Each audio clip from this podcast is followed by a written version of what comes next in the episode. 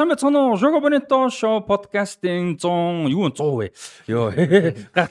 Season 2 буюу 2 дахь улирлын 3 дахь дугаар эхлэхэд бэлэн болж байна. 100 гэдэг нөгөө манай Rusty Talks podcast гэж байдаг. Тэр нь маань 100 дээр явж байгаа л та.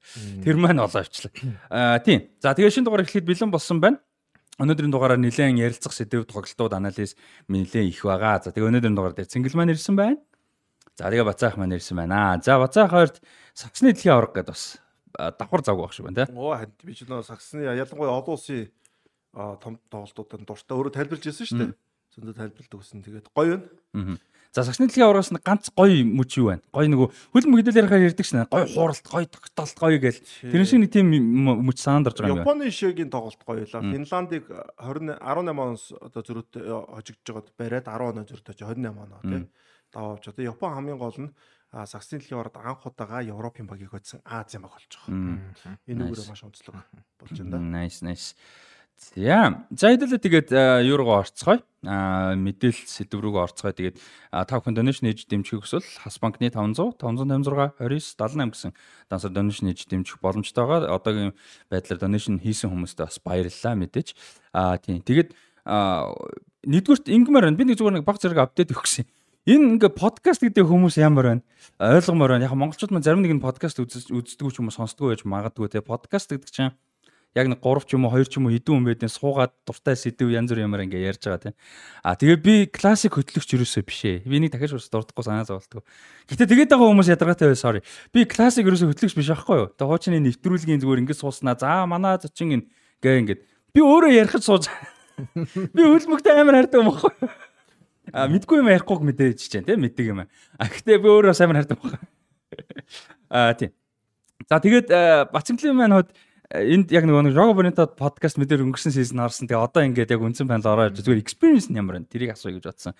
Яг өөрийн чинь яг ингээ панелаар ороод явах дээл 7 хоногт бэлдэн ярина энэ бүхэн. Оо гоё шүү дээ. Яг тэгэхээр чинь зүгээр хийж байгаа одоо дуртай ажлын нэг хэсэг учраас ингээд айх тэр түүртэг ч юм уу тий тэгээд ингээл тэрэндээ нэг зовоод байгаа ч юм уу тийм зүйл бол байхгүй. Аа тэгээд аа би чинь баг 2000 оноос хойш 99 оноос хойш ингээд одоо 5 цаг хэрэг сонингоор дамжуулаад тэгээ тухайн одоо нөгөө спортын нэвтрүүлгүүд а Монголын үндэсний телевиз спортын нэвтрүүлэг а тэгээд тухайн үеийн Eagle телевиз спортын нэвтрүүлэг а тэгээд тухайн үед нөгөө нэг кабелийн одоо баг арай гэж нөгөө хулгаагаар олж авч байгаа кабелийн одоо ESPN-ийн тий спорт центрийг нэвтрүүлээ гэдэргээд тэгээд нөгөө нэг үзэж бүр 90 оноос хойш тэгжсэн тий тэрнээс хойш тэгэл 5 цайрыг сонинг одоо 2010 хүртэл одоо уншиж илаа тэгээд удалгүй одоо интернеттэй болсны ачаар одоо илүү олон мэдээллийг авдаг болоо л гээл тэгээд тогтмол угаас нэг үзээд уншаад аа тэгээд аа тоглолт тоглолтын талаарх сонин сайхан анализ юу вэ гэдгийг таагаад ингээд байн уншчихдаг болохоор ер нь дажвэ. Тэгээд э, тэр олсон одоо мэдээллүүдээс аль болох цэгцтэй тэгээд хамгийн гой хэрэгтэй гэсэн мэдээллүүдийг л одоо хүргэхийг зорин доо. Тэгээд манай цэнгэл нэг нэг э, нанжид идэргээд хүмүүс байгаа шүү дээ. Багасаа 5 цаг үзээд спортын бүх төрлийн мэдлэгтэй. Ямар ч спорт ирсэн одоо битгүү дээр манай жого дээр нэг бүхэн ах ирсэн шүү дээ. Тэгээ нанжид дээр ингээл бүх яриа сууж байгаа хөөе. Тэнгүүд л гайхаад гавч. Тоо чи яаж бүхэн мэдээгээд 99 оны чөлөөтийн дэлхийн авар дээр шүү дээ 54 дээрд ингээл 58 дээр ингээл бүх шингийн ингээ барилдаа барилдаа гэж гайхаад тоор чи хөлөн бүл мэддэг үстэй. Тэгээ манай ахыг аягуусаа үздэг юм байлаа. Хадаж үзэж байгаа. Ялангуяа юуг нь их үздэг. А төслийн сторийн тайвын үздэг. Тэгээд манай цэнгэл бас их тийм байхгүй. Ямар спорт ирсэн шууд ярина одоо. Хөнгөн атлетик ингээд юм ингээд нанчиг мэдрэл бодоо биш л те. 44 оны наадны юу гол шууд одоо бүр үзүр төрөө мөрөө. үзүр төрөөтэй тэр мэрэгэл очоод тэлжиж магадгүй үчивээс баг хот ураг моргийн яриад байдаг. Яа. Энэ зэнгэлтээ хэлж магадгүй. Би зөв нанчиг яриад ихгүй байх гэж бодож байна тэгээ нанчиг бас амар штэ тэгээ зэнгэл манаа тэр хосоо байна баатараа байна те өөр чи яг ундрал байна те яг 5 цагийг юу үздэг яг энэ тийм одоо генерашн байхгүй 5 цаг хин тэр бэлгүүнээ хас а бэлгүүнээ яг бэлгүүнээ хас байна спортод амар дуртай яг ингээд бүх төрлийн сэдв ярьдаг хэдгэн бас гайгүй залгууч байдаг байхгүй. Тэг яг тэрэн дээр шого бас гоё таарчаад байна. Яг мэдээж үндсэн уучлаарай. Аа үндсэн юу нь мэдээж хөлн бөгч гэсэн ингээд далиг юм гардаг те. Нөгөө газар газар зүүн улс төр гэдэг шиг Тэгэхээр бас гоё байгаа. Манай Растич айдхан л да. Одоо оргил гэдэг ахтай найзсан. Тэгэл Нанжид дээр тоглосон Растич чинь жоохносоо бидний дагаж яваал. Спорт амар олон юм үздэг мэдлэгтэй. Тэгээ өөрөө гол нь амар мундаг хилтэй л те. Англиар бол одоо Монголоос илүү ярих байх. Өө юу нэг хөлбөмбөг одоо та болохоор ингээ хөлбөмбөс босоо спорт шүү дээ. Би яг хаа талбай теннис мэстэр. Гэхдээ спортоос илүү нөгөө кино хөгжил бол авчдаг. Ялангуяа кино тий. Аа яг одоо нөгөө нэг 5 цэрэг сонингийн одоо ахнар байна. Бид нар бол үнэхээр бас энэ олон одоо хүүхэд залуучуудад спортын талаарх одоо суур мэдлийг тэ цэцтэй одоо мэдээллийг хүргэж ийсэн одоо мундаг ахнар шүү. Амар нөлөөтэй тий маш нөлөөтэй. Тэр ахнар бид нар байхгүй шүү дээ. тий бүтэн генерашнд нөлөөлсөн хүмүүс яг зөв тий. Одоо sorry. одоо баг 7 хоногт нэг дугаар гардаг 3 дахь өдөр дугаар нь гардаг гэсэн 5 цаг. Тэгээ сүүлдээ нэгт дөрөвдөд 2 дугаар гардаг болчихсон.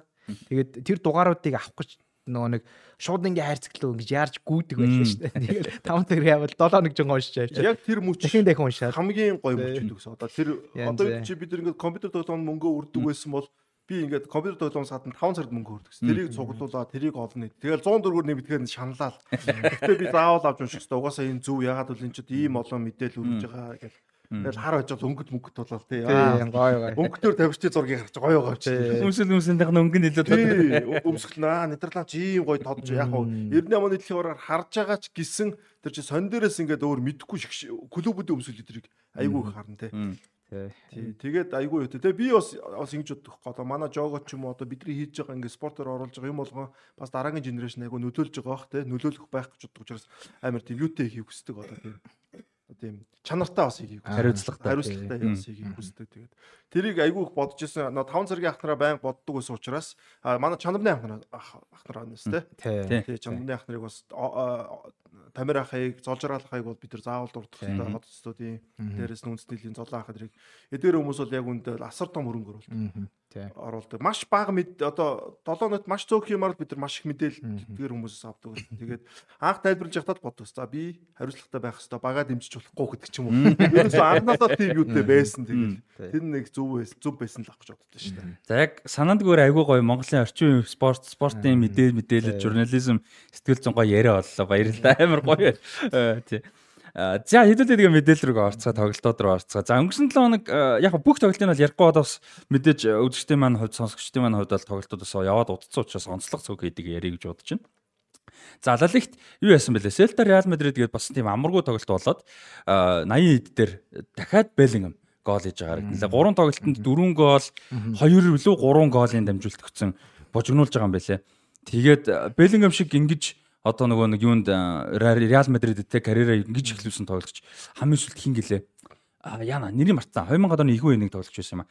Тэгээд ер нь бол өөр баг байхгүй шахгүй юм Бенле тэгээд а, LED лидер болсон. LED Испани хэлний нөгөө сургалт муралтан суугаад бүр ингээд амар юм соёл моёлтойгоо оролцоод ингээд эхэлсэн. Тэгээд бүр үнэхээр мундаг байна. Энэ жил Реал Мадридыг хэдүүлээ нэг дэлгэрэнгүй яриаггүй яг яг багийн нэрсэн. Одоо юуг нь ярих асуух гэдэг нэхэр Реал Мадрид аврагуудын лиг Ла Лигт яг зөв тамаг маягаар хэр явна гэж бодож байна. 8-ыг нь ярих. За би лалигт бол 2 дугаар ярьж бодож байна нэг үнд бол. Аврагууд хэлэгт бол би шүүгийн 8 дээр хараад очиж байгаа. Тий. Лалигт энэ жил за төрүүлж чадахгүй байх. Магадгүй урд ч оршин. Мм. Мэднэ. Яг тэр Атлетик их сайн байгаа энэ жил. Тэгээд аа, аврагуудын лигт бол аа, хагшаад бас хүрч чадахгүй хөө. Бас энэ жил бол бусад багууд илүү өнгөлөг байна. Аа яг хөө зүгээр өвлөлийн солилцооны цонхоор яах нь уу те юу болох нь уу гэдгээс их хамаарах. Өвлөлийн солилцооны цонх- цонхоор Эмбапег авчих ч юм уу мэдлээ те. А тийм. нэг юм бол нөхцөл байдал арай өөрчлөгдөнө. Яг одоогийн нөхцөл байдал дээр бол а юу гэдэг чинь нөгөө нэг а, 16 17 18 оны үеийн Супер Реал Мадрид шиг бол арай байж чадахгүй. Одоо үүд чи сайн явах чинь клач тоглож туршлага аягүй чухал байна. Энэ багт чинь Тони Кросс, Модрич хоёр бол дунд бол одоо ямар ч нөхцөл байдлаас Аа. эргүүлж чадах хоёр Тий. суперэнтэй Тий. Яг хоо Жуд Беллингем ирж гэн Жуд Беллингем бол үнэхээр супер гэхдээ арай залуу байна. Арай бас туслах хүмүүс нэрхтэй. Дээрэс нь Карим Бензема гэдэг маш чухал тоглогчноос араб явсан Тийм. тий. Тэгэхээр энэ бол тоглоом дээр нь болоод нэг клач одоо тэр араас нь нэхэж барьдаг тэр юун дээр нь жоохон саарамгчжуулж хараад байна шүү дээ. Тийм. Тэгээд Беллингхэмиг зөөр онцлоод ярихад энэ залуу бол а одоо мэдгүй бод хідэн сайд нэг ногдох авьяастай энэ тоглогч те. А зөв авьяасаас гадна тэр хүн чинь нэг байглаас заяаж байгаа нэг өгдөл байгаа те характер.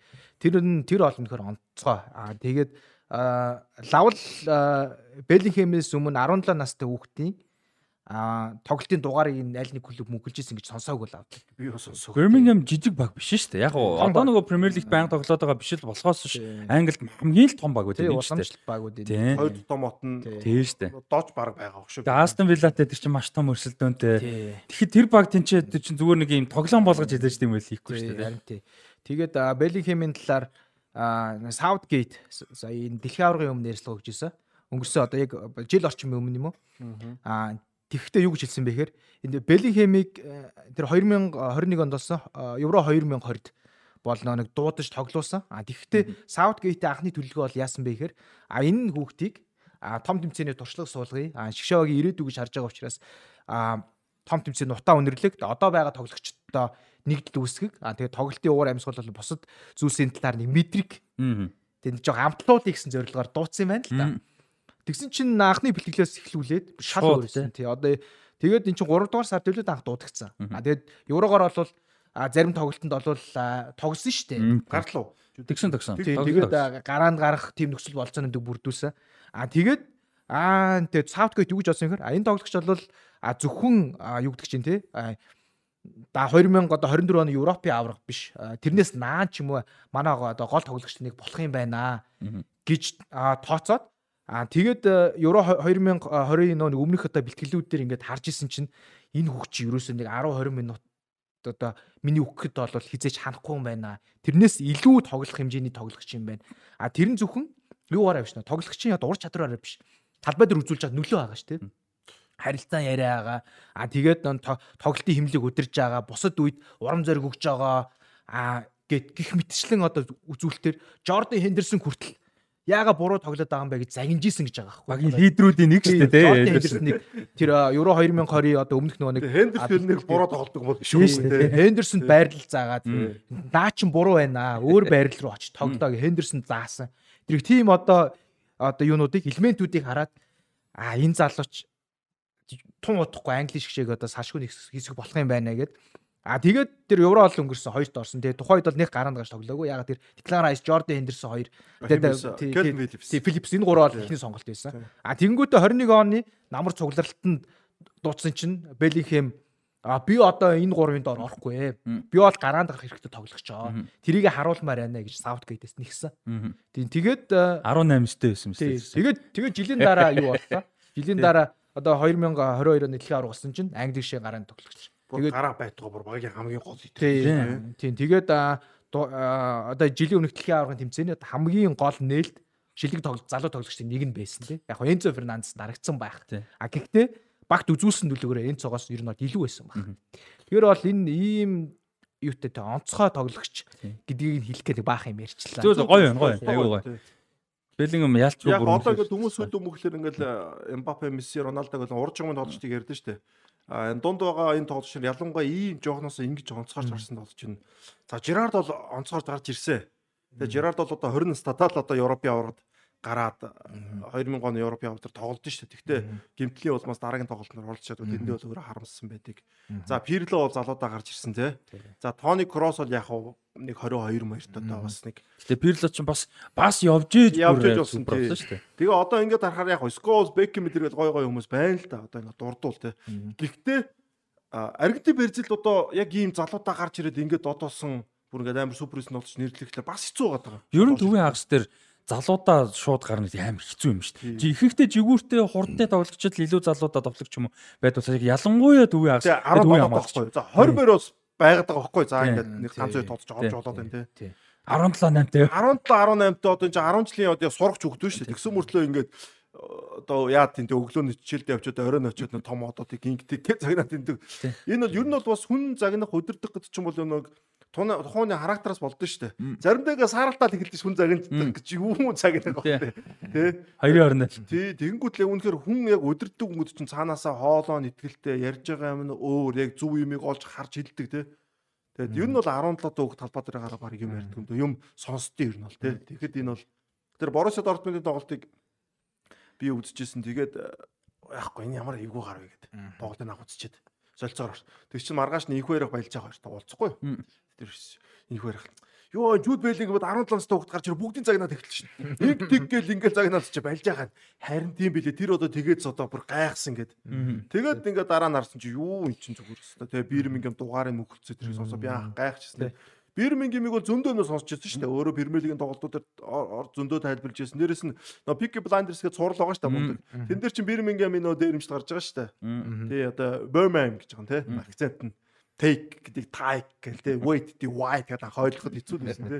Энэ сабтайтлыг үзүүд ойлгохгүй кино байдаг. Тэн дээр гарч байгаа шүү дээ. Тий Aston Villa Birmingham тэр клубын талаар тодорхой хэмжээ маш жоохон хэмжээнд гардаг. Гэхдээ тэн дээр гарч байгааг бол тэр өөрөө нэлээд юу л байгаа л да. Том юм хэлж байна те. Birmingham өөрөө Английн альжуул дээр айгүй том од. Ерөнхийдөө Liverpool Manchester хоёроос илүү альжуул төрийн том од байсан. Одоо Glasgow төрийн өмнө те.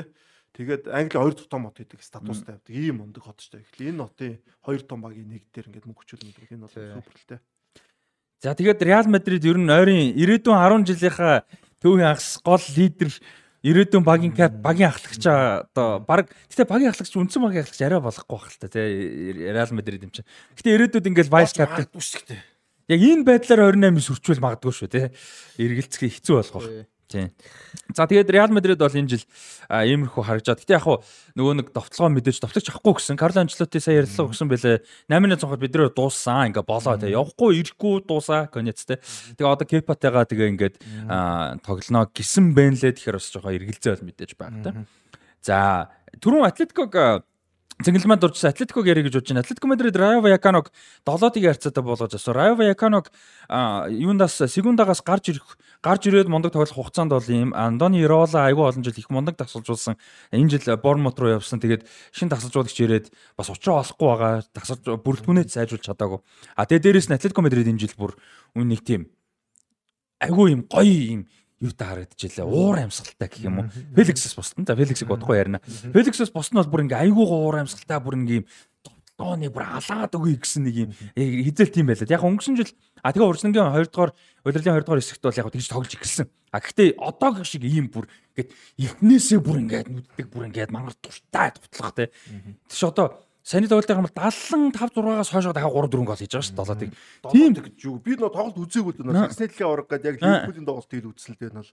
Тэгээ наа долоод хийж сайн сонсоо бүр гайхлаа юм ч одоо. Атлетико Мадрид. Тэгээ Рая Валкано гэсэн чинь Валкано. Валкано ч сайн. Тэгээ дээрэс нь долоотыг нь эхэндээ бөмбөгцсөн бас биш. Бүр 70 дэс дахиад 3 4 хийж байгаа байхгүй. Тэшин бүр ингээд яг Атлетико ч тэгж тоглолдог шүү дээ. Цэнгэл энэ дээр. Атлетико дээр. Тий энэ одоо саяны энэ үйлрлийн Атлетико бол 2012 13 14 оны орчмын Атлетико Мадридыг санагдуулсан тийм ирч хүчтэй одоо интенсив байна тий.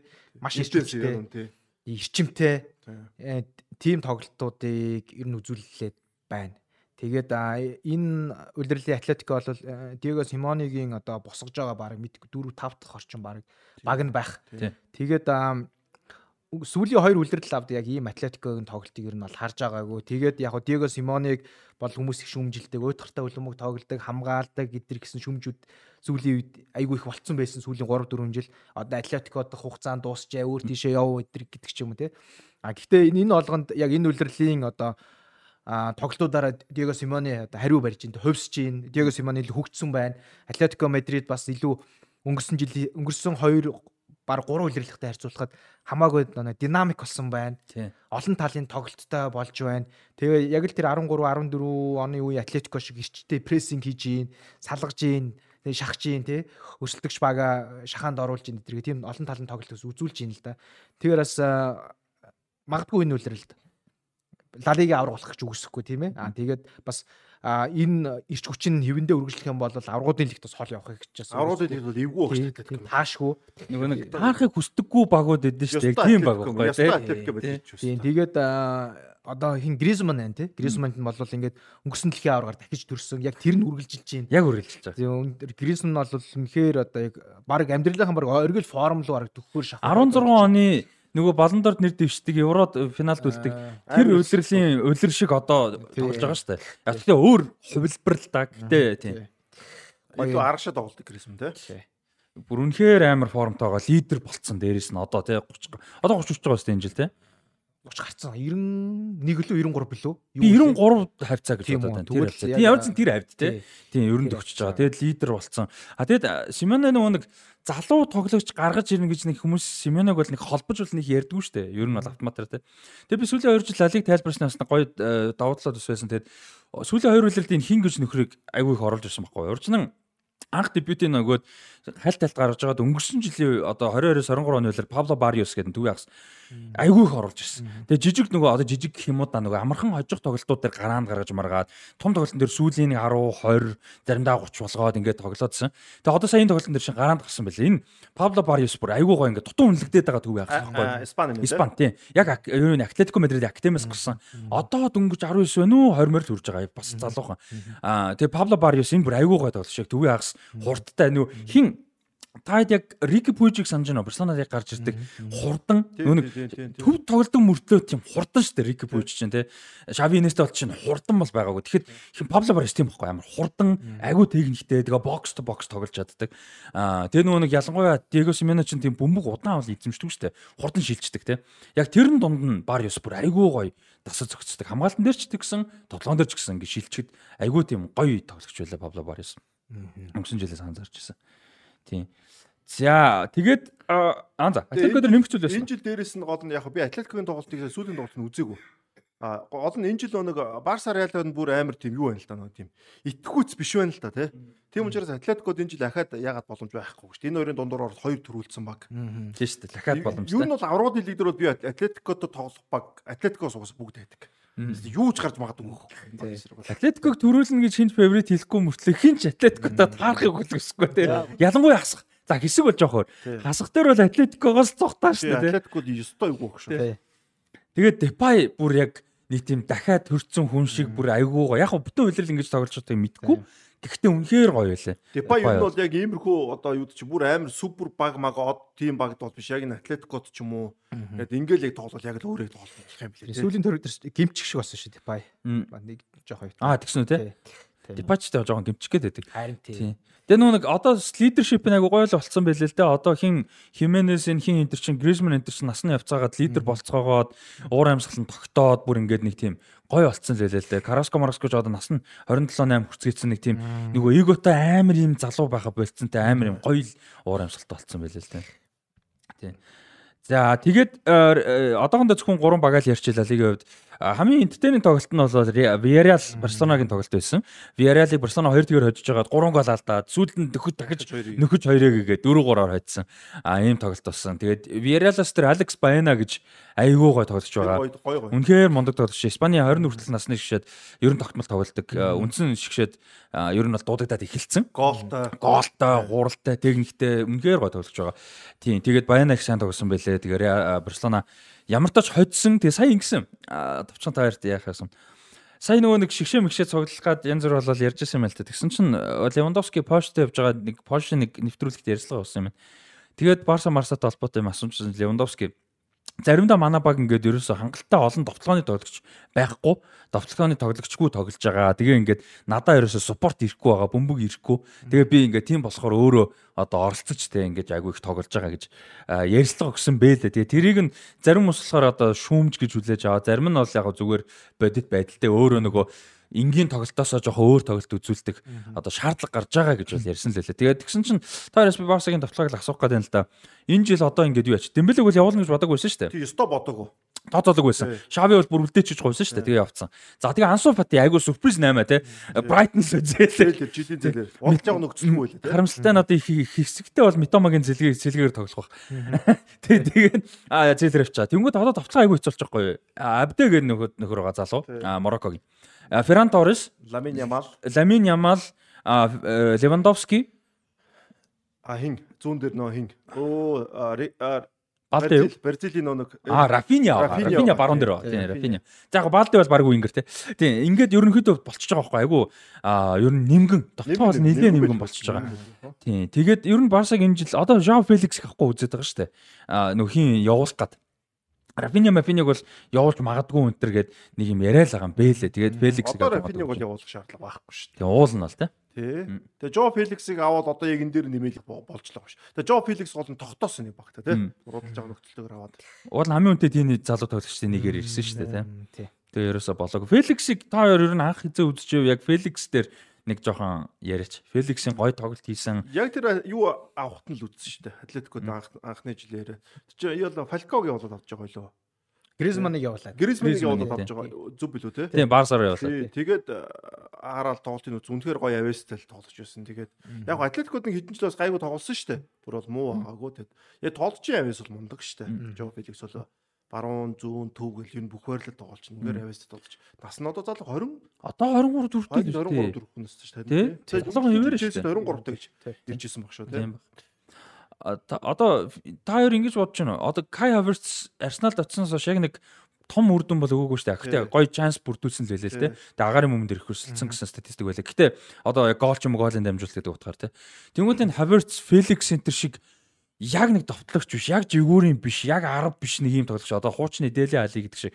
Ийм тоглогч жоохон хоцрогдох гээд байна уу, тактик таарахгүй гэсэн иймэрхүү юм бодж гэнэ эсвэл зүгээр л энэ нөгөө нэг тусгаад тоглогчдын л өөрсдийн кейс байгаа даа. өөрсдийнх нь л кейс байгаа. Харин ч хэрэгтэй ш тийм тоглогч ширж олон байрал тоглодог. Одоо энэ тоглогч яг зөв тосол энэ тоглогч зөв тосолч руутай очих юм бол энэ тоглогч ашиглаж болох амар бол нөөстэй тоглогч байхгүй. Тэгээд э, яг хин Феликс бас нөгөө э, одоо Авиас байгаа тий. Авиасаас гадна э, одоо нөгөө тоглолтыг ойлгох, тактикт одоо дасан зохицох, а тэгээ тактикийн өөрчлөлтөнд одоо бэлэн байх. А тэртлийн нөгөө нэг ур чадвар нь арай жоохон дутуу одоо хөгжөөд байна уу гэж ер нь бол ажиглагдгаар. Одоо сая э, Атлетико дээр э, Симоныг удирдлагаар таарахгүй одоо ингээд угаасаа баг явах нь ойлгомжтой. Явахгүй байлаа гэхэд баг тоглохгүй нь ойлгомжтой. Нэг сард баг явах нь ойлгомжтой юм нөхцөлд ирчихэж байгаа. Тэгээ Челси тасны хагас үлрэл тоглосон гэд тэгэд энэ нөхцөл байдлаас нарахад бол яг тэр нөгөө нэг э, одоо тактикийн нөхцөл байдлаар сайн хөгжүүлэх хэрэгтэй юм э, гэж одоо баг харагдахаар. Одоо Эден Хазар одоо Мориныг удирдлагаар тоглож эхлэхдээ яг хөл өмгийг арай өөр өнцгөөс харж эхэлсэн гэж одоо ярьслаа өгсөн байдаг те. Тэгэхээр хөл өмгшин зөвхөн ингээд бөмбөгтөө тоглох а гэхээс гадна бөмбөгөө тоглох уу юу байна? А тэгээ багийнхаа тактикт дасан зохицох эсрэг багийн өөрчлөлтөд нөгөө баг өөрийнх нь баг нь тактик өөрчлөлт хийхэд тэр нь бэлэн байх те. Тэртлийн одоо а, одоо толгойдоо оруулах те хөл өмгийн IQ-га илүү сайжруулах, ойлголтоо сайжруулах тэр юм нь л жоохон дутуу байгаа юм болоо да. Хэрвээ энэ чигээр байх юм бол тэгэл мартагдаад алга болчихно. Одоо хин юм шиг ч юм одоо нөгөө супер авьяастай яж байгаа дундаж шагт очоод а, тоглосоор агаад чигшээдэ дуудагдах болсон зөндөө олон тоглогч шүү дээ. гэр гэж тэрээс эхлэв. Тийм. Одоо тэгээ Жо Феликсээр би бас жоохон юу байгаа тань л та. Энэ дасгалжуул дасгалжуулагч айгуу чухал байна л. Яг тэгвэл нөхөр Атлетико Мадридээс Атлетико Мадрид хамгаалт тоглодог баг. За Португалийн шишээ дээр энэ бас хамгаалт тоглож сонсож байсан те. Тэгэд хоёр шигшээ дэш тэр юун дэш тэр хамгаалдаг цалгуулагчтай тоглогч. Тэгээ Челсид амар тийм ороо босгоо хэд нэрцэн те. Амар хацгүй. Тэгэхээр би энэ тоглож байгаад ерөөсөө юу болоогүй гэж харагдах байхгүй. Яг зөв багтаа очих юм бол таараагүй. нөхцөн таараагүй. Энэ тоглож яг зөв багтаа очих юм бол би бол зөв сайн тоглож чадах. Зөндөө авэст наадч бол. Авэсийн ундар тэгээд насан залуухан. Тэгээд манай сэнгэл хэлж байгаа би бол үнэхээр зов санал нэг чинь. Тэгээд тактикийн тэр юм мөн дээр үнэхээр насан залууж байгаа одоохондоос. За одоо тактик гээд өргөжлүүлээд ярихад Феликс дээр одоо ирэх юм бол Ансо Фатигийн үндсэн тоглох хэвээр зүүн дээр мэдээж тоглох бах. Ер нь бол тий. Левандовскигийн байр бол төв штэ. Яг уу а юун дээр пресизон дээр бол Португал дээр бол баруунч тоглосон шүү дээ юугаар дэлхийн. Тийм. Тий. А тэгсэн чин их юм- а, а, тэг баруун л орно одоо. Тэгсэн чин төв дээр нөгөө Ферран Торресыг агүй их төв тоглуулж байгаа. Пресизонер. Тэгээ сая хоёр тоглолтын дэслэгээр орж ирээ гол хийсэн. Хоёр удаа гол хийлээ. Ер нь Ферран Торрес агүй юм формтой. Тэгээ өөрөө бас нөгөө нэг юм агүй их асуудлуудтай. Талбайгаас гадна талбай дээр аль аль нь болж өгөхгүй ингээл сэтгэл зүйч талаас тэ агүй олон. Тэгээ одоо бол ингээд агүй юм зэгцэрсэн. Тэгээ Шавитай ярилцаа тогтоод гоё. За Левандовски бол угаасаа л авьяастай мундаг тоглогч дүү- өөрийгөө баталсан. За тэгээд зүүн дээр Ансу Фати болчихж байгаа. За тэгээ яг хаа Эзабдэ хэрвээ явахгүй бол тий. Тэнгүүд баруун дээр сонирхолтой юм дараа. Фатичи явцсан шүү дээ. А Ансу Фати Фати явж уучлаар авчаа би санаа Эзабдэ гэсэн шүү. Аа, Абдэс Феликс гэж байгаа уучлаараа хин Фатигчлаа уучлаар. А баруун дээр болохоор Феликс тэгээд Ламин Ямал гэж нөхөр байна л да. За Рафиниг бол бүгд мэднэ. Ламин Ямал гэж энэ хүүхэд одоо 17 дөнгөж биш 16 хүрсэн. Саяхан 16 саяхан хүрсэн заяа бүр. Тэгээд талбай дээр тэр мэдрэмж одоо Беллингем гэдэг шиг яг тийм амар мундаг лидер биш ч гэсэн талбай мэдрэмж ойлголцож байгаа, бөмбөгтэй харьцаж байгаа. Тэгээд тэр чинь өөрөөс нь 10 маруу вах тоглогчдын эсрэг яаж хуурж байгаа те би эсрэг би хүчээр дийлэхгүй шүү дээ. Тэр чинь ер нь жижигхэн туранхай хөхтэй. Тэгэхэд тэр хамаагүй одоо Альфонсо Педросо Испани Ла Лигийн сүүлийн хэдэн жилийн хамгийн мундаг зөв зүгээр хамгаалж штэ нэг. айгүй мундаг штэ. Тэгэхэд Педразааг бол юу ч болоогүй юм шиг хуурж гараад дахин араас нэрээ зунгууд нь дахиж хуурчаад алдаа аваад тэгээд баг арайч уурлах нь холгүй яваад өнгөрч байгаа байхгүй. Тэгээ бүр тэр хүүхдээ сэтгэл зүй тэгээд тэр авяас чадвар бол бүр үнэхээр мундаг. Тэгээ саяны тэр Гавигийн гоолн дээр гоолын дамжуулт өглөө мөрөгдөг би тэгээ санаад байна. Бүр өмнө нь тасарсан бөмбөг. Тэр бүр яг өшгөлтийн нөгөө нэг бөмбөгийн техник байдаг шүү. Одоо нэг Александр Арнолд гарч ирсэн нэг тийм байсан шүү. Бөмбөгийн дамжуулт техникийн бүр цаанаал нэг өөр яг тийм ламин ямаалын тэр хөрөлт мөрлтүүд хууралт бүр амар гэж байлаа. Та хоёр анзаарч байна. Барсагийн урчил Левандовски голдоо Рафиня баруунда зүүнд нь тэгээд хин Одоо харин юу байгаад байгаа вэ? Эзабдэ зүүндээ голдон Левандовски баруун Ламин Ямал гэж тохиолж байгаа. Ер нь бол. А тэгтээ яг хуу Гави ч нөгөө нэг юу болчиход байгаа шүү дээ. Нөгөө auxiliary гэдэг шүү дээ. Нэмэлт товтлогч ингэж нэг урагшаага орж тоглоод байдаг. Заримдаа Педригаас урагшлуулах шаардлага. Барсагийн товтлол муу сонсогч байна. Одоо бүдүүн улиралдаа бол хэцүү шүү дээ. Ер нь Рафинел гарна л да бүдүүн улиралдаа бол тийм. Тийм тэгээд энэ Ансу Фатиг явуулсны одоо гол шалтгаануудын нэг нь Ламин Ямал аа. Ламин Ямалыг хөгжүүлэх, тоглолтын минутыг нэмэх тийм зорилгоор бол Лансу Бати яг ер нь бол спортын одоо югаар да зарчмаар ингээд өөр багл зээлгээр явж байна. Тэгээд Ламин Ямал бол угаасаа юу гэдэг чинь бурхнасаа яасаа яас. Бурхны билег гэдэг ч юм уу те. Одоо тэгээд яаж хөгжүүлэх нь Шавигийн гарт энэ Барсагийн одоо Темийн гарт одоо юу вэ? Залуу хүүхдүүд гимтсэн. Одоо Ансу Фати яг л ингэж гарч ирсэн шүү дээ. Аа гимт. Тэгээд амар гимтсэн. Тэгээд бид нар бол гимтлийн бүр тодорхой ярьсан тий. Бүр их стори болгож ярьсан шүү дээ. Стори бол бүр гимтлийн бүр ингэ задлаа ярьсан. Аа өвдөний менискс үлөө тэр чинь тий. Тийм байсан баг. Тэгээд тэр нь жоохон нэг тийм а эмчнэрийн алдаас мандаас дутуу идгээгээ дутуу идгээгээ тэгээ тэрнээс бол одоо урд нь хийдэг байсан гой гой нэг зарим ууралтууд одоо юунуудаа хийх жоох асуудалтайгаар жоохон ингээд одоо чи ахилс тэгж байгаа ахилс тасарна штэ. Тасрангууд чинь ингээд авчирч байгаа оён штэ. Хүний одоо үед чинь шүрмсний жоохон ингээд сунагдсан штэ. Ахиа тасрахаар ахилсын шүрмс ингээд ингээд арзаач штэ ингээд үний шүрмс чинь те. Тэгвэл тэрийг хажиж байгаа дахиад явах нөө хүн нөө жоо хазар болгоод яг шөрөмсөн дутуу яваад байгаа хөөхгүй бүрэн гүцсэн шүү. Яг тэрнтэй адилхан нэг тиймэрхүү нэг тийм өвдөгний юу яасан юм шүү га нэг жоохон тийм тийм. Одоо ямар хэмдэ одоо нэг жоохон дутуу гэх юм уу, дутуу идэгцэн гэх юм уу нэ. Тэгээд нэг тийм тийм асуудлаас л Данси Фатигийн тоглолтод бас нэлээд нөлөөлсөн юм. Тэгэхээр гэмтэл бэртэлгүй одоо байлах нь айгүй чухал байна л да тийм яг нэг тэр э, хизэн бэлтгэлийн ачаалал нэмхүү хасгаа одоо Фатигч яг нөгөө хэдүүл ярьсан шүү дээ. Нөгөө Мессост орчоод сэргийл сэрэн засах хэмжлээнүүдийгээд бэлтгэл болоогүй байхад нь Барселона дуудаж аваачаа бэлтгэл энэ төр хийлгээд тэгээд нөгөө өвдөг нь ингээд хавтцсан явж исэн гэдэг. Наа чи өнгөрсөн жил Льюис Диасар болсон шүү Ливерпулийн. Яаруулаад. Тэг яаруулаад эмчнэр нь эмчнэр алдчихж байгаа байхгүй. Тэгээд бэлтгэл гарсан чинь өвдөг нь юу болоо. Тэгээд дахиад ясч. Ахаад 4 сар гэж байгаа байхгүй шууд. Болоог багт нь бэлтгэл хийлгэсэн. Тэгээд шууд 4 сар болж байгаа байхгүй. Тэгээд одоо энэ үйлрэлээ шууд орчиж байгаа чи бүтэн. Өнгөрсөн үйлрэл тэгэл байхгүй болчихсон. Ерөөсдөө байхгүй шүү дээ. Одоо Барселонагийн товтлогоо бол яг саяныхаар л болж байна. Хамгаалт нь бол өнгөрсөн жилийн бүрэлдэхүүн ерөөхдөө хിവэр байгаа. Баруун дээр Жав Канселуг зээлэр зээлэр авсан. Ансу Фати бол нөгөө худалдаж авах ирэхгүй зүгээр нэг үйлрэлийн зээлээр Брайтон руу явж байгаа. За Кансело ерс нь бол амар том эерэг мэдээ болж байгаа. Яг араас найруулал нь баруун дээр хүн дутуу олон жил байсан те. Эд үеийн Дани Алвесаас хойш энэ бол бас том эерэг. Ер нь баруун дээр Дани Алвесаас хойш жинхэнэ айгүй сайн нэг баруун хартаа болж байгаа л юм бол те. Тий. Яг. Энэ гэхдээ зээл те. Тий зээл.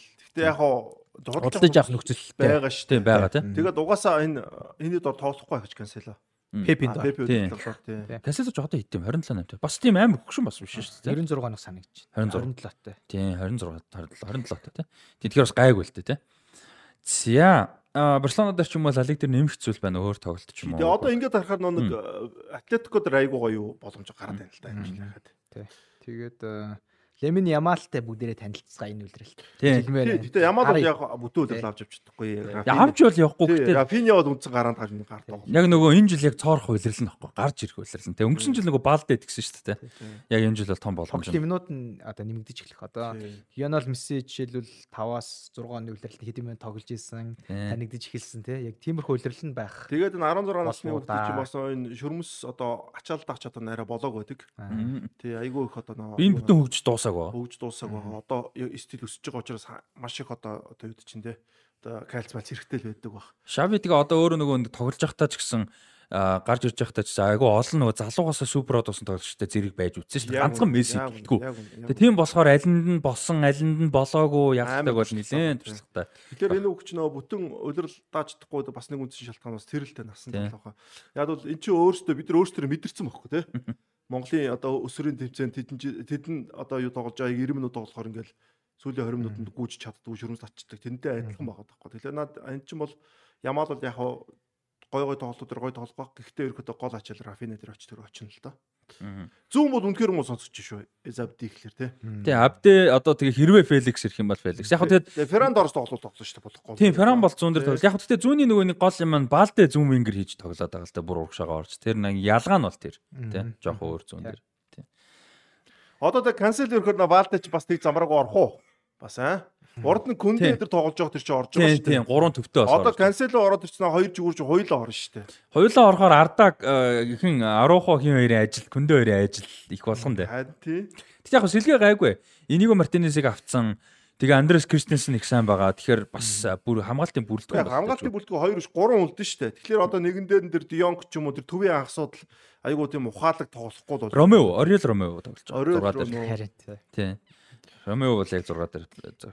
Амрабатыг аавна гэж бүх баг болгон ярьсан мөртлөө тэгээд хин ч аваагүй. Одоо Амрабат уу? Бэлгэлдээ очихгүй байгаа гэсэн шүү дээ тэр чинь. Одоо энэ Зээлэр хаашаа хаалаа? Манчестер Юнайтед нөр хадаа. А тий Юнайтед. Тэгсмүрд official бид өгөөгөө өгсөн шүү дээ. Юнайтед ч нөө 8-ны цонх болохноор бүгдийн сонирхдаг тэгснээр авах нь уддаг гэд тэгээд яриад байдаг те. Хэнийг хэнийг юу хэнийг сонирхотлоо нэг сонь сонь нэр гарч ирээд шүү дээ те хин байла. Аа тийм тэгээд Лалигас бас нэг юу байгаа нөгөө нэг хин одоо ингэж штэ Ирола хин амжилттай байгаа сайн мэдэхгүй байна. Борнмотод. Гэхдээ ер нь бол одоо Ваяканогоор харахад бол агүй гой тасалжуулагч өөрөөс тоглолчуд мундаг туршлагатай. А тэгээ Унаа Эмери мундаг өөрийгөө харуулж яг бол Бодеги бас нэг бас их хүссэндээ бол болсонгүй. Гэхдээ Испаноос ингээ агуугаа тасалжуулагч бас Премьер лиг рүү өөр ингээ том багууд руу явж байна. А би дараагийн хүн хэн байгаасаа гэж хоёр хүн найддаг байхгүй яг сайн мэдгүй.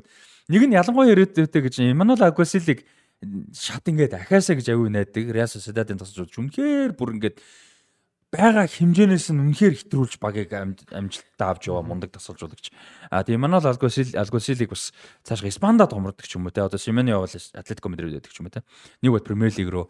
А тэгээ нөгөөх нь А болохоор нах насан жоо явчих гэхдээ Кикесетийн а одоо Вириалыг тасалж байгаа. Кикесетийн хамгийн гол нь айгуугаа товтлооны а тасалжуулагч. Бетист үнэхээр мундаг тоглолтыг одоо үзүүлүүлдэг байсан бага.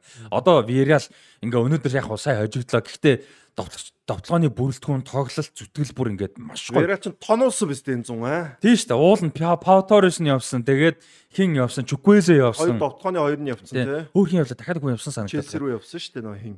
Мартин Аа Николас Жаксон тийм Николас Жаксон явцсан. Данжума байгаа лөө. Данжума байгаа. Данжума. Тийм. Данжума байгаа. А тий хэнийг авах авсан л да. Сосидадас Сорлотыг авсан. Яг Сорлот бол нэг тийм 10 15 гол нэлт тоглож. Тийм. Гэтэ яг ингээд нэг тийм айгүй гоё тавталгааны тасалж байгаа шүү дээ. Тийм болохоор энэ хоёрыг өөр багт хармаар байгаа. Вирал чи хаалт чинь явдуу хаалгач яваагүй баха. Хаалгач бол яваагүй баха. Сэнхо байгаа шүү дээ. Яг нь Рүүлийн өнгөрсөн жил Аякс руу очсон. Аа тий Рүүли явсан тий. Пеперена ч нэг сүүлдээ тоглосон шүү дээ. Рена ч бүр сүүлдээ гараа болцсон. 40 мөч хүрсэн манай очоос явж лээ. За. За Лалигэв товчхондоо нэг иймэрхүү байна. За Сери А-гийн тоглолтууд бас явдгаараа явж байгаа. Лавтаро Мартинес юу байгаа юм бэлээ. Лавтаро Мартинес 2 гол хийсэн бэлээ. Өмнөх төрөж бас нэг гол хийсэн санагч.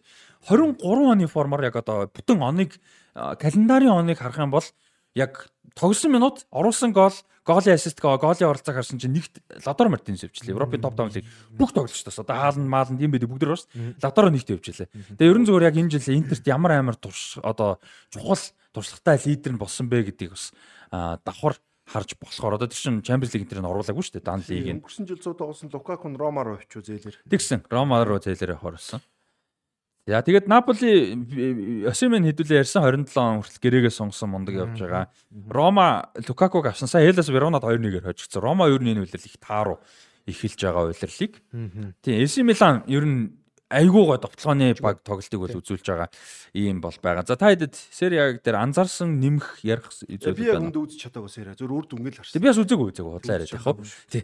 Хайлайт л харсан зарим нэг тоглолт тийм. Яг тоглолтууд нэг нарийн үзээгч нь Сери А-гийн талаар аа ер нь энэ үйлрэлд ямар байна, өнгө нь ямар байна гэдэг талаар яг нь хідэн артиклууд сүүлд харсан. Тэгээд тэндээс өөр харж байхад Интер Миланыг ер нь жоохон онцолж хармаар санагдаад байна. Ягаад тэгэхээр тасгалжуулагч нас ихтэй жигөө гой хүн Симоне Инзаги. Аа тэгээд дээрэс нь Интер Миланы тэр менежментийн баг. Удирдлагууд нь бас айгүй сайн ажиллаж байна. Одоо юу гэдэг чинь тий Маркус Тюрямыг авчнагдчих чаас. Үнгүү юу? Тий одоо тий ч баг зах зээлийн одоо үнэлгээгээр 50 сая а евро ч юм уу хүрэхээр тоглогчийг үнгүү авчиж байгаа байхгүй. Маш чимээгүй. Багдаа штэ тий багдаа. Залуу штэ. Тий. Багдаа 50 сая хүрэх тоглогчийг гих мэтчлэн гэдэг. Сүүлийн үеийн одоо тэр солилцоонд хэрэгжилж байгаа юмнууд тэгээ бас яг хөгшин болсон ч гэсэн Алекс Санчесыг буцаа авчиж үнгүү тэгсэн Алекс Санчес. гих мэтчлэнгээр одоо Ян Зомрыг авчирсан. Гих мэтчлэнгээр одоо тэр менежментийн баг нь маш сайн ажиллаж байна. Тэгээд менежментийн багийн баг багаас дээдлэлт нь одоо нөгөө удирдлагууд хувьцаа эзэмших гэж байгаа тий. Тэр нь одоо хятад хүмүүс. Тий. Одоо хятадын хөрөнгө оруулалтын сан одоо хувийн хөрөнгө оруулалтын сан маягийн ажиллаж байгаа. Тэгээд захирлаар нь одоо 30 нас гэж гарч байгаа залуу ажиллаж байгаа. Тэр хүн тэр залуу ч одоо 3 4 жилийн өмнө нэлээд одоо Интер Миланы одоо Фенүтэ хил хаамд ороодсон бол одоо ингээд Интер Миланыг ингээд босгоод ирлээ шүү дээ. Айгу бага одоо юугаар одоо мөнгөөр их юм та.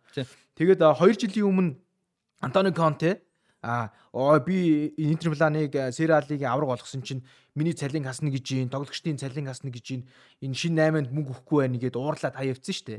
Тэгээд оронд нь Симоне Энзагийг авчирсан. Тэгээд тэр байгаа төсвөө маш одоо ухаантай зарцуулаад маш одоо зүв зүв алхмууд хийгээд өнгөрсөн удирлын аврагын лигийн финалд аваачлаа шүү дээ. Тэгсэн. Тэр нь бол юу гэдэг чинь тэд клубын менежмент сайн байх юм бол одоо ямар ч магадгүй одоо төсвөр амжилттай тоглож чадах юм гэдгийг харуулж байгаа. Одоо нэг суглаанч хойд гарсан шүү дээ аврагууд хэлэг дээр тий. Яг тэр нөлөөсөн тий. Тэгээд аа энэ үлрэлч гэсэн яг адилхан маягаар явж байна. Тэгэхээр одоо ийм сайн менежменттэй явж байгаад аа баг төсвөр одоо Сералиг одоо авраг болох юм бол бас тийм гоё кейс болох гээд байна. Одоо Симоне Инзаги өвч гэсэн том алхам болох гээд байна. Гэт тэгэхээр Сералиг гэсэн энэ жил Сералигийн багууд үнэхээр гоё байгаа.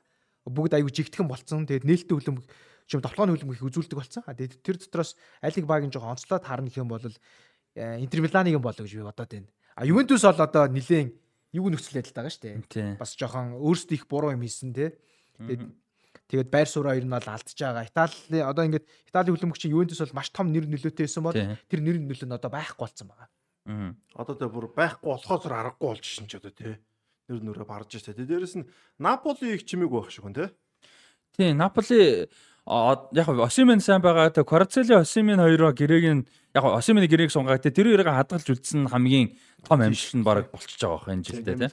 Тэгээд дасгалжуулагч нь Луис Гарси хин блэ? Нэрийг боруулж магадгүй шүү. Ромод юу 13-аас 14 оны үлрэл ажиллаж ирсэн. Тэгээд сүүлд лилд ажилланыг Раул Гарси яахгүй. Раул Гарси юу лээ? За би хараад тий. Тэр бас ер нь айгүй одоо сайн дасгалжуулагч. Одоо Ромагийн бүх цагийн түүхэлд хамгийн олон оног авч ирсэн. Сера Сера Алигт 11, 12 дараас нь хожил авч ирсэн. Одоо Ювентусын тогтоос рекордтой баг тэнцүү байгаа.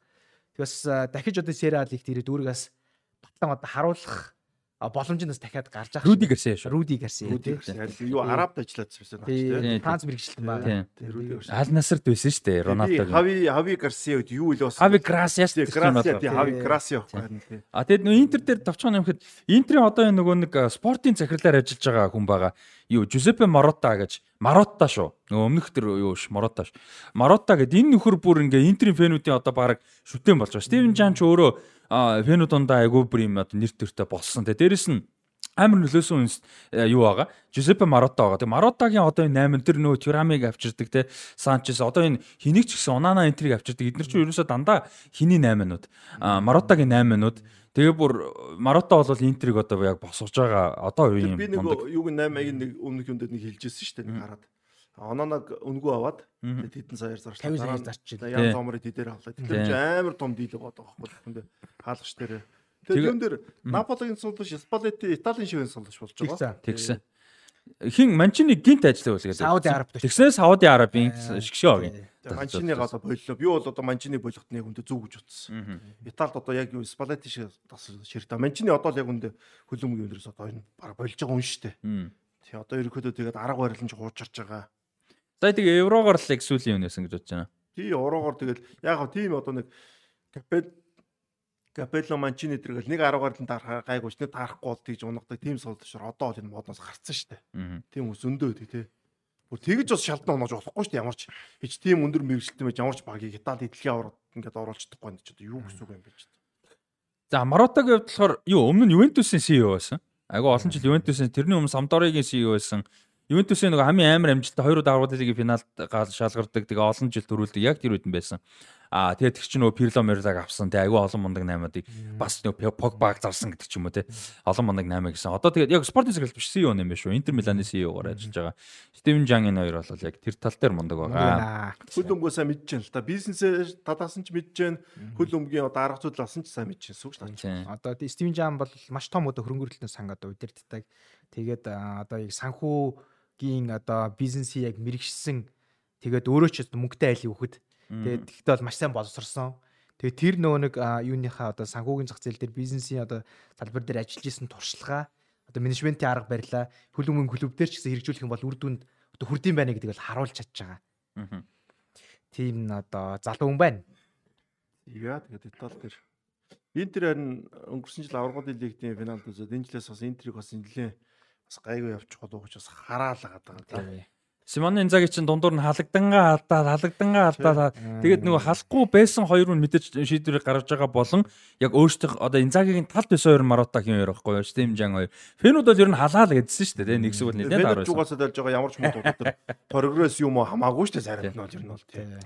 За тэгээд залуу эзэн гэсэн чинь саанд орж ин л да нөө Сандерландын эзэн тэг Кирилл Луи Драйфус гэдэг одоо энэ Кирилл Луи Драйфус чи хэдтэн 25 та 97 оны залуу Сандерландын эзэн Тэгээд Луи Драйфус гэдэг энэ Францын бүр амар нөгөө мөнгөтэй том гэр бүлийн хүүхэд. Тэгээд энэ хүрчин бас амар мундаг Сандерландыг удирдаа. Нөгөө Сандерланд битүү асуудал ч гэдэг нөгөө удирдлага модирлага мөнгө санхүү гэдэг. Тийм битүү асуудал байсан. Тэгээд энэ Кирилл Луи Драйфус ч аваад энэ багийг ч бүр хамаагүй өөр болгоод одоо тэр Жоби Беллинг мэтрэж авсан шүү дээ. Жүүдийн дүү. Ер нь Сандерланд бүр ингээд ойрын нэг 5-аас 10 жилд бол нэлээд дээшлэх юм потенциалтай бас баг байгаа. Анзаар бол манай үзэгчтэй. За Францад гэсэн чинь нөгөө хин чин Мбаппе ч 2 гол игээ лансаг очихгүй. Тэгээд тэгсэн чинь юу яасан юм бэ? Э, хин Paris Saint-Germain санал тавьсан юм л гэрээгээ сунгах те. Тэгээ 25 урт сунгаа сунгая. А тэгээд дараа жил явдгаараа яваа. А тэгээд бид нар мөнгөөр зарнаа те. Гэт ингээд санал тавьсан чинь Мбаппе ч өөхөө гэсэн юм. Одоо тэг яах гэдэг байна. Мбаппе юу? Мбаппе 8 сарын 31-нд дахиж 60 сая аваад Тэгээд удирдлагынхаа тоглоод тэгээд 100 Реал Мадрид руу signing bonus 160 сая 100 150-аас 160 гэдэг л л дээ. Сая бонустай тэгээд Реал Мадрид руу явах гэдэг юм шиг шүү. Ямар. Анаа 10 бож өвөл зарах үү нэрээ? Нэг сард одоо хамгийн сүүлийн хэрвээ хэрвээ 9 сарын 1 ингээ 8-ны 100 хаагтад Мбаппе явахгүй үлдэх юм бол мөнгө салгаж авах сүүлийн боломж нь өвөл. Мөнгө салгаж авах. Тийм. Гэхдээ салгаж авах нэг хэцүү. Яагаад тэгэхээр яг хууль ёсоор бол нэг сараас эхлээд Мбаппе дуртай багтаага гэрээгээ шүү. Салгыг гэхэд хэцүү. Зүгээр Мбаппе өөрөө Реалтай 100 очногийн гэрээгээ хийчвэл Парис Сен-Жермен зарыг гээдчгүй авахгүй байхгүй. За Парис Сен-Жермен тоолохгүй гэж нэг одоо яах гэ ганц боломж л тэр. Гэхдээ тгийгээд сая тэгээ би бууж өгөө за тоглоулъя гэж бэлтгэн талд нь оруулаад тоглуулсан шүү дээ. Тэгээ тэгсэн чинь үед бэлтгэл дээр Мбаппег чинь би Мбаппегийн авиас чадвар тоглолтод амар дуртай. Гэхдээ тэгсэн чинь бэлтгэл мэлтгэл дээр чинь хүүхдүүд ядж захт нөгөө Францтай го бурхан байтугай од штэ. Тэгсэн чинь Paris Saint-Germain-ы бэлтгэлийн бааз маз дээр чи мань үжи King Kylian Mbappe гэж дууддаг гинэ. Тэгээ одоо нөгөө Месси зээсээ явцсан Neymar энэ төр явцсан нөгөө юм өөр нөгөө илүү ахмад одоо ийм том тоглогчд нь байхгүй болцсон. Тэгээ Мбаппе ч одоо тэнцээрөөсөө бүр ерөөсөө ийм болцсон гинэ. Тийм бохоо. Ер нь бол тэр Neymar Messi дээр чи бас зөвхөн нэг өөртөөх нь насаараа шавьяас чадвар нь байгаад байгаа учраас чи хажууд нь ингээд бас нэг болдгоо байхгүй тий. Тий. Тэгээ тэд нар нь явчихгүй угаасаа Эмбапе өөрөө ч тийг үсэг хүн болгоогоос уусаа өсөө өсөөгөө тэг одоо тийм байдалд оруулчих. Тэр нь одоо юу гэдэг нэг тийм буруу гэсэн үг зүгээр факт л байхгүй. Одоо хүн болоод угаасаа Эмбапе ямар ирээдүйд мэд ямар сүбрийг мэдэх учраас нөгөө юм байхгүй юм чи Эмбапега бүгд л зааж угаасаа амар шүүгэлдэл угаасаа ойлгомжтой талтай угаасаа багт байдаг юм уу гэдэг. Одоо тэгтээ карьерийг бодохоор хичнээн супер бид нар мэддэг ч гэсэн дэлхийн аваргаал гэлэлдсэн болохоос Шимбапе яг Монакод очсноос Монакод байснаас хойш хүмүүс төрөхгүй байхгүй. Яг дэлхийн аваргаал бол угаасаа супер байгаа. Тэрнтэй марахгүй. Гэхдээ ингээ одоо 25 хүрсэн. Тэгээ 25 та тоглогч гэхэд ингээд Мбаппегийн хэмжээний карьерийн хүн ингээд хүртэх одоо ёстой гэж бодох юм уу хүртэх хэмжээ гэж бодох юмд ерөөсө хүрээ одоо чинь хааланд ингээд мундаг байгаад те бүрэлдэхүүний гол тоглогчдын нэг байгаа трибл төрүүлэхэд ингээ явж штэ. Тэгэхэд Мбаппе бол яг Парисын Францын лиг төрүүлэх бол хинч тоохгүй шүү дээ яг үнэндээ тий. Жил болгон төрүүлжлээ тэгээ чадахгүй л галдаг гэхдээ тий. Эмбапегийн явах байгаа шалтгаан чи бас наад ч юм байхгүй юу? Мэдж байгаа шүү тэрийг. Хааланд энд алаад идэг. Энд нэг Францтай алаад байгаа юм шиг алаад идэг. Дэлхийд эдэн алаад байна гэж харахгүй. Тэгэхээр чи Реал очоод наа чи аврагууд лиг дээгүр мээгүр юм гэхээр наад ч бол Эмбапег бол ойлгомжтой шүү дээ 25 нас гэж. Одоо prime time-д эхэлж байгаа. Олон давжны үед эхэлдэж штэ. Надад чи бүр угаасаа л 18-аас орог эхэлсэн яваад байгаа байхгүй? Тэгээ Эмбапегийн нөө хэдүүлээ ярьжсэн мундаг одоо юм холын алсын хараатай гэр бүл учраас мань хүн бол 34 5 хүртлээ топ хэмжээнд тоглоно л гэж зорж байгаа өөрийнх нь зорилго нь одоо дэлхийн аваргын түүхэнд дэх хамгийн олон гол оруулсан тоглогч болох гэсэн зорилт чинь бол явж байгаа. 12 дэх үлээ 14 мөр үуч. Одоо 12 голтой. 12 та баг эвдэн ойлгомжтой дөө тий. Тэгээ хам одоо дэлхийн аварга Клозе 16. 2 авцсан 3 авах боломж шүү дээ. Ер нь сайн яривал 4 ч авах юм шүү. Дэлхийн аваргын финалд 2 үлдсэн. 2 үлдээд а нэг аваагүй яана би андарч шүүжлээ. Тэгээ 2 финалд үлдчихэж байгаа. Тэгээ дахиад 2 финал үлдэхийг өгөөсгөхөд Одоо Европын ороод на Франц ч юу орж ирж нь Тэгээд дэлхийн аваргын финалд 4 гол хийсэн анхныг. тийм тий. Тийм түүхэн бичиг тэгээ айлдыг хийчихсэн тий. Дэлхийн ороод хэтрик хийсэн 2 тухын. Финалийн тоглолтод. Финалд финалд Jeff Hurst штэ 66 оны. Англи. Аа амар. Мбаппе бас байхгүй. Яа тэгээд Эмбапе дэд А. 33 4-өөс дэшигээ ирэхэд төвөнд тоглож болж байгаа. Тэгээд юу л байна л да. Одоо Эмбапегийн талаар бичиж байгаа аа, юунод одоо нийтлэлчид эдгээр бол тэгж л хэлээ. Эмбапе бол одоо Paris Saint-Germain-ээс явах цаг нь болцсон. Яагаад вэ гэхээр зүгээр нэг тоглогч нэг багаас явах хамгийн гол шалтгаануудын нэг нь тухайн тоглогч тухайн багаас том болчих юм бол явах цаг нь болжээ гэж үздэг юм байна л да. Тэгээ одоо бол ялцгүй яг яг тийм болцсон. Одоо Эмбапе бол одоо Paris Saint-Germain-ээс том хүн байгаа. Том том том. Байх. Тэгэхээр ер нь маш хэцүү. Тухайн нэг одоо үлдээх одоо менеж хийх амар хэцүү болчаа. Тэгэхээр Монголд бол амар нь болцсон. сэтгэл чухал шүү гэхэл тэгэл нэг тий. Тий, Одоо л явах цаг нь болцсон. Тэгээд яг зүгээр Эмбапег юу гэдэг чинь одоо Пеп шиг ч юм уу одоо хамгийн ойрын жишээ юм бол за Пепээс гадна зөндөө олон мундаг дасгалжуулагч нар байгаа шүү дээ. Тухайн хүний хөлбөмбөгийн талаарх ойлголтыг нь ингэж тэлж өгөх тий. Тим дасгалжуулагч нар одоо нэг клубын хэмжээнд нэг үлдээд нэг хэд тоглоод хэл хэрэгтэй санагдаад байгаа. Тэгж тэх юм бол бүр илүү супер болох, бүр гоё болох байх. За тэгээд Мбаппегийн ирээдүйн сонирхолтой. За Paris Saint-Germain дээр ба цэнгэлмаа нэг гэж бодож. Бид дэд ярьжсэн. Paris Saint-Germain талаар нэг асуугаагүй бах. А одоо Paris Saint-Germain-ийн төсөл ингээд Мбаппе одоо байна уу өвлөө нөө 100 байна уу явах нь ингээ ойлгомжтой болж байна. Нөгөө Galactico ч юм уу супер одоо цуглуулдаг брэнд сонирхол бол бага болж байна. Яг го брэндийг бол мундаг босгосон тий. Одоо дэлхийд даяар хамгийн олон өмсгөл зардаг өмсгөлүүд одоо брэндүүдийн нэг бол хөлбөмбөгийн брэнд бол Manchester United, Real Madrid юу гурав ба шүү дээ. Paris Saint-Germain гурав болцоод байна тий одоо бол. А тэгэхээр яг Paris Saint-Germain-ийн ирээдүг юу гэж харж байна? Зэнклийн хувьд. Өмнө яг зэнглээс суугааг болохоор би асуугаагүй санаад ирсэн бид тий. А клубын а, удирдлагууд одоо ажиллаж исэн стратеги энэ жилээс эхлээд огцом өөрчилж байна. Өнгөрсөн үеэрлийн одоо дундаа сошиал ер нь ийм алхам хийгээд ихээсэн. Яг а, үнэтэй а тэгээд нас нь явж байгаа ийм тоглогчдойгэр навчрахаа болио гэд. Мгм. Тэгээд а, а, би ч өмнө гайхдаг байсан. Одоо Парис бол яг одоогор дэлхийд дээрх Парис болон Парисын одоо захын одоо дүүргүүд дагуул хотуудын яг тэр нэг бүс нутаг байгаа. Тэр бүс нутаг болвол дэлхийн хөлбөмбөгийн хамгийн шилдэг авьяастай тоглогчдыг бэлтгэж байгаа бүс нутаг болчиход байгаа. Хамгийн олон.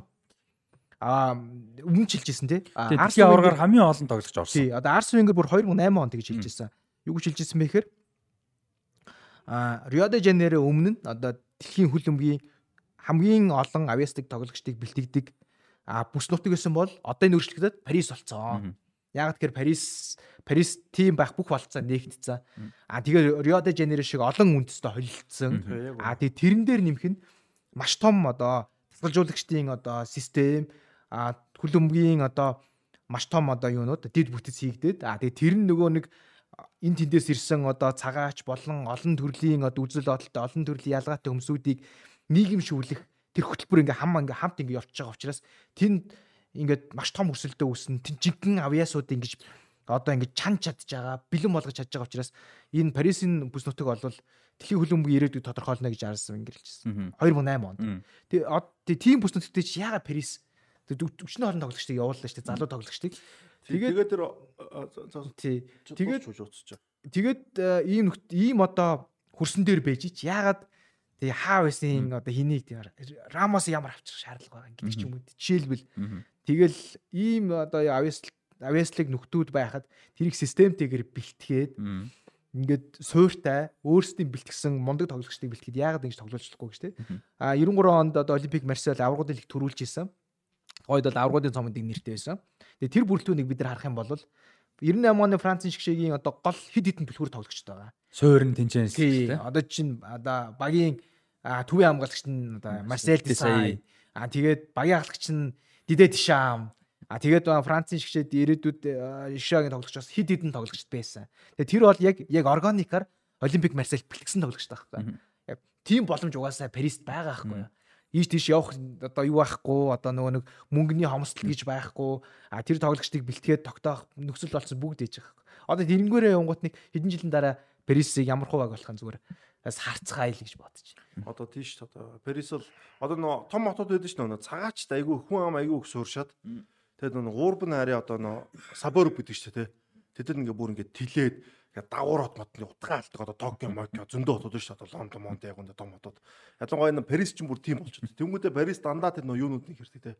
Хожо Францын Коломбо. Супер метрополис үү те. Тий. Одоо би энэ Филиппиний сая нөө сагсын дэлхийн ордоо Филиппин дээр би ингээд юу хардаг гэсэн юм бэ? Манилагад хажуу талд нь Кэсэн Ситиг хот байдаг гэсэн юм байна. Дээр тарчаад яг 22 том хоттой байна гал.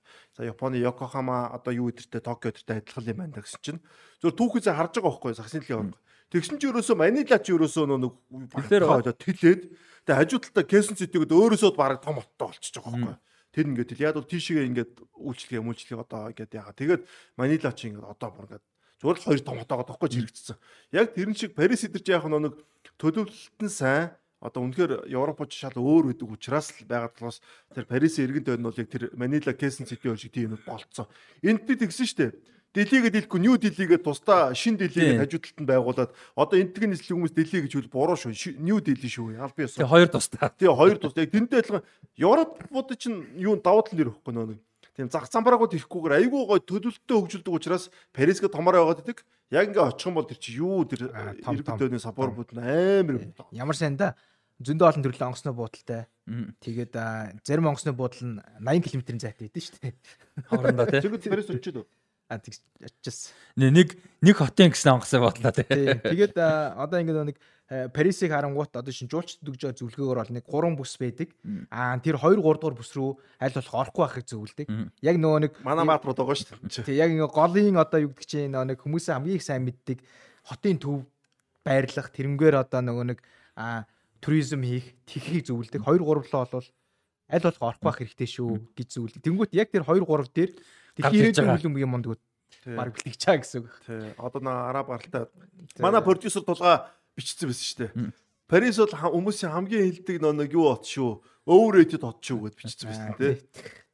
Яг fucking shit одоо үзэх юм байдаггүй байдаггүй гэ тий. Хог ном шигтэй юутай мүтэйгээ зөндөө. Одоо тэр Мбаппегийн гарч ирдэг нөө жижигэн дүрснэ Бонди гээд тий жижигэн хэсэг хэсэг. Тэр чинь бүр тичнээс үргийн гарч ирсэн юм лээ. Бос гээд идэв юм байгаа байгаа л юм байна. Тэгээ Парис манай найз очиод хэлжсэн.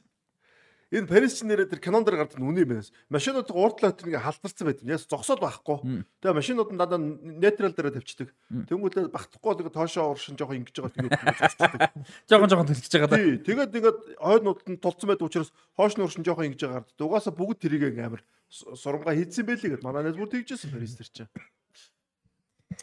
За Францын лиг дээр нэмэх бодож байсан анзаарсан зүйл байна уу? Мэдээж бүх тоглолтын үзэх боломж байгаагүй учраас тоглолт бол ярихад хэцүү байна. Францч одоо Парисын жирос бусдыг ярихад ч жоохон хэцүү л байна шүү дээ. Энэ бол яг нэг үйл. Яг тэгээ улирал тогтоод ирэхээр гоё ярих сэдвүүд тогтно л да тий. Нөгөө өнгөрсөн жилийн Опенда Мопенда гэдэг чинь Ланс ч айгүй өнгөрсөн жил гоё төгөлтэй л шүү дээ. Реймс байна тий. Тэгэхээр Реймс шүү дээ тий. Стадер Реймс тий. Монако, Олимпик Марсель, Лион эдрэс. Лион жоохон сулах юм ба шүү. Монако Марсель хоёр бол бас яг гайгүйч магадгүй л харагч байна. Гэхдээ Франц ч бас л Марсель сая юунаас аврагын лиг урдсан сатнаас мултарсан. Пандинакс байсан уу юунд байсан бэ?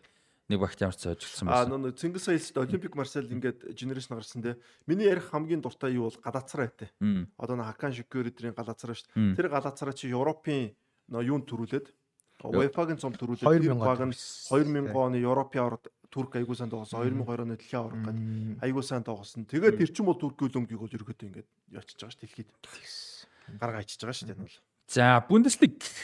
Боруссия Мөнхенгладбах Байерн Байер Ливеркузен хоёр тоглоод 3 тгийн харьцаатай Байер Ливеркузен За ер нь урж тасцсан гэхэд буруудахгүй дээ. Виктор Бонифас гэж нөгөө одоо Юнион Жилвас гээд Бельгийн Union те. Өнгөрсөн жил Европа лигт божигнуулсан. А, Юу лээ? Конференц лиг үл Европа лиг билүү?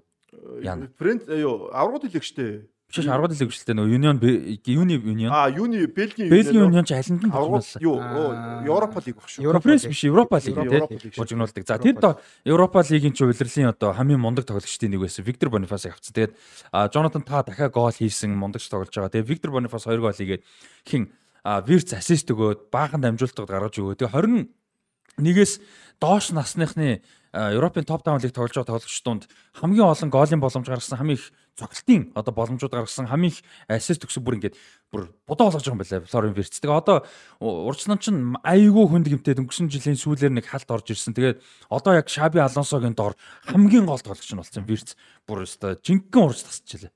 Одоо бас нэг хэд хэдийн гоё Алансо гэж үнэхээр гоё сонсож гарч. янзын насаж болж гарч ирж байна да. Үнэхээр гоё. Бид нар бол карьер нь ярьсан шүү дээ. чи. Угаасаа амар амар тасалжуулагчаар явцсан одоо ий байгаас аргагүй гэдэг. Реал, Ливерпул, Байер Мюнхен тоглолцсон те. Дэлхийн аварга, Европын аварга, аваргуудын лиг, лигүүд тий. Алансо ч юм бол яг үндэ угаасаа өөрөө ч тоглож байхдаа амар мондод толгойд тамирч юм байсан. Алансо бол угаасаа дараагийн бас ирээдүйн супер тасалж мундаг тасалжуулагч тий. Тий. Тэгээд Баер Ливеркузен болвол 2 жил, 3 жил, 4 жилийн өмнө ч гэсэн яг юм ирээдүйн одоо хөлбөмбөгийг тодорхойлж болох үс мундаг залуу тоглогчдыг цуглуулж исэн. А яг тэрнгээр одоо үргэлжилсэн хിവэр яагаад байна. Нэг нь бол Кай Хаверц тий. Тий, одоо ингээд төвийн хамгаалтыг харах юм бол а Одсийн Косүнү а нөгөөх нь а зөлөг гэж Тапсопо гэд энэ хоёр байгаа. Энэ хоёр бол одоо Европын одоо топ клубүүдийн анхаарлаа хандуулсан байгаа хоёр одоо 22 3 настай залуу. Хамгаалагч тий. Эдмонд Тапсова. Тий, энэ энэ хоёр бол үнэхээр мундаг байгаа. Тэгээд Лорен Вист энэ бол а зүгээр Wizard буюу шидтэн а 4 3 жилийн өмнө яг нээлт болж байхад Германы хөлбөмбөгийн шидтэн одоо чинь нэг а 54 он дэлхийн аврагын тэмцээний одоо хожлын гол оруулж исэн а ба тухайн багийн алхагч нэр нь орж ирдэггүй. Өө Ран маань өдөглөд ирсэн. Ранаас арай Бельгийн юм. дрон биш биш. тэрнтэй хүртэл харьцуулж яг нэр нь их ойролцоо. Тэгээд а, харуулслаа гимцээ. Одоо тэгээд бурхан минь зүгээр юу гимтлээс хол байгаасай. А энэ Флоран Вирц бол одоо бидний одоо хүлэмбэг үзэх тэгээ баяр баясыг баяр баяслыг нэмэх кайф авах те яг ийм төрлийн тоглогч. Үнэхээр их шидтэй юм шиг тоглолдог. А, нөө байглаас аяцаа авьяас гэдэг шиг бүх одоо довтлооны байрлал дээр тоглож чадна. Гоолын боломжийг үүсгэн өөрөө хийн өөрөө гол хийж дуусгах нь эдэргээд тоглолт нь бол үнэхээр гоё уран. Тэгээд Баяр Ливеркузен энэ жил бас нэг маш сайн одоо солилцсон нь а Грани Шака гарсан. Тэгээд Грани Шака болвол одоо Микел Артетыг удирдлагадаар өмнө яг Арсен Венгер удирдлагадаар ингээд яаж тоглооны хөлбөмбөгийг тоглох вэ гэдэг одоо суралцсан байгаа залуу тий. Тэгээд яг энэ залуу Баяр Ливеркузен яг туршлагатай тулгуурлаж байгаа гол хүмүүсийн нэг нах. Тэгээд Баяр Ливеркузен энэ жил их сайн байгаад байгаа нь одоо Бундслиг илүү гоё өрсөлдөөнтэй болох. Тэгэхээр баярлаад байгаа. Тий. Бос догсон сул ахаш Баяр мөнхин чинь 4 5 тойрог нь авраг болчин тий. Тэгээд хоорондын тоглолтод утгахгүй нөгөө том баг одоо 3 4 төрийг тэгээд одоо хожоо алга болчтой. Энэ жил арай тийм биш байгаас гэж. Тэр нь тийм биш байх гол нэг үндслүүдийн нэг нь одоо Баяр Ливеркузен одоо улирлын ихлийн гоё тоглолтууд тий. Одоо энэ Фримпон энэ бас гой тоглогч бас бүртэн байгаа шүү дээ тий. Оо Хелмут Ран муу юм биш үү? 54 Муу оны дэлхийн уу? аваргын хожлын Муу байна уу? Тий. Валтер Би ч арай сүүлдэж хараадсан дээ. за би Ран 54 оны дэлхийн аваргын Тий. финалаар 2 гол хийсэн. Мм. Монгол. нэрийг нэг хараадах юм. Флоран Вирст аягүй төстэй. Э, Тэгээ Вирц чинь амар гарч ирнэ хүнд гимтээд тэр амар хүнд гимтсэн үеэр ч хүмүүс яла гараад ирсэн байхгүй яг тэр үеэр нь гарч ирсэн тий. Тэр Тэгээ- үе чинь зэрэгцчихсэн шүү дээ. Тэгээ Карим Адеями тэгээд 3 18 хүүхдийг тоглуулж исэн. Мм. Тэгсэн чинь Вирс гимтсэн. Яг Вирцэн тэгэхж бүр тоорцоо яг багтаа гарааны Тий. болчихсон байхгүй. Нөгөө хоёр нь бол сэлгээ мэлгээ те мисял. Тэгээ тэр хоёрын хооронд ч адеми тэр хоёр нь бүр цоороод. А, Германы ирээдүй бас уул нь гоё байгаа. Одоо хардаа жоохон хэцүү байгаа маа те. Ард одоо тэр Рудигертэй Жонатан даал юм шүү. Тий та Рудигер хин гур одоо тий ер нь тэр бас Рудигер байгаа нь учиртай шүү. Тийм, бас Рудигер, тийм. Таг шууд Реал Мадридын гарааны ха- хамгаалагч шүү. коосон биш байгаа шүү. Жигүүр их муу байгаа шүү дээ.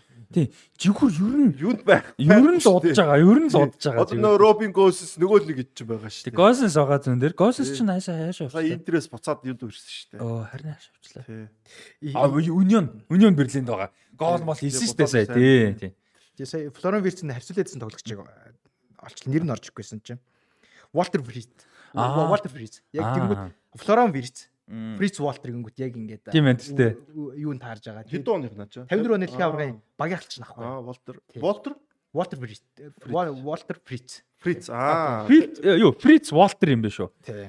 Нөө Фрайдрих юм биш үү? Фрайдрих Волтер гинэ нэр нь тий Фриц Волтер гэж. Тэгээд яг нэг Хелмут Рам болох нь хожлын гол Мгм. Тухайн дэлхийн аваргын аварга болсон багийн ахлагч нь Walter Fritz. Тэр тоглолчтой бүр харьцуулжтай Вирцийг ярьж байсан. Аа Вирц бол энэ жил өстой өстой цэнгэлтэй яг санал нь гимтэл. Гэхдээ ер нь тэгэл ямар ч тамирчин дэмждэг багийнх үгүй байсан хамаагүй та- тамирчид гимтэл хвчлээс хол байх тусмал эрэхтэй тэгээд энтертейнментчтэй бид нэр бат чинь тий. Тэр тусмал гоё өрсөлдөөн ширүүнч болно. Энэ жил бүнцлэг бүр одоо нэг ойрын хэдэн жилиг шогод дээр хэдүүлээ айгүй их ярьдаг шүү дээ. Итали серия бүр ингээд амар өрсөлдөнтэй гоё байна гэд тий. Зөвхөн Наполи төрүүлэхээс гадна одоо Интер төрүүлэхээс гадна ингээл AC Милан өрсөлдөөн байна. Тэрнтэй адилхан энэ жилийн бүнцлэг бол бас айгүй гоё өрсөлдөөнтэй байх болов уу гэж найдаж байгаа. За Байерн Мюнхен Аугсбургийн 3-1-ээр хоцсон Кейн гол хийсэн Кейн энэ жил хэдэн гол хийнэ гэж бодож байна бүнцлэгт. За 25 гол баг хийчих юм шүү. Мм. 34 тоглолтоо шүү. Тий 34. Тий, би бол 25 голоор хийчих юм болов гэж харж байна. За бүх тэмцээний өрөөнд. За 30 30 гарна уу 30 гарна. Гаж хаа. За. Би бол үнслэгт бол 30-аас олон хийнэ гэж байна. Левандовски Мюллер зүйлэртэй дөхөх рекордтой байна. Левандовскигийн хэд үеийн 40 41 голыг арай хүрхгүй Аа. байх угаасаа. Гэхдээ 30 гол үнслэгт ар хүрч байх. Тоол толгонд л хэсэг хүчтэй Тийм шүү дээ. Биш нэлээ хашир хашир арч чинь 20 самх тий. Яг нэг гол гэдэг чинь тэр тийш хүрэх хариг гэж тэгэхээр супер хэд. Шууд ирээл болчих. Тий, шууд очиод. тий. тэгээ гол шалтгаануудын нэг нь юу байхгүй. Карикийн бүх пенальти хийсэн. Тэг ин. Тийм. Тэгээд өнгөрсөн жил Чупо Мотингийг 17 гол хийлгэлээ шүү дээ. Тэгэхээр ч одоо Харикейн шүү дээ. Мод Чупо Мотингийг 17 гол хийлгэж байгаа баг байхгүй юу? Харикейн бол өө нэлбэг Тэгээ Чупо Матин сайн за, Яг ингээд нэг тийм сонир сюрпризing ингээд том багт яваад идэв мөртлөө хідээч ингэж нэрээ чирдэггүй тийм муу хизээж тоглодгоо. Яг чадвартаа тулгаж Айгуу чухал тоглодог. тоглож төдөрч байгаа. Арaan дарахаар сайн тоглож чинь. Суулгачаар одоо юм ярихгүй. Сэлгээр орохоор гол. Тий, айгу багт бол хэрэгтэй. Харикейн тийм дундуур нь гимтэж барьчихгүй бол Мм. 30 90 хүрчих байхаа л гэж. Бүх тэмцээнд 40 харах нэ. За тэгтээ Кен 40 харахад гайхгүй шүү Кен. Үнэхээр үнэхээр супер тал. Мундаг. За юун дээр Union Berlin гоё явж байгаа. Аврагууд лигийн аа, суглаа нэр Аврагууд лиг гэснээс одоо бид энэ чинь 21 цаг 56 минут болж байна. 2 цагийн дараа Аврагууд лигийг суглаа болно. Бид яг тэрийг бол ярьж арай амжихгүй. Тийм дараа 7 оны дугаар. Дараа 7 оны нийтгэд одоо айгүй ойрхон хоёр дугаар Тийм байна. биш. Нийт одоо ингээл тухтай ярьчих юм Тийм тэрийгээр тухтаа ярьчна. Тийм тэгээд энэ жилийн Аврагууд лигт анх удаага Аврагууд лигийн хэсгийн шатанд орж байгаа хоёр баг байгаа. Тэр нь Union Berlin тэгээд Германы уучлаарай Бельгийн Антверп. За Антверп ч өнгөрсөн жил өстө бөө юм болж авраг болсон нөө хэдүүлээ ярьсан шүү дээ. Тоби Алдервэр сүүлд нь гол хийгээд төр жоохон хотынхоо багийг төрүүлүүлээд чи яаж анх удаага билүү 40 50 жилийн дараа төрүүлж байгаа ч л нэг тиймэрхүү амар тийм том түүхтэй. Тэгээд энэ хоёр баг бол одоо орж ирж байгаа бас одоо хоол явууг мэдгүй ч гэсэн багуудтай гоё байх өөрсдөө Одоо аврагуудад орж байгаа багууд нь муу баг орж ирэхгүй дээ. Эвгүй шүү дээ. Тэгээд энэ үлрэл чинь нөгөө нэг 8 хэсэгт дөрвөөр нь хуваадаг сүүлийн одоо үлрэл шүү дээ. Шууд дараа жилээс нөгөө нэг юу нөгөө формат болно. 36 багийг Швейцар системээр нэг багийг 10 тоглолт Тийм. систем шууд эхэлж байна. А 24-өөс 5 билүү дээ тэр чинь. Швейцар систем. Би 25-аас 6. Зингэл швейцар систем ер нь сайн мэдгүй. Одоо нөгөө нэг э, олон жилийн өмнө одоо мундаг э, юу гэдэг чинь математикчид те тэдний л одоо бодож олсон арга шүү дээ. Тэгээд нөгөө нэг статистикийн ч юм одоо математикийн одоо аргачил дээр суурлаад а тодорхой магадлал бодоод а тэгээд бүх одоо одоо тоглогчид ерөөсөө сул өрсөлдөгчгүй байх. Онолт хийх аргачлал. Яг үнэ. Яг гоё тайлбарлаа. Тэгэхээр э, болвол бас сонирхолтой л. Ер нь бол бид нэг хальт тайлбарлсан тий. Тэгээ одоо төхөөд ирэхээр нь Ширээг шатрын ширээжиг байхгүй тий. Тийм. Шатран дээр айгүй юу тайлбарсан шүү дээ. Нэгдүгээр ширээнээр хоорондоо тоглоод тэгээд хожигдох юм бол одоо хоёр дууга буугаад нэг нь үлддэг. Тэгмэл хоёроос хожсон нэг рүүгээ гарч ич хоорондоо тоглоод. Тэгэхээр нөө нэг юу ч юм дэ би одоо нэгдүгээр ширээнээс хожигдчих буугаад нэг хожил нэг хожигдолтой цэнгэл а 3-аас дээш өсч ирээд нэг хожил хожигдолтойс нь би илүү байгаа нөө юуны юу лээ сайн үнэтэй тоглосон гэж байна тий. Цэнгэл айгүй гоё тайлбарлчихлаа. Математикийн үнэ өөр юм уу гэж тайлбарлаж байгаа байна. Тэгээ яг одоо нэг одоо шатарчд бол дэлхийд дэх хамгийн мундаг логиктэй э, хүмүүс шүү дээ.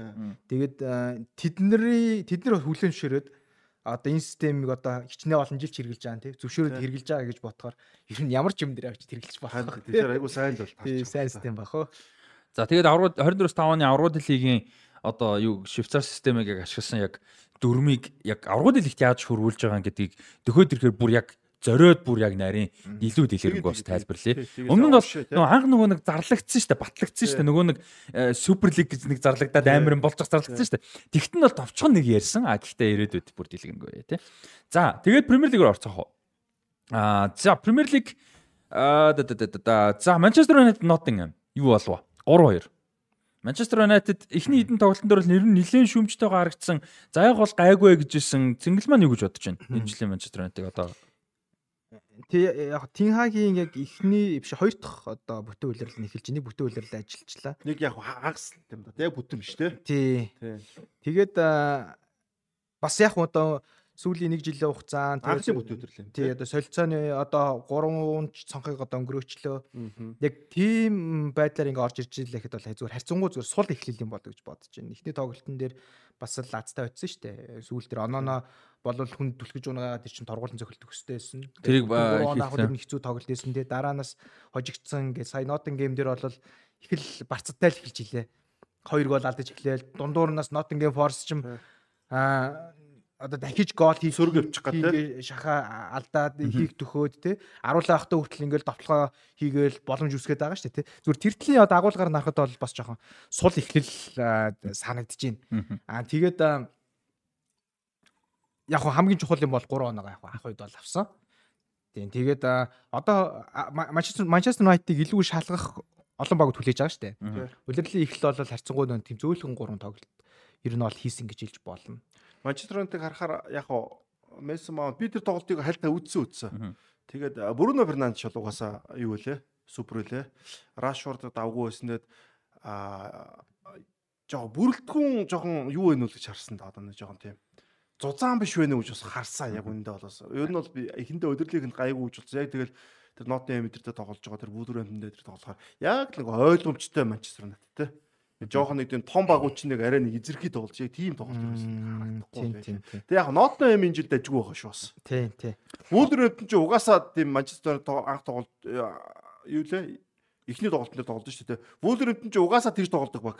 Өөртөө ч гол хийхээ байсан, өрсөлдөгч ч гол хийхээ байдаг. Тэгж тоглодог заваа баг байхгүй юу? Тэр яхаа Манчестер Юнайтед тим эвгүй багуудад тоглож учраас одоо юуд ч энэ жоохон бас өршөөж болох юм те. Гэхдээ энэ нь бол одоо ингээд том багуудад тоглох тоглолт Манчестер Юнайтед чиг гэж шалгана шүү дээ. Одоо Nottingham-аас энэ жил бас анзаарах нөгөө нэг player to watch гэдэг шүү дээ. Анзаарж үзэх тоглолчдын нэг Taiwo Avani байж магадгүй.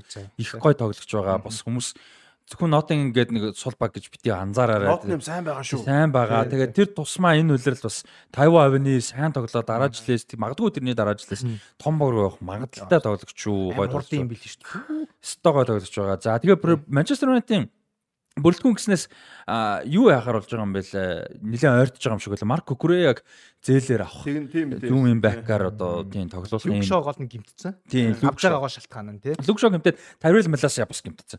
Тэгэхээр яг Маласаа нэг хүнд гимтэл биш юм шиг байлаа. Лукшо жоох урт. Тийм, Лукшо урт Маласаыг богино. Тэгээд Куреяг зээлээр авахар болж байгаа юм шиг байлаа. Тэгээ Магуайрыг Вест Хэм гэж нилээн ярьж ярьж ярьж байгаа болсон бэлээ. Тэр нэг одоо гэрээ хэлцэл болоод болсон, бүтлгүүдсэн гэдэг. Тэгээд Саутгейт болохоор одоо нөгөө нэг 9 10 11 сар чинь шгшөө өгөөд цугларал айлал байгаа. Тэгээд Саутгейт бол мань үнийг шгшээдээ дуудаад шууд гараандаа үндсэндээ тоглуулнаа л гэж байгаа юм шиг байлээ. Англи тоглолт нь шүү дээ. Тэгээ энэ жил бол нэг ч минут тоглоог байгаа. Бүр. Яг тэгэхээр хэр нөлөөлөх вэ гэдэг бас энэ яг форм тоглолт бүр тоглолтод оролцоогүй байгаа хүн шууд шгшээдээ тоглохоор яадаг юм байна.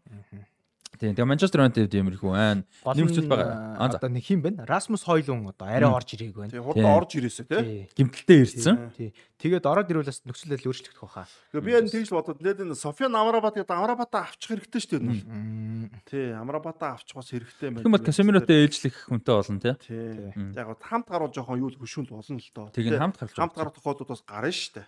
Гэтэ Касемирогийн тоглолт арай л унж байгаа санагдахгүй байна уу? Ер нь сүүлийн улирлын сүүлийн хагас тэгээ одоо яг Реал Мадридэд ямар амар тоглогч юм бэ? Реалын Касемиродо зүүрлээд бол яг бүр амар холж нагуулгаа гэж харагдав би бол. Нэг Касемирогийн төвшин гэж бодох юм бол нэг жоох унчаал тий баг зэрэг унцсан гэж тий. За Арсенал Фулэм. А Юнайтед нэмэгцүүл байсан уу? Би бол яг хальт үзег бүтэн үзег бол үнэхээр ярих юмгүй байна. Одоохондоо гайг байна. Яг уу Арсеналыг бол үзсэн үзсэн. Арсеналыг гайг үзсэн. За тэгвэл Арсенал бол Арсенал дээр надад бол ингэж бодсон. Одоо энэ Артетагийн одоо хэрэгжүүлж байгаа энэ шинэ Аа. одоо болох юм уу одоо яах юм те одоо Томас Партег одоо баруун зүгрийн хамгаалтан дээр тоглуулаа тэгээд Кевиорыг зүүн дээр гаргаад Парте төв рүү оронгууд нөгөө төвийн гурван хамгаалагч нь тоглолдог заавал ингэж тоглох шаардлага байгаа юм болов уу гэж би бодсон юм бол за Арсеналын фанатын үед бол одоо Аа. Тэгээ яг зүгээр яг юу гэдэг чинь те Арсенал яг фанат гэхээс илүүтэйгээр яг аа, одоо нөгөө нэг тодорхой хэмжээнд хүл өмбөг ингээд уншаад үзээд аль болох нь ойлгохыг хичээдэг хүний өнцгөөс одоо хэлий. Яг бусад боготыг адилхан шүү. Одоо би Манчестер Юнайтед яаж харж ирсэн яг тэрнтэй адилхан. Одоо өмнө сая хэдэн клубүүдийн талаар клубүүдийн талаар ярьлаа те. дэмждэг хамаагүй те Тий хамаагүйгээр э, ямар нэгэн тийм нөлөө байхгүй гэсэн үг шүү.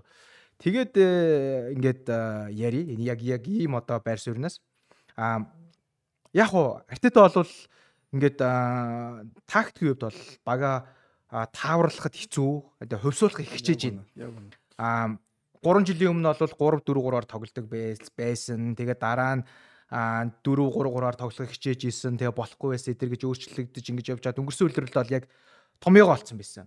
А тэгээд энэ томьёогоор энэ жил явах нь уу гэсэн чинь тэгсэнгүй.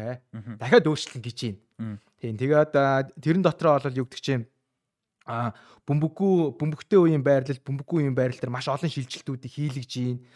Аа тэгээд а, тоглолтынхаа одоо химнэлийг жоох өөрчилж байна. Аа тэгээд дээрэс нь өнгөрсөн үеэрд ажиллаж исэн юмнуудаа ажиллаж исэн чигээр нь орхихгүйгээр болоод шал өөр юм ингэ туршиж эхэлж байна. Тэр нь бас нэг талаар айгүй сонирхолтой байна. Яг ийм жоохон тийм юу гэдэг чинь тийм жоохон барьцгүй маягийн тоглолт одоо улирлын өмнөх нөө пресс хийсэн дээр ч харагдчихсан. Одоо тэр Барселонад хийдэг 5-3-ын тоглолт бол хамгаалт бол нилээвгүй байсан. Яг тэрнгээр л ороод ирж байна л да. Тэгэд ийм туршилт хийж байгаа нь эхний 3 тоглолтод бол нэг тийм жоох орон гарн ч юм уу эсвэл нэг тийм нэг ойрхон тоглолтууд тоглолтын эцсийн мөчөд өөртөө зовоосон тий тийм нөхцөл байдал руу ер нь бол аваач чал байна л да. Аа тэгээд одоо яг зүгээр Артетагийн шийдвэр л ах гэж би бодож байна. Яагаад гэх юм бол энэ системийг өнгөрсөн үеэрлийн 4 3 4 3 3 гэдэг системийг ажилдаг сүг төгс ажилдаг шахуу болгосон шигэ болгохын төлөө зүтгэхгүй үгүй гэдэг л байна. харин Тий. тий. одоо ийм хугацаа байна уу гэдэг юм шүү дээ Тэгээд одоо хүссэн үр дүн гарах байх юм бол жоо жоох өөрчлөлт хийж эхлэх байх. Одоо гэдэг чинь Кай Хаварцыг а зүүн захын довтлогооны чиглэлийн хагас хамгаалагчийн байрлал руу түлхэж тоглоод байгаа байхгүй да. Аа тэгээд Томас Партиг бөмбөгтэй үед талбайн одоо яаж ин бөмбөгтэй үед бол Томас Парти талбайн түр ороод ирэнгүүт а буцаад юу гэдэг чинь одоо Бен Вайт гэхэд жишээлбэл баруун захын хамгаалагч болоод тоглоом шилжиж ийн гэдэг ч юм уу. А тэгэнгүүт яг хуу Зинченко ороод ирвэл Томас Парти тэгж тоглох уугүй гэдэг асуулт гарч ирнэ гэсэн үг. Одоо ч Зинченко байхгүй учраас ари өөрөөр тоглох гэдэг байгаа байхгүй. А тэгээд дээрэс нь довтлооны тоглогч нь илүү одоо тийм олон талтай аюул аюул одоо бий болгож чадаж байгаа учраас а одоо нөгөө нэг юу гэдэг чинь одоо Монгол бүхэр харьцуулах юм бол барьцаар ингэж бүтэн ааглаж хөдөлгөөнгөө болгож нөгөө бүхийг одоо хаяа ч юм уу те. Яг тэрнтэй төстэй маягийн тоглох гэж одоо хичээгээд байгаа шиг. Өнгөрсөн үлрэлийн төгсгөл сүүлийн хагасаа Манчестер Сити бол яг тийм байсан шүү дээ. Нөгөө ага довтлуулахгүй бүх Амьсгалгүй болгоо хийчихдэг. Амьсгалгүй болгож яг булангаас гол хийгээ байхгүй одоо тий чин Натан Аке, Рубен Диаш, Джон Стоунс Эрлинг Холланд, Родри. Эд ингэ зогсчгаар чинь булангаас гол алхаа очиж байгаа. Тэгээ сөрөг довтлохоо ороод ирэнгүүт Натан Аке, Кайд Волкер амар Тэд хурдан. нар ингээд ингээд хамгаалтанд орж байгаа хөөх. Тэгээд Пеп тэгж хэлсэн шүү дээ. Би одоо Манчестер Сити ирснээс хойш анх удаага proper одоо defenders буюу тэг яг жигхэн одоо зүү ясны хамгаалагчтай тоглож чадлаа энэ үлрэлийн төгсгөл гэж хэлж байсан. Яг тэрнтэй төстэй маягийн одоо Тимбриг аваад аа Салибаг ингэж тоглуулад Мм. а тэгээд Бен Вайтыг тэгж ингэж арай жоо өөр байрал тоглуулаад Томас Партиг энд нь тоглуулаад Деклара Айс, Кай Хаварцингүүд амар нуруу гарч байгаа. Амар. Энэ багш юг нь бол чөлөө цохол булангийн цохилтоос гол алдахгүй сөрөг довтлохоноос нам дарах хэмжээнд ингэж байх хүч ингэж харагдахаар байгаа байхгүй. А гэхдээ яг бодит байдал дээр бол жоохон одоо өнгөрсөн үйлрэлт бол маш одоо уяатан маш хурдтай гой тоглолт үзүүлжсэн бол энэ үйлрэлт нэг тийм жоохон байрцалцсан тий удаан шилтсэн тийм байгаад байгаа байхгүй. А гэхдээ энийг хэрэгжүүлэх гэж энэ системийг суулгах гэж ингэж тодорхой золиос гаргаж жагаад а гой болгочих юм бол бас гой болох байх. тий. Тийм. Гэхдээ тийм байдлаар зүтгэж одоо эн чинь амар их дарамт байхгүй. Медиа дарамтлж гин одоо нөгөө нэг дарамтлж янз янзын фэнүүд дарамтлж ийн тэгэл сошиал медиа дээр бла бла бла бла гээл те нөгөө BBC бол Sky Sports-ийн нөгөө хөдөлч ба ба ба ба гээл Vampires юу гэсэн байлаа Микел Артетад Арсенал ямар ч цом авахгүй чиг чигж яах шиг те одоо тийм одоо илий балаа юмнууд тийм. дөрүүлнгээ бодцоо антатаг ингэж толгорч бүр бод тэгээд ийм илий балаад Vampires хүртэл тийм илий балаа юм одоо ярьж байгаа. Ийм дарамтанд байгаа байхгүй яг Vampires бол зүгээр хүмүүс таалагдах гад анхаарал сонирхох гад тийм балаа юм хэлж байгаа байхгүй да аа Тэгээд ийм нөхцөл байдалд Артета тэрийг тисээд а өнгөрсөн үлрэл одоо Пеп Гвардиола ингээл үлрэлийн явцад ингэж туршсаар гад үлрэлийн сүүлийн хагасыг супер болгосон шиг тим хэмжээ байлгаж чадахгүй гэдэг л одоо асуулт байна. Яг энэ асуултын хариулт яаж гарах нь гэдэг л байна миний бодлоор. Амар гоё хэлчихлээ зингээ. Тэгээд одоо ингээд мундаг дасгалжуулагч нар бол яг өөрсдийнхөө баримталж байгаа энийг хэрэгжүүлэх гэж одоо зүтгэдэг штэ амар зүрхт штэ. Болохгүй байсан ч наа чин болно гэсээр хагаад болгож чаддаг зарим нь. А эсвэл жоохон нэг өөрчлөлт хийгээд бүр гоё гоё болгодог ч юм уу те.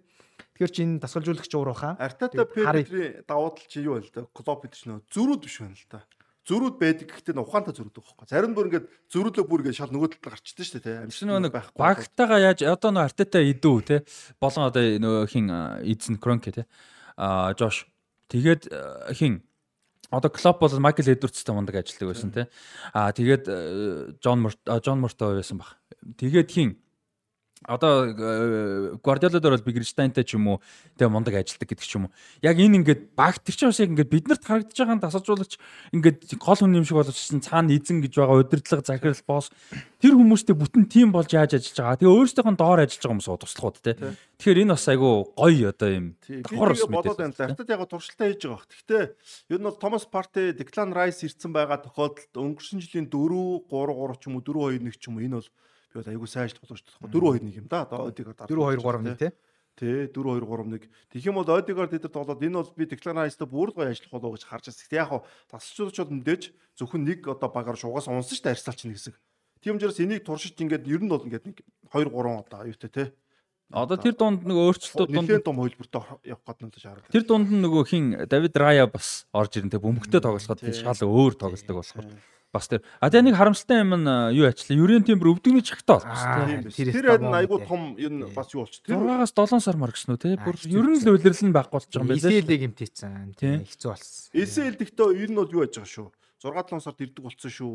Бас ирдэг болчиход бас ч гэж үг тэгээд бас хэцүү л да одоо 9 сард 6 7 сар гэмтэж байгаа хүн чинь дараа жилийн улирлын төгсгөлөөр л яг зүгээр нэг матч фитнес олох маягаар л орж ирнэ гэсэн үг шүү дээ. Харин тийм. Одоо магадгүй FA Cup ч юм уу Carabao Cup хол явах юм бол орж ирдэг ч юм уу. Түүнээс аврал лигт магадгүй өсөлдөж ивэл те эсвэл одоо юу гэдэг Премьер лиг дээр зэрэг мундаг өсөлж ивэл яг одоо яг гол тоглогч болж орж ирнэ. Гол тоглогч яг сэлгээнээс орж тоглоно. Яг Европын орд юунд хэрэгтэй л дээ. Нидерландын шил хэрэгтэй тоглогч. Тийм. Тэр тоглолтуудаа тоглоод Евродоо тийм л үү. Тийм л үедээ орж ирэх байна. Тимбер бол маш олон одоо хөлбруудад цогцох ийм хамгаалагч байсан. Тэгээд яг Арсеналын хувьд бол маш муу мэдээ.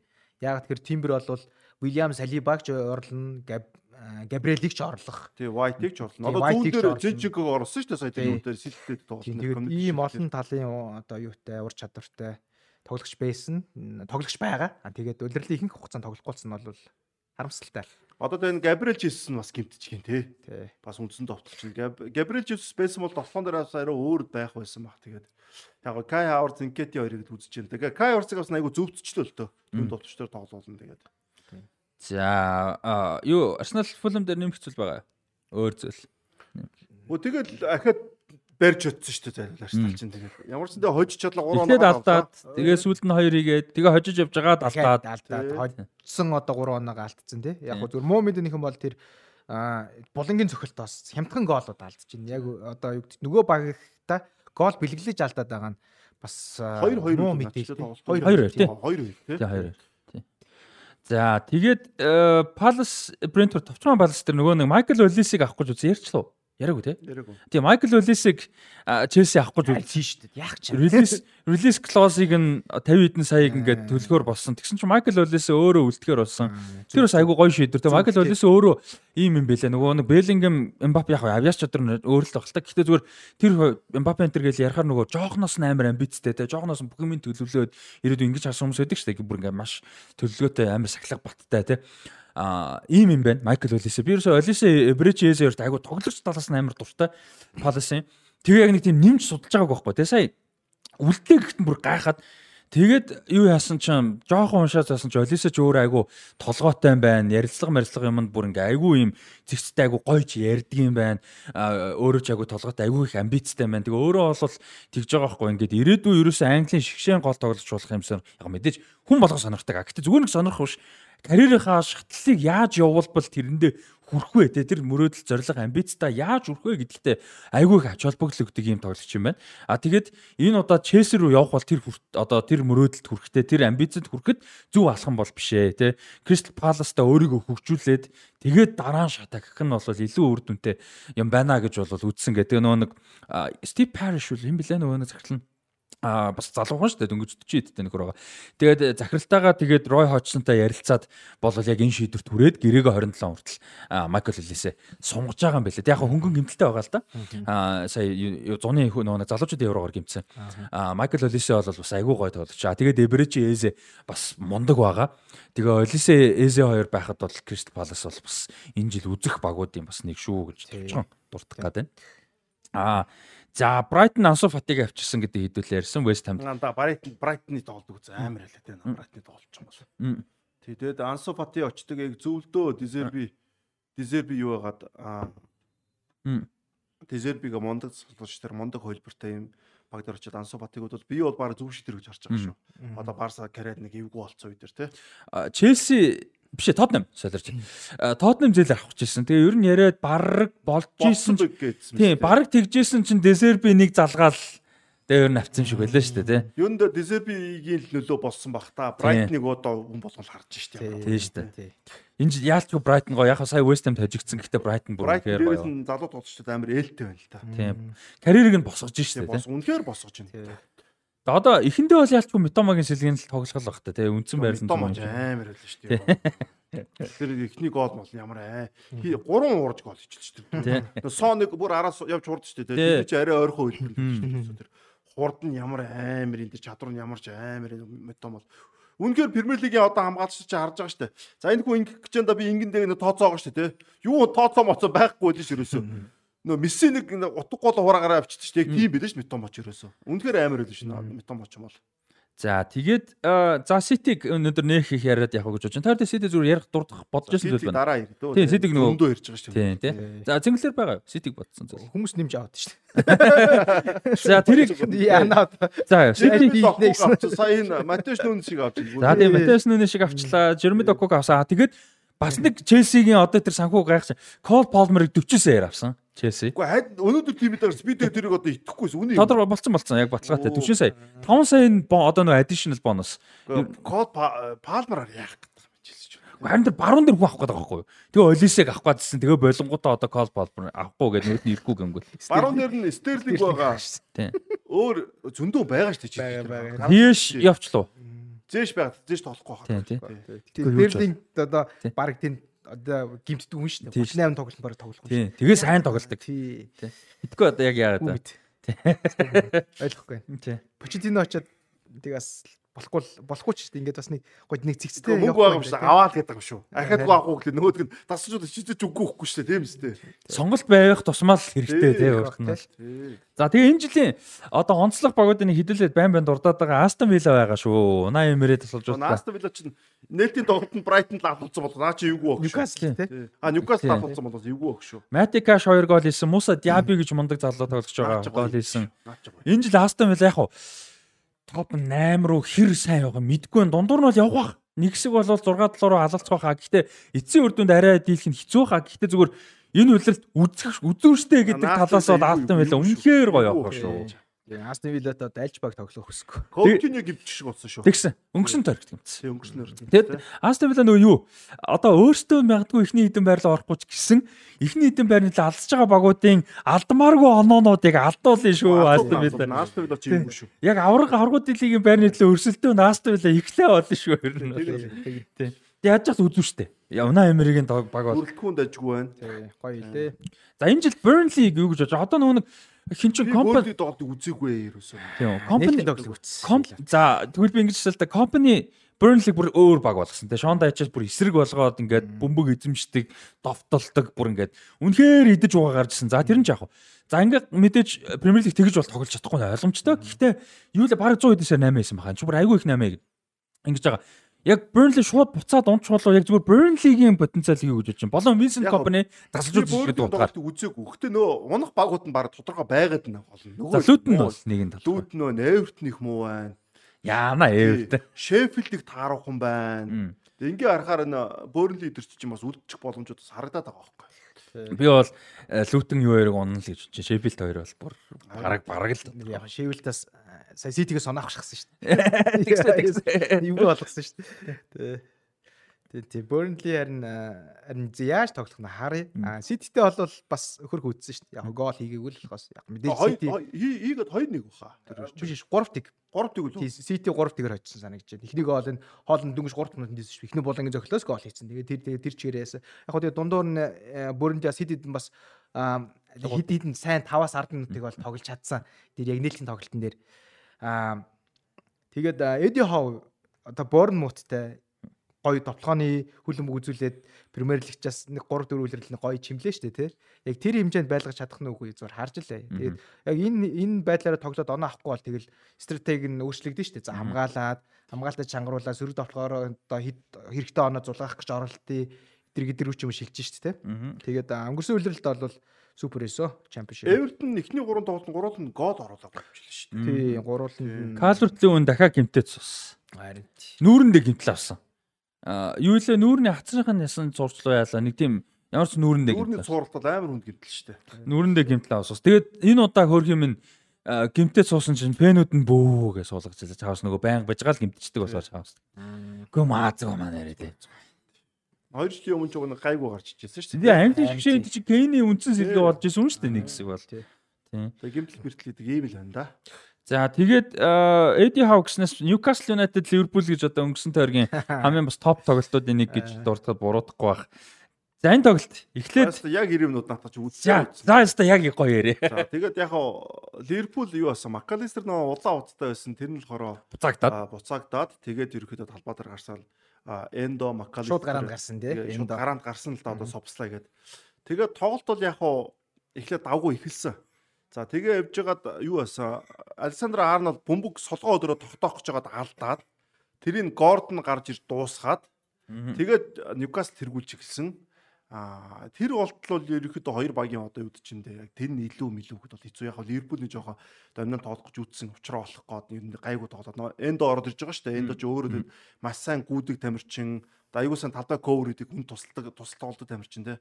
Тэгэд ер нь ингээд тун давгуу тоглоод эхэлжсэн. Тэгээд нэг тэг болоод яжсэн удалгүй Ахад энэ Вандак нь очоод улаан утасны алдаа гарсан. Тэгээд өөрөө араас нь хэрүүл хийж байгаа дөр улаан утасныга баа ахиж нэмэгдсэн байлээ. Нэмэгдэхэр болцсон уу? Нэмэгдэхэр болцсон байсан шүү. Тэр чинь уг нь бол нэг л тоглолт шүү дээ. Яг гэх юм бол нэг тийм вайлент алдаа биш байхгүй юу? Аа сүүлийн тоглолт гэдэг. Сүүлийн тоглолт чи дутгаар алдаараа. Тэгэд нэг тоглолтоос аа шүүгчтэй шийдэл. Шүүгчтэй шийдэл амигээ дараас нь ягаа. Тэгээд дахиад хитэн тоглолт нэмэгдчих шиг болсон шүү Вандак дээр. Би зөв тэгж харсан. Тий, тэгээд Вандайкин дээр бол улаан уц мөн штэ. Сүүлийн доолгоч дээр. Тэгээд бөмбөнд нь хүрсэн. Гэхдээ тухайн доолгочийг хавирж унаад бүр ард нь дараа нь бөмбөнд хүрч байгаа байхгүй. Тэгээд Ливерпул хүн дутуу болсон. За тэгээд ерөөдөө тоглолтын юм аягуус ойлгомжтой болж байгаа. Луис Диасыг аваад хамгаалагч нэмж гаргаад. За тэгээд Ливерпул аруулаад тоглоод Ньюкасл тоглолт. Ньюкасл хит хитэн зөндөө боломжууд гаргаж ирсэн. Аарон Гордоныг бол энэ Александр Арнольд үнэхээр дийлэхгүй лээ. Юу, Антони Гордон. Э, Антони Гордоныг хин гол гүцэхгүй лээ. Александр Арнольд хуурж орж ирээл цохоод хуурж орж ирээл цохоод хид хидэ аюултай тоглоом гарсан. Альмирон бол үнэхээр энэ жил бас юу байж торгой юм байна.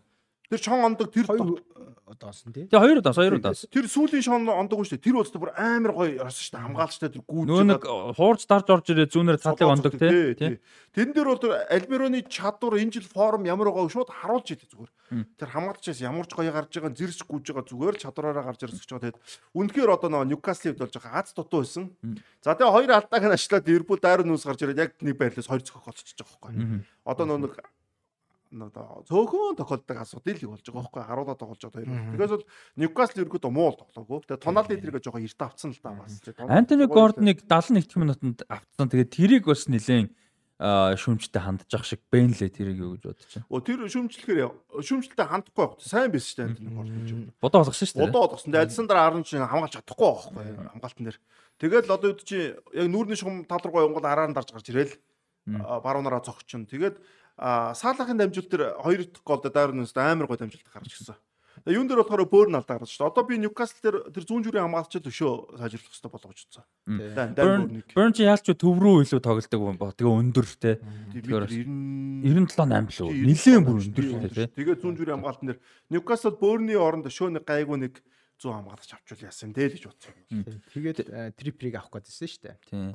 Тэгээ Свин Ботман гаргадгүй трипер биш шандуурч байна. Өө очлаарай. Зүүн дээр Трипер ч угаасаа байгаа тий. Лука дин юм уу? Оо. Англис юм уу тий? Тийм тийм. За дараа нь хэл. Тийм юун дээр биш. Яг өнгөрсөн жил гайгүй тоглосон. Гэтэ одоо Ньюкасл өндөр түвшинд тоглоод энэ дөөн бүрнэ л. Арай болгодсон тийм. Болгодсон. Сая дээр шууд тэнцэнийг бол өгчөж байгаа байхгүй чи. Тэгээ Ботман бас нэг алдаа гарсан. Тэгээ Ботман бас нэг тийм алдаа гаргаад байдаг хамгаалагч биш. Яг нэг юм юм таарч байгаа байхгүй тий бас. Аа тийм. Тэгээ Ньюкасл бол энэ жил бас гоё тоглох байхаа. За Дарвин Нүнес юу ер нь энэ үйлрэл бол амар гой форумтай байгаа. Тэгээ ер нь сэлгэн сууж байгаадаа мэдээж дургуж байгаа. Тэгээд тэр ч бол товтлогчны амбиц хувьд бол маш чухал. Тэгээ дээрэс нь мань хүн бас үлд ярьслаа өгсөн байлээ л дээ нөгөө Марсело Биеса ургуун шигшээгийн тасаж болж болцсон.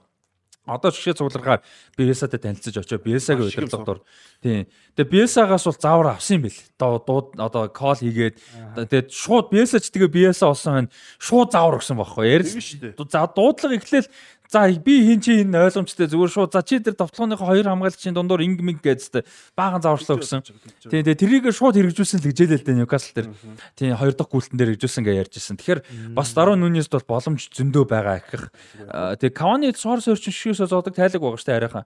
Арай зодог тайлаг байгаа. Шаардлага байхгүй. Тийм тэгэхээр мань хүн бол бас тэр өрөөс бэлтгэл дээрээсээ ч юм уу сурах юм бас нэлээ боломж бол байгаа. Тэр чигээрээ түүх домгууд явж шээ. Тийм. Биелса тэгээ Суарес Каваниг дээд шүү дээ. Тэгээд Ливерпул дээр одоо сонголтууд нэг гоё болчлоо л доо.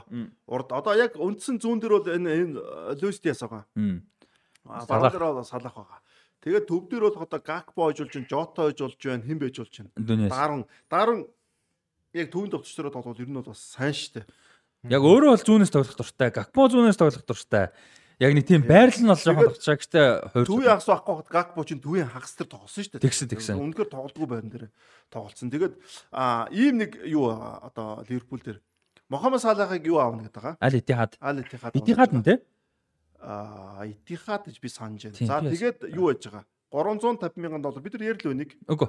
Салахыг ярил. 350 мянган доллар юунд авдаг Ливерпулд авдаг. Тэгээд Английн татвар чинь баг багта 40 байгаа шүү дээ. Талын орчим авчин. Тэгээ яг өөр нэмэлт орлого байгаадсан. Арабын лигээс өдрийн над цалин гэж өгч 7 оны цалин өдөрт нь өгчтэй татваргүй. Тэгээ энэ чинь бол амар өндөр цалин бохгүй юу?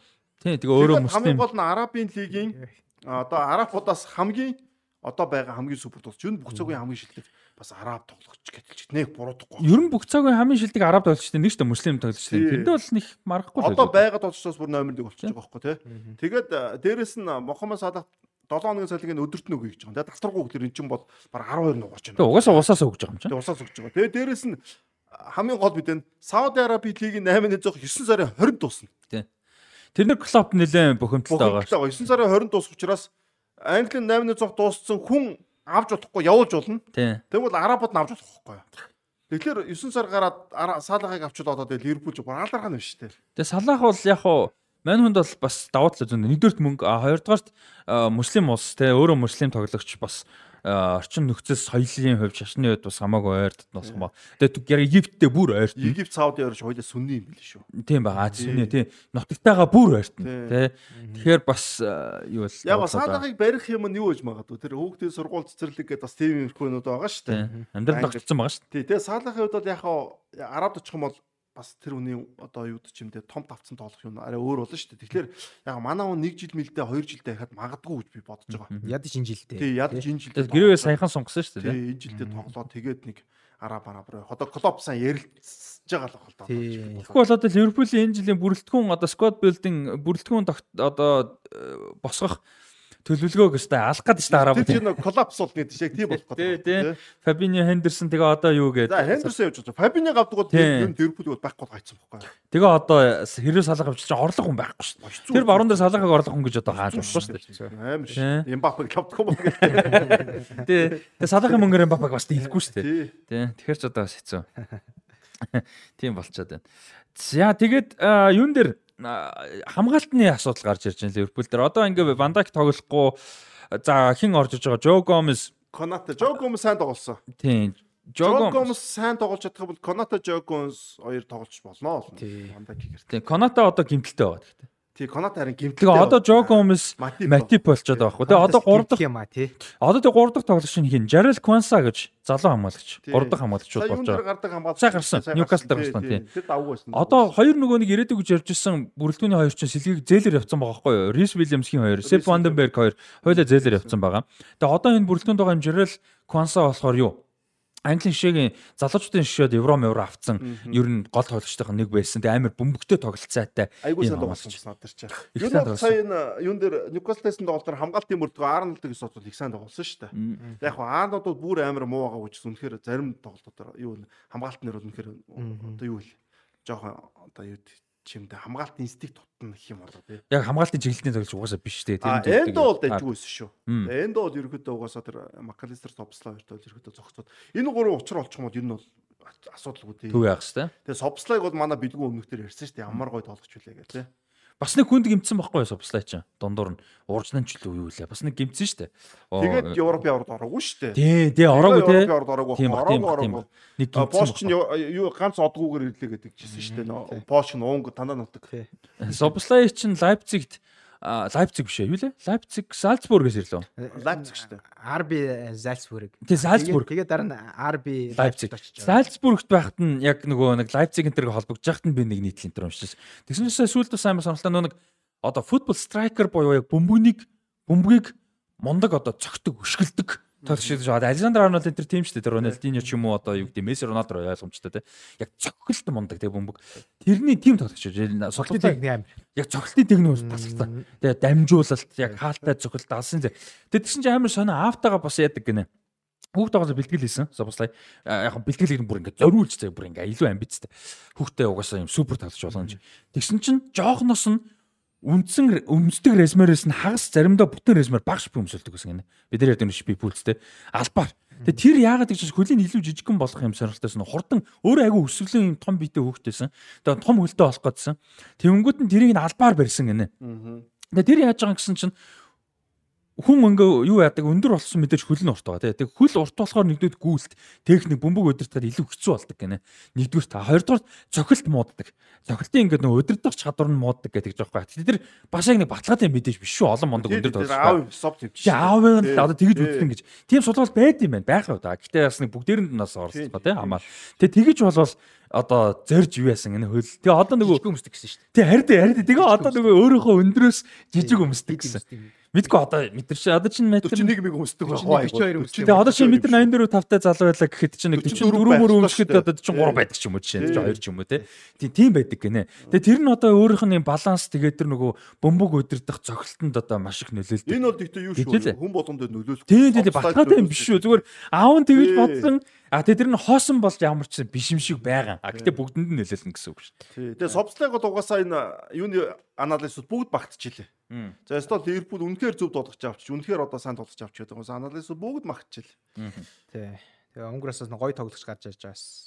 Баяртай. Унграас ч яг ийм гоё өндөр түвшин тоглосон тоглож одоо хин байна. Орчин үед бол хэцүү шүү дээ тий. Ховор ховор. Золтон гэрэмээрээ яг фүүлэмт гэж жоохон явсан л болохоос яг собслаа шиг бол. Жүжак сүүлд бол нэг тэгж яах өндөр түвшинд очиад ч том клуб тоглосон юм уу байхгүй харин. Ер нь бол тий.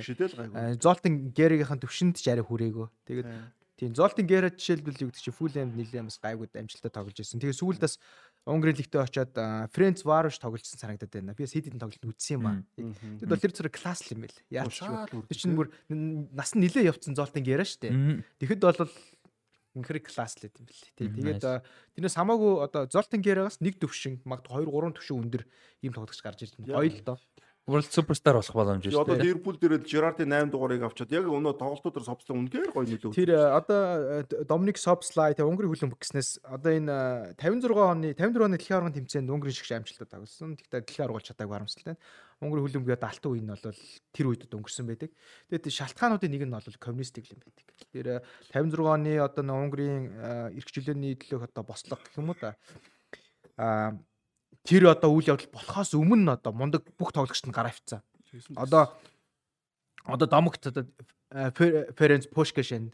Ференц Пушкаш бол бүр ингээд хилээр алхаж гарсан гэж байгаа юм. Тэр одоо дэлхийн үйл өмгийн одоо хамгийн мундаг тоглогчдын нэг тэгэж алдчихжсэн. Тэгээд нутагтаа хэрэг байж 80 хэдэн онд буцаж ирдэ шүү дээ. Мгм. Нутагтаа очиж 30 жилийн дараа 86 онд лөө дээ. Ференц Пушкаш одоо буцаж одоо Будапешт очиж исэн. Тэргээд амар харамсалтай. Яг яг тэр одоо нөгөө нэг тухайд Хонгорын шгшээнд дасгалжуулагч байсан хүний одоо одоо төгөл өмгчдөд тоглогчдыг бэлтгэх ямар тоглолтоор тоглуулах гэд одоо Йохан Кроф ямар том нөлөө үзүүлэлтэй Тий.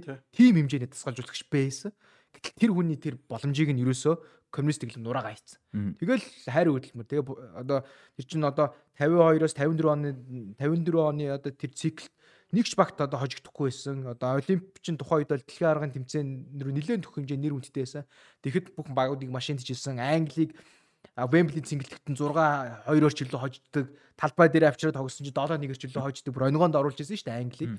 Тэгээ тийм одоо мундаг байсан хөлбөмбөгийг ерөөсөө алаа. Тэгэл Тэгэл коммунистик тавиад өдөр бас 100 Европ бол энэ шал өөр байх бас. Тэгээд, э, тийм харамсалтай юм болог байсан болвол а юу гэдэг чинь Унгарын хөлбөмбөг одоо магадгүй одоо чинь одоо Европын одоо Классик тоглогчдыг- томуудын нэг. тоглогчтой гаргадаг яг хөө топ лиг болж чадахгүй байна. Гэхдээ байн одоо мундаг тоглогчтой гаргадаг одоо гоё улсууд нь шүү дээ Тий. Тэрний хэмжээнд бол байж чадах байсан байна. Испан шиг байхгүй. Тэгэл түүх мөнх нь мундаг байх байсан тий. Тэгээд яг нөө Унгар дээр бүр юу юм дэш нэг амиа уралт айгүй их байсан гэдэг. Угаасаа амар мундаг мундаг хүмүүс зөндөөс учраас амиа уралт ихтэй байсан. Тэгээд тэр чинь одоо юу Бушкаш тэр Коноос гараг бол одоо тэгэх магадлал байгаа байхгүй тий. Би Пушкаш зүг. андуурч магадгүй байна. Онгоцоор яваад үлдсэн гэдэг чинь лөө. Тийм Мгм. Пушкаш. Тэр чинь Барселона тоглож болох байсан. Тэгээд Реал тоглох байсан тоглох болцоо тэгж Реал тоглож. Тэр Барселонатай- Тэр Барселонатай гэрээ мэрэ хийд. Э, Тэр Пушкаш юу чи бүр. Тэр нэг ярьсан дээ бид нар Тий тий. нүг нуугдаж муугдаад яасан яасан ч л бас. Унгар зөвхөн Френц Бушкаш гэлтгүү дээр коуч шүү босод тэр тоглолтын Кош гараа авчихсан. зөндөө олон юу байгаа хөө тэр яг үг. Тэгээд, а, Бидний бас мэдгүй юм зөндөө. А, Кампноугийн гадна баг ганц тоглогч өгшөөд. Тэр нь. Унгар хүн шүү дээ. Тий. Тий тий тий. Тэр чинь одоо Бас л бас домослоо. бас л 50 оны үед байсан мундаг одоо Унгар хөлбөмбөгч байсан. Тэгээд одоо тухайн үед одоо Унгарын шгшээ ингээд нөхөрсөг тоглолтууд хийхэд одоо баруун Европт очлоо гэж бодё. Англид очоод буулаа гэхэд баг нөгөө нэг дотоодын хамгаалахын баг тоглогч нь ингэж мөрдөж дагаж явдаг. Зүгтээ алга болчих гээд. Тим амир байсан байгаа байхгүй. Тэгээ бүр тэр тэдрээс цугтаж нөгөө нэг одоо баруун Европ руу гарах гэдэг одоо тэгээ нөгөө нэг тухайн үеийн одоо Югославийн холбооны улсаар дамжаад Итали метал руу гарах гэдэг орлого тий тэр мөр нь бол гасан тоглогчдын түүх нь бол Унгар харин ч гайгүй. Яг бол Австртай хэлж байгаа учраас. Австрт руу гараа авчихдаг. Тэгээ яа хэдүүлээ ярьж байгаа зөвхөн хөлбөмбөж шээ шүү дээ. Яг Тий. улаар нэрхэн бол чи өөр олон мундаг хүмүүс нь байгаа тэгээ. зөндөө. Тий, урлагийнхан гээд тий. Урлагийнхан мод. хөлөг мөрөнд л ер нь бол энэ бол айгүй харамсалтай Одоо энэ дээр би нөө юу цэнгэлийн өндөр нөө Чехийн элчингийн нэг юу тавьсан байсан хөөе Twitter дээр Монголд бол элчин те. Чехийн эдийн засаг коммунизмоос өмнө ямар байсан дараа нь ямар байсан гэсэн чинь ерөөс коммунизм бол Чехийн эдийн засгаас халаа ийцсан байгаа хөөе яг үнд бол. Чехословак те одоо сүйд салж байгаа ш. Тэгэд би тэрийг харчаал 19 коммунизм гэдэг чи. Яг хортоог нь бид нар бүгд мэднэ. Тэгтээ арай л амар одоо тий улсын ингээд бүр ингээд эдийн засаг одоо бол амар байх улсуудыг бүр байхгүй болгоцсон байхгүй. Чех яг үндэ бид нар яг Польшиг орхилоод Унгар Монголд бүр амар хай класс улс байхгүй нь бол тий. Чи мундаг эрдэмтэд төрөн гарч мундаг одоо тийм опера юу лээ одоо Дүүрийн. симфо дөөр дөөр бичдэг лаглаг гарууд бол чин тэр Ласло Пап гэдэг олимпийн 3 удаагийн боксч хүртэл энэ Унгараас гарсан шүү дээ. Супер одоо олимпийн 3 удаагийн боксер ч юу гэсэн үг бэ? 3 олимпиад орно гэсэн үг шүү дээ. Тэгээ урлагаарч гисэн мундаг. Тий. Аа за өөр нэмэгцүүл байна.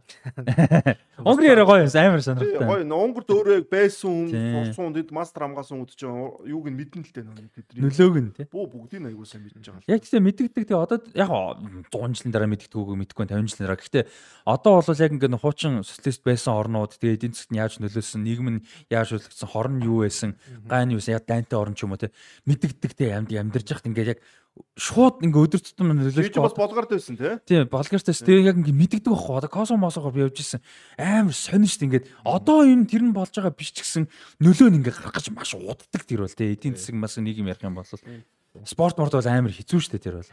Тий хэцүү хэцүү. Одоо тэгэл За тэгээд энэ үрээд ихний хэсгээ өндөрлөе гэж бодож чинь тэгээд угаасаа таашаа далийнхан бас юм гарах уу. Тий. Хэдийн удаа явчлаа. Тий, ихний хэсэг маань өндөрлж чинь тэгээд та бүхэн donation хийж дэмжих өсөл 500 556 2978 хаспагны дансаар donation хийж дэмжиж болно. Waze Sport Lounge хамтал маань дэмжин ажилласаар байгаа та бүхэн 90 тэгдэг 30 гэсэн дугаараар захиалга авах мэдээлэл авах боломжтой байгаа шүү. Waze Sport Lounge хамтлалнаас тэгээд Waze Sport-ын Lounge хамтал нь баярлалаа. За тэгээд ихний хэсэг өндөрлж байна. 20 дугаар хэсгээрээ эргээд болцгоё.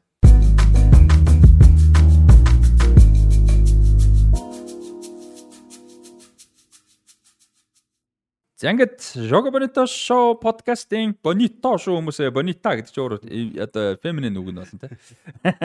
За а Jogo Bonito show подкастын season 2 2 дугаар үлрэл буюу 2 дугаар үлрэлийн 3 дугаар анги ингээд үргэлжилж байна. За 20 дугаар сэрэдэл товчхон мэдээллүүд яри. Тэгээд хоёр чухал том одоо сэдв мэдээлэл байгаа. Наанаа жижигхэн мэдээлэлд ярьчих. Интер Майами US Open Cup гэж тэмцээний финалд шалгарсан байлаа. За тэр тоглолтыг үзэх магадaltaй байгаа тухайгаар мэдээ зовцсон гэсэн шүү дээ. За.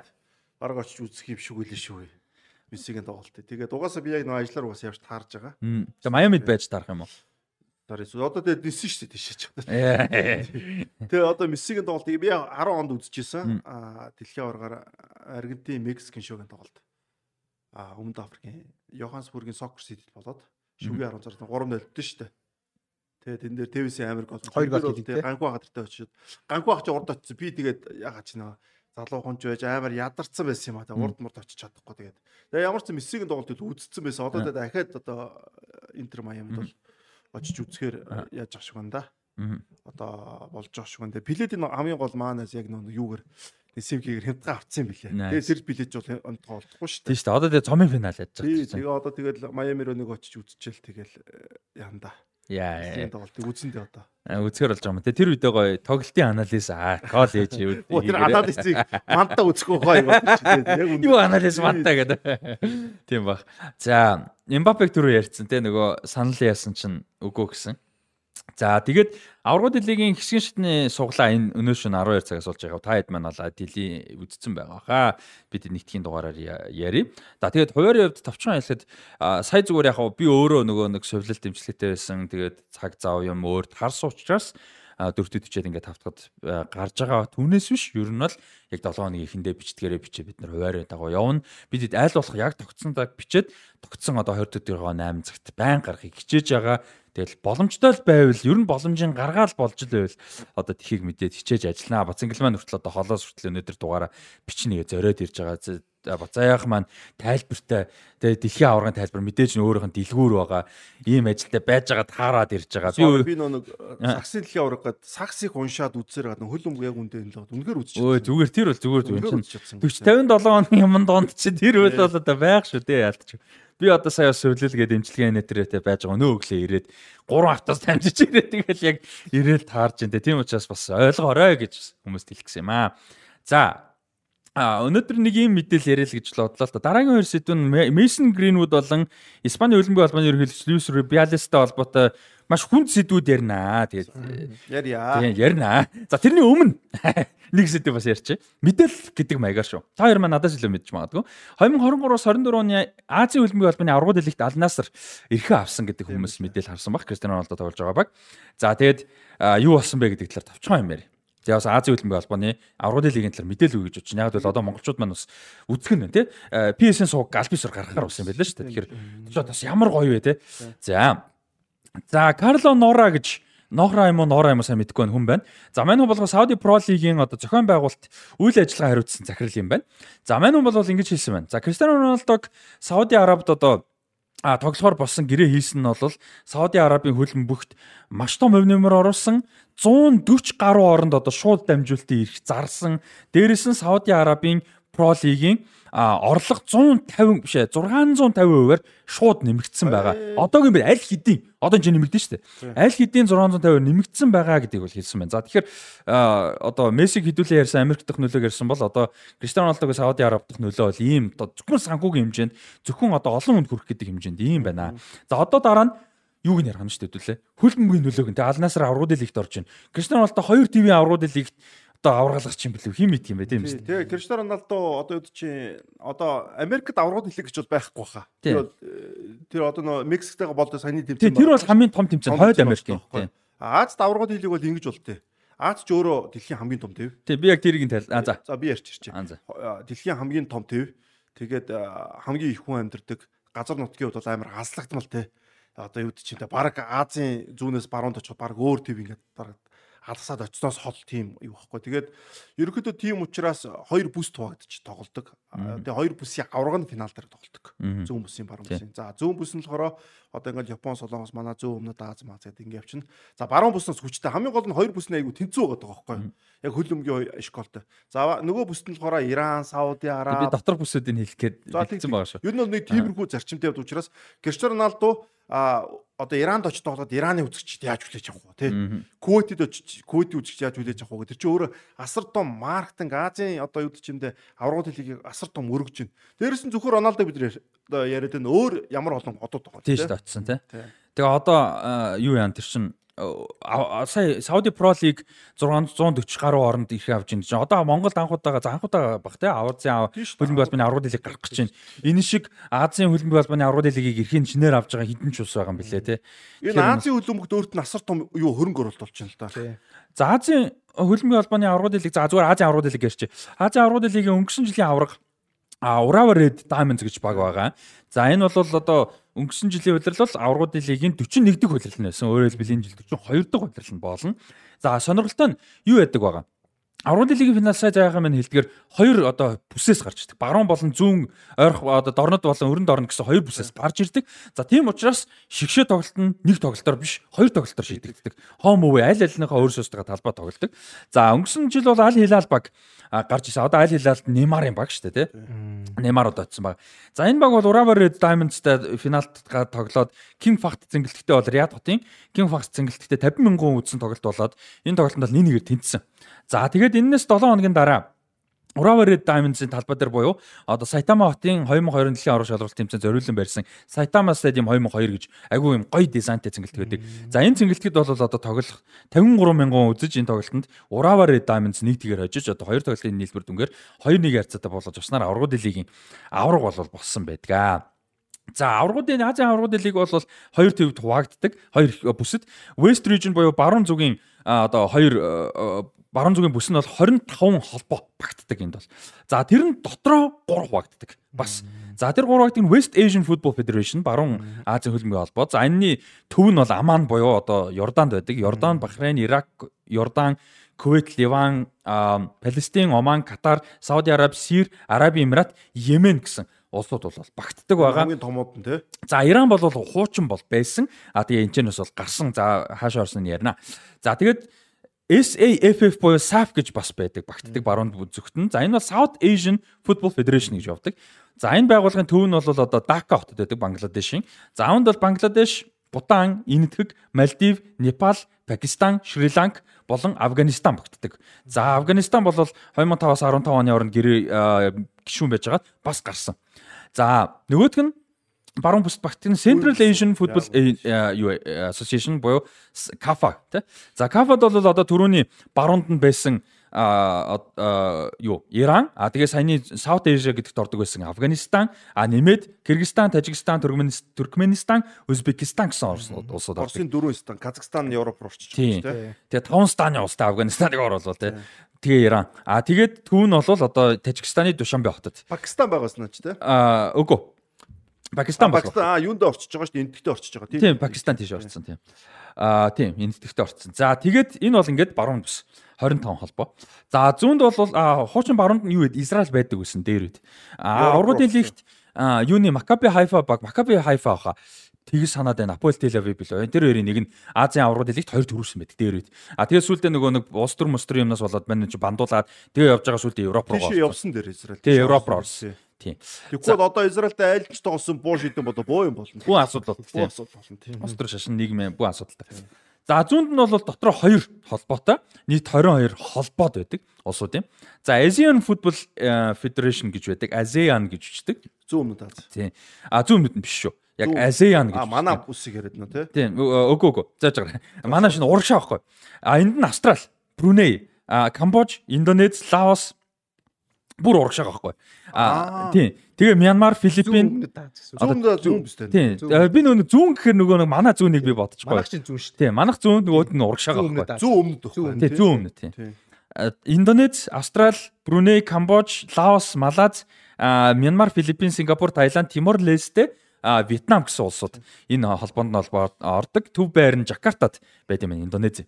А тэгээд East Asian гэж байгаа. Зүүн Аз те. Тэрэнд нь мэдээж Монгол ордог. За энд нь болохоор Хятад, Тайван, Гуам, Хонконг, Япон, хойд солонгос манайхаар бол өмнөд солонгос, Макао, Монгол тэгээд Northern Mar- Mariana Island, хойд Mariana Island гэсэн улсууд бол ордог байгаа. За төв нь бол Японд байдаг, Токиод. Ийм холбоод бол багтдаг. За тэгээ хоёр талаасаа тоглоод гарч ирдэг гэж түрүүн ярьсан. За аврагууд лигийн Азийн аврагууд лигийн түүхэнд хамгийн олон төрүүлсэн бол Сауди Арабын Аль Хилал баг байдаг. Сүүлд 2021 он төрүүлсэн. Сая шигшэл тоглолтод гарч ирсэн гэдгийг а анзаарсан баг. За тэгээд Солонгосын Pohan Steelers юуны Японы Urawa Reds багууд Urawa Red Diamonds багууд бол 3-3 удаа За тэгээ Ираны, Солонгосын, Сауди Арабын, за тэгээ сая хэлсэн Maccabi Tel Aviv юм байна. За тэгээ Катарын Al Sadd, Таиландын Thai Farmers Bank гэх мэт багууд бол айгүй олон баг бол 2-2 удаа төрүүлсэн байдаг. Ийм байт юм байна. Аль хэл хэд удаа төрүүлсэн. За Аль Хилал баг 4 удаа. Түүхэнд хамгийн олон төрүүлсэн баг. А тэгээд хамгийн олон удаа шүүг одоо финалд үлдсэн баг буюу бас 5 удаа. Аль Хилал бол одоо аврагууд лигийн түүхэнд хамгийн агуу багаа гэж хийж бол болно гэсэн. Азийн хөлбөмбөгийн. 9 удаа шишээд гарч ирээд 4 дөрүүлж 5 Аал ажилласан. Иттихад нэгсэн. Аал Наср ч юм уу нэг сайн биш юм бэлээ шүү дээ. Тий Аль Наср бол тий том нь биш. Одоо Роналдо ирээд бас авч байна тий. Тий. Аль Иттихад Алнаас энэ Аль Хилал хоёр чинь ерөөсөө бүр хамгийн одоо топ топ хоёр баг юм байлаа. За Аль Иттихадын хувьд бол одоо 2 удаа төрүүлж нэг удаа мөнгөн медаль Тэр авчихсан. Аал Этифак гэдэг нөгөө Жерардын багч гэсэн Аал Насраас том юм бэлээ шүү дээ. Тий Чансан бас. Аль Наср чинь нөгөө том дөрөв байд юм байлээ. Сауди Араб яг топ 4 гэж байдаг. Тэрний яг араас нь ордог баг юм байл. Тийм. За тэгээд а, Аль Наср сая аврагууд лигийн юунд бол шалгарсан. Хэсгийн одоо шатны эрхээ бол авчихсан байгаа. За тэгээд баруун зүүн хэсэг гэж бол хуваагдсан. За 8 10 хэсгээс бол бүрддэг аврагууд лиг. А 40 баг дөрвөн багаараа биш ээ юу вэ? 40 баг юугаараа дөрвөн багаар ингээд 10 хэсэгт хуваагддаг. 5 5 нь баруун зүүнээрээ одоо бүсээрээ хуваагддаг байгаа. За Аль Хилал баг э, бол одоо жишээ нь зүгээр жишээгээр ярих тий. Аль Хилал баг эрхээ авсан. Аль Хилал баг одоо Ираны баг, а, Энэтхэгийн Мумбай Сити тэгээ Узбекистаны одоо Набахор гэдэг ийм багтай жишээ нь одоо нэг хэсэгт орсон байх жишээ нь тий. Иймэрхүү Одоо бол шилбэл одоо Аал Хилал наа хин ч очно. Неймар идэрч. Неймар очин тий. Одоо Неймар Энэтхэг тоглоно, Иран тоглоно, Узбекистан тоглоно шүү дээ. амар байгаа шүү дээ. Азийн аврагд хэлээ. Тэгээд надад Аал Хилал чи финалд гарах магадлал өндөртэй. Финалд гараад дахиад Японд тоглох магадaltaй. Тэгвэл яг Японд ирнэ бөө юм болохоор бас наачаа. Аал Насар гарч ирэл за бурхан байна наа зүгээр шүү. Япон солонгос үзэгч зүгээр галзуур шүү. Тийм шүү. Монголоос урд битээ байна чи. А ойрхон ч үзэх боломжтой тий. Аал Насрын эсгийг ар- харуул да. За тэгээ. За хэсэг хэсэгэн ургацсан. Хамгийн сүүлийн эсэг байх шиг шүү Аал Насар. а техник хэсэгтэй. За Ал Наср баг болохоор а Туркм Тажикстаны Истиклол а Катарын Аль Духайл тэгээд Ираны Персеполис багуудтай нэг хэсэгт байгаа. Персепол сайн баг л да. За тэгэхээр Иран, Катар болон Тажикстанд Криштиано Роналдо очих Тажикстанд. Тажикстан ч бас аа. Ой ч тэ бүү Аз үстэй. Одоо наа суглаа гэж хараад зүрээсээ гараа өрөө өрөө сууж байгаа Тийм шүү. дээ. Саадя манай эдэр хажуудалд нь гүүж байна. Тийм шүү дээ. За тэгээд а, хэсгээс гарангуудаа юу яадаг? А Тоглолтын өдрийн хүмүүст хэлээд өгчихгүй та. Хэдний хэдний өдөр өнгээд бас хүмүүс бодно шүү дээ. Аа тэдэнд бас боломжтой байна гэдэг. За тоглолтууд нь бол хэсгийн тоглолтууд 10 сар 9 сарын 10-даар эхэлчихэж байгаа юм байна. 9 сарын 10 одоо жишээ нь юуны хувьд Алнасрын хувьд бол тоглолтууд нь 11 сарын 27, 10 сарын 24, 10 сарын 3 Тажикстан тэзээ ирэхээр 9 сарын за Тажикстаны Истикол Истиклол багийн талбай дээр а, 10 сарын 3-нд Ал Насрын талбай дээр жишээ нь 10 12 сарын 11-нд гэдэг ч юм уу иймэрхүү. 10 сарын 3-нд Тажикстанд 10 сарын 3-нд Тажикстанд гол нь билет олдохгүй тийм ба хэцүү. Тэгээ бодвол цэнгэлт мэнгэлт нь одоо 70 80 мянга арай бичиж байлгүй дээ тий. Манай цэнг энэ YouTube зингэлтгээс нэг үлээлэг том болоо хийж таарах байлгүй дээ. Тий. Яг яг хэр томын сайн мэдгүй юм да харамсалтай тий.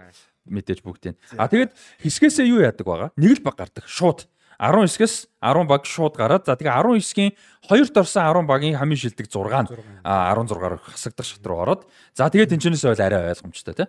Ерөнхийдөө ингэ явдаг аа. Нэг иймэрхүү байдаг. Одоо шийдэл аал насар ч одоо ингээд эсгээс гарна штэ. Гарч байгаа нацгаас чи. Ираны баг бол гэдэг эвгүй шүү. Иран эвгүй эвгүй. Иран эвгүй шүү. Гарч ирээд энтэг дэрлээ гэжтэй. Энтгийн хөлөн бүгд асар том хөрөнгөр бол толно. Кристиан очино шүү дээ амар. Амар юм болох байхгүй наа чаа. За тэгээд за Катарт бол яг айл хэдий очсон тий. Катар бол нэг. За энэ ингээд тэгээ мэдээж зүүн Европын ч бас гоё шүү дээ. Японууд, Солонгосын том багууд бас байгаа. За ингээд Азийн өрөөл Азийн аврал хэлэг бол иймэрхүү байна. За тэгээд нэг мэдээ нөгөө юу яасан? Малага маш муу байгаа. Малагагийн асуудлууд бол нэмэгцээр байгаа. Тэгээд эзэдтэй бол маш асуудалтай байгаа. Фэнүүд нь эсэргүүцэл маш илэрхийлж байгаа. Одоо 4 дивизионд байгаа вэ? Одоо 3 руу унсан би санагдаад шүү. Би тэгтээ шалгаатай ярьж байгаа орондоо. Харин тий. Тийм. Эсвэл ямар ч байсан юуны доор байгаа 2 дугаар лигийн доорчлоо би ямар ч сан хараад яриа тий. Аа тийм. Тэгээд яриа тий гинэ хараа тий. Тэгээд тэгсэ чи фэнүүд нь юу яаж бухимдалтай байгаа. Аа тэгээд Малага багийн хувьд бол одоо юу яагаа 3 тунцсан ба шүү. Примера Федерацион буюу 3 дугаар лигт байгаа маань. За 3 дугаар лигт байгаа Малага бол одоо нэгш 8 эйгөөг байгаа маань. Яг одоогийн байдлаар. 8-ны цог дуусгаад байдаг. 3 дугаар лигт байгаад байдаг. Энд ч одоо сайхан Европын тэмцээнд явж исэн баг. За фэнүүд нь тэгсэн чинь нөхцөлийг гартаа авчлаа. Малагагийн олон улсын онгоцны буудлын дээр фэнүүд цоглорчээ бүгдээр. Тэгээ шин тоглогч од од тоглогч ингээд одоо багийн те шин супер тоглогч огтож авахаар ирцгээж л те. Баг 8 хийгээгүй. Гэтэ ингээ фэнүүд нь ингээ шин тоглогч огтож авах гэж ирсэн. Далжгаж байхгүй юу? Тэгээ ирсэн. Нөгөө онгоц олон ус онгоцнуудаас зүгээр гарч иж байгаа жоохон гадаа царайтай нөхдүүдийг харж байгаа. Нэг Аз залуу. Харааны шилтэй нэг Аз залуу гаш аа бөөнөр явж чадсан. Зураг мураг өмсгөл өмсгөлний нэг нэр бичсэн. Тэр юугэж бичсэн. Өмсгөл өмсгөлний зураг мураг аваад гарын өсөг зуруулаа. Нөгөө нэг чинь тэгээ тоглоом юм чи ойлгосон. Инээж би нэг зураг авуулаад сүүлдээ бүр аргаа бариа тим юм хийсэн байлээ манайг юм байна. Аа. Нөө 8 хийгээгүй тэ тоглогч фэнүүд нь би бүр өдөр бичлэг амар инээтэй манай бас Twitter дээр хайвал бэлээ шүү. Хуучин Twitter одоо X хайвал бэлээ шүү. Малагийн фэнүүд гэ. Тэр Аз нэг залуу юмаа чирсэн гарч ирсэн бөөнөр ачаа зураг тэгээд бүр аргаа барж байгаа чагаас. Тэгээ Малага одоо Primera Federacionд тоглож байгаа юм байна. За энэ зүгээр яг фан гэж бодоод хуваалцъя гэж бодсон. За тэгээд өнөөдрийн мэдээлэл за өнгөрсөн 7 хоногийн дугаараар бол Mason Greenwood-тэй холбоотой юм ярьж бол болох байсан. Мэдээлэлүүд бол тодорхой хэмжээний ярих сэдв мэдээлэл байсан. Гэхдээ эцсийн шийдвэр ямар нэг байдлаар гарсны дараа сэдв болгож ярья гэж бодож байсан учраас а юу яасан а хойшлуулаад тэгээ өнөөдрийн дугаараар ярихаар болж байна. За дараагийнх нь Луис Рубиалес. Рубиалестай юм бол мүд дуусахгүй гэхдээ ярих шаардлагатай гэдэг утгаар болоод оруулж байгаа. За Манчестер Юнайтед юу болов гэж байгаа юм. За 8 сарын 21-нд бол Манчестер Юнайтед албан ёсны мэдээлэл хийж Мэйсон Гринвуд энэ багтаа бол үргэлжлэхгүй.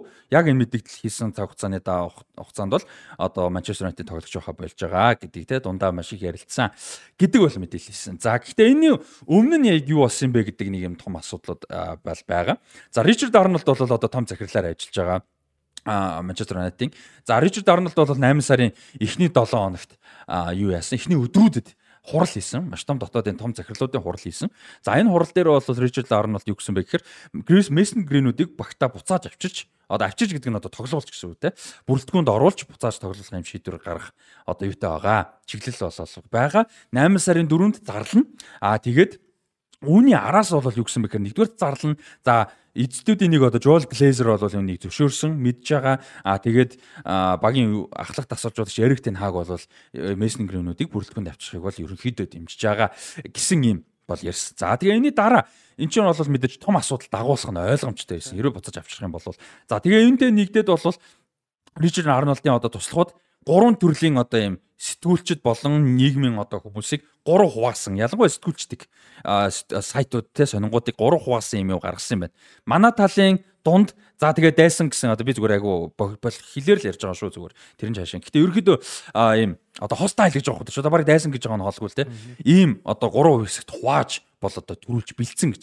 Хинээс нь ямар асуулт хинээс нь ямар атак юу ирэх вэ гэдэг утгаар те. За тэгээд одоо Эрик Тен Хагт хүртэл зааварчилгаанууд өгөөд ихэлсэн за Мир Гринвудтай холбоотой асуулт одоо юунууд ирэх болгонд юу юу гэж хэлэх үү яаж тойруулах уу яах уу гэдэг зүйлүүдийг л ярьж гисэн За тэгээд 5 5 дахь өдөр буюу 8 сарын 4-нд бол энэ мэдээллийг олон нийтэд зарлана гэдэг юм айди байсан. А тэгээд Manchester United-ийн foundation гэж бол байдаг сан гэж байдаг тийм сайн санааны одоо юм хандив мандив хийдэг. Энд бол одоо ерөөсө оролцохгүй Greenwood-ыг оролцуулахгүй ерөөсө имиж реклам дүрс юунд нь ч гаргахгүйгээр ингэж бол явуулах юм. Төлөвлөгөөг бол энэ талбай дээр гарна. Тийм. За ингэж болоод бэлдсэн. За тэгээ бичиг баримт имижийг нь яаж авах юм, рекламад нь яаж тоглуулах юм, ямар үгийг яриулах юм бүгдийг ингэж төлөвлөсөн. За энэ мэдээлэл тэгээд гараад ихэлсэн. За энэ мэдээлэл мэдээлэл бол одоо гараад ихэлсэн чинь мэдээж олон нийт бол яаж эрэг хүлээж аваагүй. За ингээд маш их шүүмжинд өртсөн. А дотооддоо ч гэсэн одоо ажилчид нь Манчестер Юнайтедийн ажил тэр юм шүү ажилчид бол маш том одоо шүүмжтэй хандсан үнд. За тэгээд ер нь фэнүүд ч гэсэн тэ спортын салбарын бол айгүй одоо юм хүнд бол энийг хүлээж авсан. За тэгээд Манчестер Юнайтедийн олон олон алдартай фэнүүд олон дагагчтай хүмүүс одоо би багийг бол үзэхгүй ээ. Энэ багийг хэрвээ Гринвудыг бүрэлдэхүүн тавьчих юм бол би дэмжихгүй, үзэхгүй хайртай баг мэд гэхдээ одоо ийм нөхцөлийг бол би хүлээн зөвшөөрөхгүй гэдэг юм. Аа болол хандлага бол маш их гарч ирсэн. За тэгээд энийг бол болохоор болоод энэ мэдээлэл гарсны дараа бол хэсэг чимээгүй байсан. Аль бисны мэдээлэл ерөөсөө хийгээгүй байсан гэсэн үг шүү дээ. Зүгээр мэдээлэл тарцсан гэсэн үг тийм. Тэгээ аль бисны мэдээлэл хийхгүй явж байгаа сая сүлд бол одоо аль бисны мэдээлэл хийж үргэлжлэхэргүй болсон гэдэг.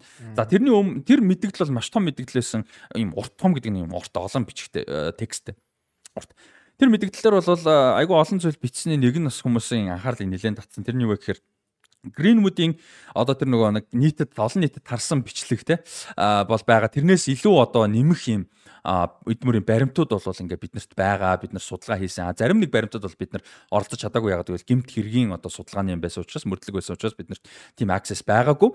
А гэхдээ байгаа ямаараа ингээ судалгаа хийгээд үр дүнд бол одоо Greenwood бол буруугүй тийм үйлдэл одоо тийм болохгүй одоо тий юуны юу болсон гэж ярьж байгаа байлээ. Тийм бол буруугүй гэж дүгнсэн гэж тэр мэдээлэлтэй бас оруулсан Гринвудыг. Зүгээр нэг Гринвудыг болиё гэж боош. Буруугүй гэж дүгнж байгаа гэж бас оруулсан.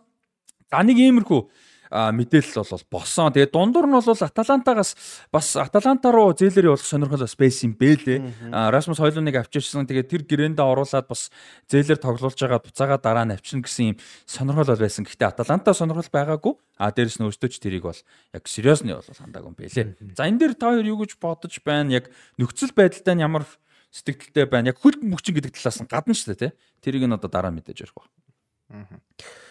Аа хайр авьяасан да. Аа Гринвуд бол одоо бас Манчестер Юнайтед ахтай бас мундаг олон тоглогчд бэлтгэж ирсэн. Тэгээд дараагийн одоо бэлтгэн гаргаж ирж байгаа мундаг тоглогч гэж саяхан л яригдчихсэн тий. Тэгээд бас энэ ч нөгөө нэг а хүлэмбөг жишээлбэл маш одоо нэр хүндтэй а тэгээд маш олон сайн зүйлийн одоо жишг нь болж явдаг учраас ялангуяа Британд а ингэлд а тийм учраас одоо ямар нэгэн тийм одоо зөв бус зүйлсүүд гаргах юм бол тэр нь эргээд буцаах бололцоогүй одоо өшөөх ямарч бололцоогүй тийм зүйл байт юм аа гэдгийг л харуулж байна. Тэгээд одоо Гринүүд бол магадгүй Манчестер зөвхөн Манчестер Юнайтед гэлтгүү баг Британд а цаашдаа хөлбөмбөгийн карьер үргэлжлүүлэх магадлал маш бага болчлоо. Тэгээд чинь бол мундаг авьяас одоо хайран болж байна.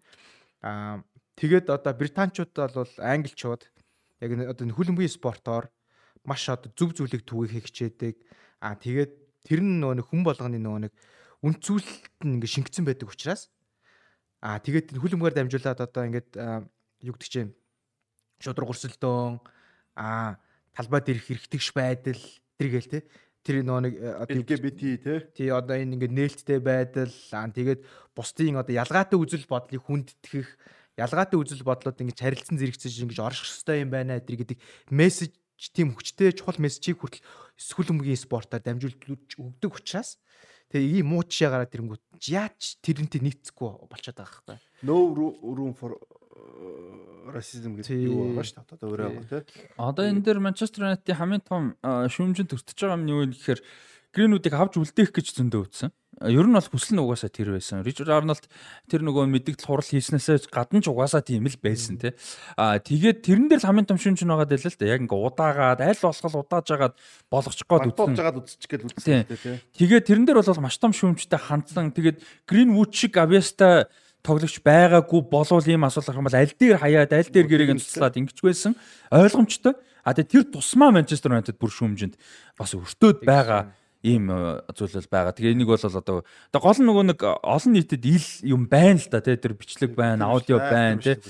Тийм юм бол байгаа. Би энэ ч дурдаад яах вэ? Та хэд маань тэгээд Бид нар бас ярьсан шүү дээ. Тийм тийм яг юу гэж ярьсан ямар юм байгаа угаасаа олон нийтэд ил бэлэн байж байгаа.